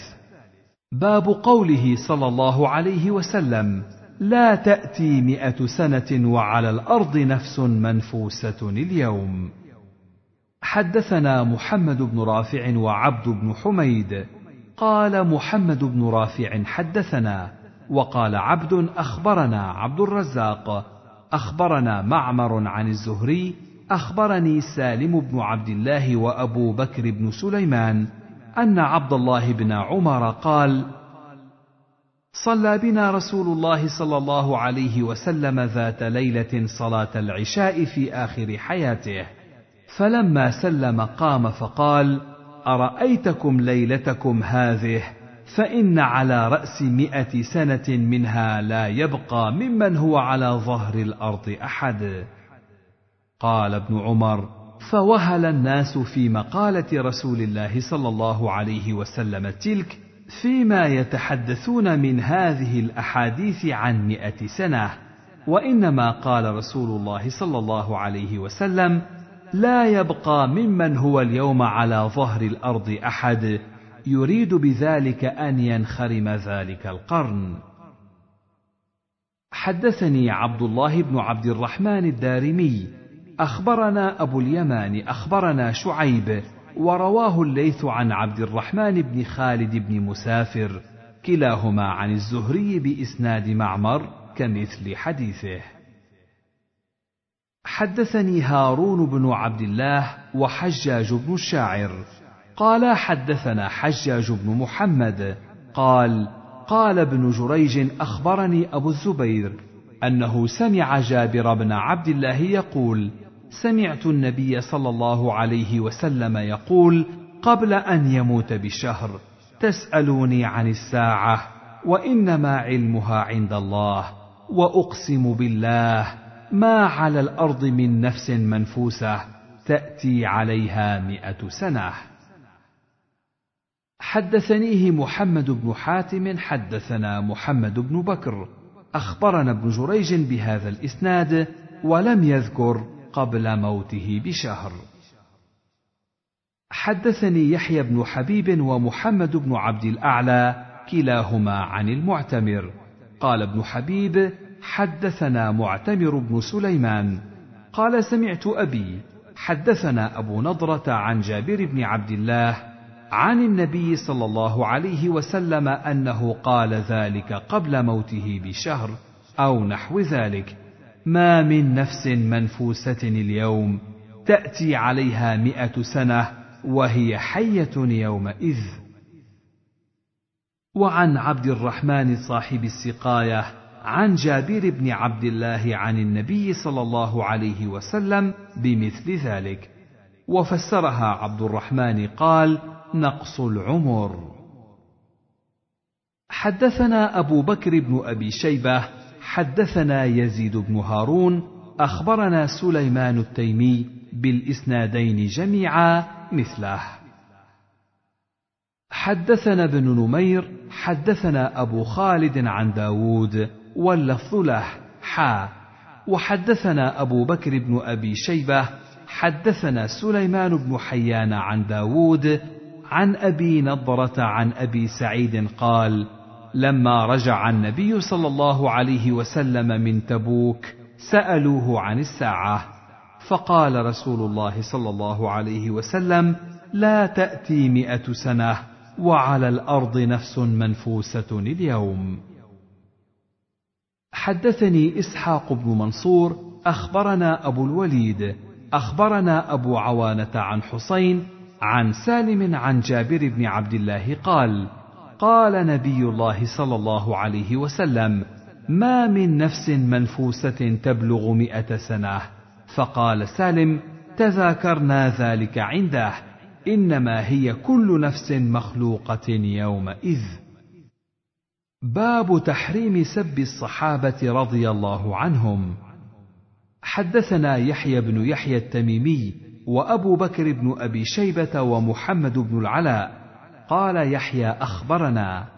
وقال الآخران حدثنا أبو معاوية عن الأعمش عن أبي صالح عن أبي هريرة قال قال رسول الله صلى الله عليه وسلم لا تسبوا أصحابي لا تسبوا أصحابي فوالذي نفسي بيده لو أن أحدكم أنفق مثل أحد ذهبا ما أدرك مد أحدهم ولا نصيفه. حدثنا عثمان بن أبي شيبة حدثنا جرير عن الأعمش عن أبي صالح عن أبي سعيد قال كان بين خالد بن الوليد وبين عبد الرحمن بن عوف شيء فسبه خالد. فقال رسول الله صلى الله عليه وسلم لا تسبوا أحدا من أصحابي فإن أحدكم لو أنفق مثل أحد ذهبا ما أدرك مد أحدهم ولا نصيفه. حدثنا أبو سعيد الأشج وأبو كريب. قال حدثنا وكيع عن الأعمش. حا. وحدثنا عبيد الله بن معاذ. حدثنا أبي. حا. وحدثنا ابن المثنى وابن بشار. قال حدثنا ابن أبي عدي جميعا عن شعبة عن الأعمش بإسناد جرير وأبي معاوية. بمثل حديثهما. وليس في حديث شعبة ووكيع ذكر عبد الرحمن بن عوف وخالد بن الوليد. باب من فضائل أويس القرني رضي الله عنه. حدثني زهير بن حرب حدثنا هاشم بن القاسم حدثنا سليمان بن المغيرة حدثني سعيد الجريري عن أبي نضرة عن أسير بن جابر أن أهل الكوفة وفدوا إلى عمر وفيهم رجلا ممن كان يسخر بأويس. فقال عمر هل ها هنا أحد من القرنيين؟ فجاء ذلك الرجل فقال عمر إن رسول الله صلى الله عليه وسلم قد قال إن رجلا يأتيكم من اليمن يقال له أويس لا يدع باليمن غير أم له قد كان به بياض. فدعا الله فأذهبه عنه إلا موضع الدينار أو الدرهم. فمن لقيه منكم فليستغفر لكم. حدثنا زهير بن حرب ومحمد بن المثنى. قال حدثنا عفان بن مسلم حدثنا حماد وهو ابن سلمة. عن سعيد الجريري بهذا الإسناد عن عمر بن الخطاب قال إني سمعت رسول الله صلى الله عليه وسلم يقول إن خير التابعين رجل يقال له أويس وله والده وكان به بياض فمروه فليستغفر لكم. حدثنا إسحاق بن إبراهيم الحنظلي ومحمد بن المثنى ومحمد بن بشار. قال إسحاق أخبرنا وقال الآخران حدثنا واللفظ لابن المثنى. حدثنا معاذ بن هشام. حدثني أبي عن قتادة عن زرارة بن أوفى عن أسير بن جابر قال كان عمر بن الخطاب إذا أتى عليه أمداد أهل اليمن سألهم أفيكم أويس بن عامر؟ حتى أتى على أويس فقال أنت أويس بن عامر؟ قال نعم. قال من مراد ثم من قرن؟ قال نعم. قال فكان بك برص فبرئت منه إلا موضع درهم. قال نعم. قال لك والداه. قال نعم. قال سمعت رسول الله صلى الله عليه وسلم يقول يأتي عليكم أويس بن عامر مع أمداد أهل اليمن من مراد ثم من قرن. كان به برص فبرئ منه إلا موضع درهم. له والدة هو بها بر. لو أقسم على الله لأبره. فإن استطعت أن يستغفر لك فافعل. فاستغفر لي فاستغفر له. فقال له عمر أين تريد؟ قال الكوفة. قال ألا أكتب لك إلى عاملها؟ قال أكون في غبراء الناس أحب إلي. قال فلما كان من العام المقبل حج رجل من أشرافهم فوافق عمر فسأله عن أويس قال تركته رث البيت قليل المتاع.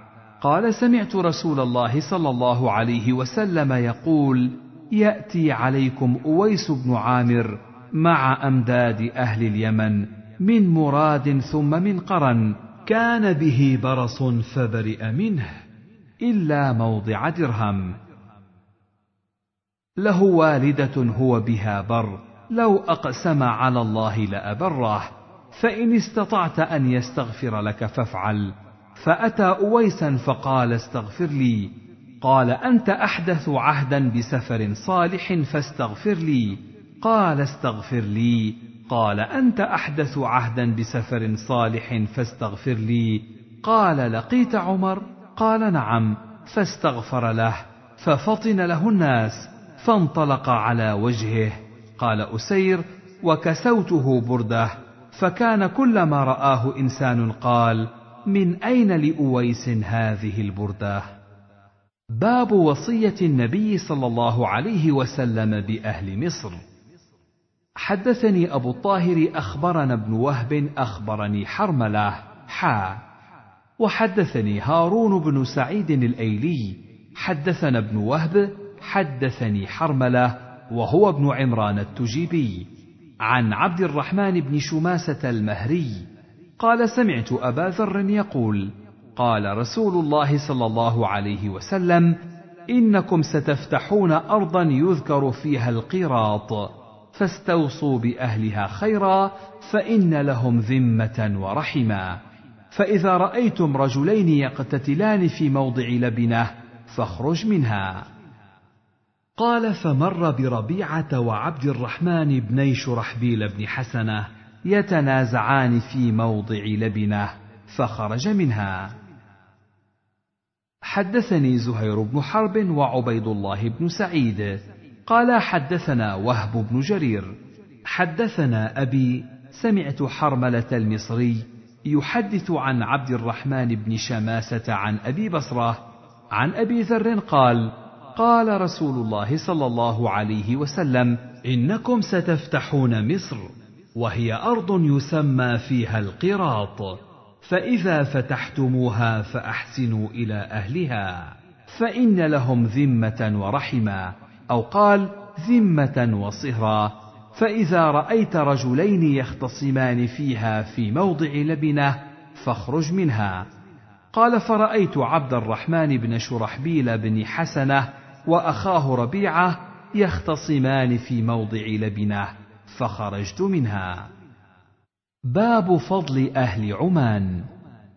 حدثنا سعيد بن منصور حدثنا مهدي بن ميمون عن أبي الوازع جابر بن عمرو الراسبي.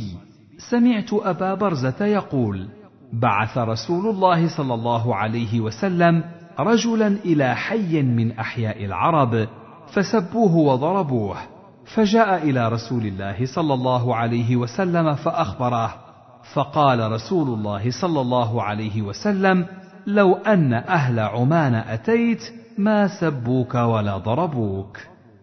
باب ذكر كذاب ثقيف ومبيرها.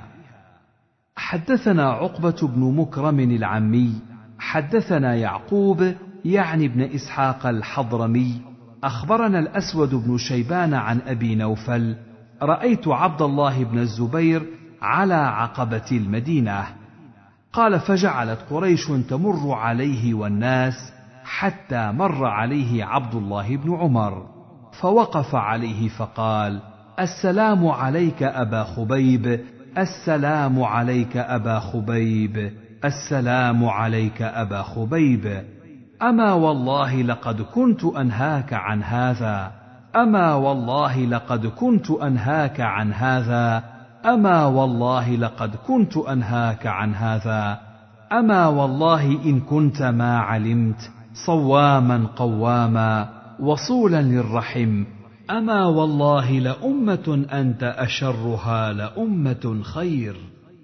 ثم نفذ عبد الله بن عمر فبلغ الحجاج موقف عبد الله وقوله فأرسل إليه فأنزل عن جذعه فألقي في قبور اليهود ثم أرسل إلى أمه أسماء بنت أبي بكر فأبت أن تأتيه فأعاد عليها الرسول لتأتيني أو لأبعثن إليك من يسحبك بقرونك.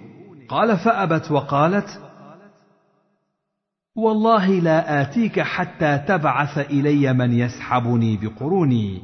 قال فقال أروني سبتي. فاخذ نعليه ثم انطلق يتوذف حتى دخل عليها. فقال كيف رأيتني صنعت بعدو الله؟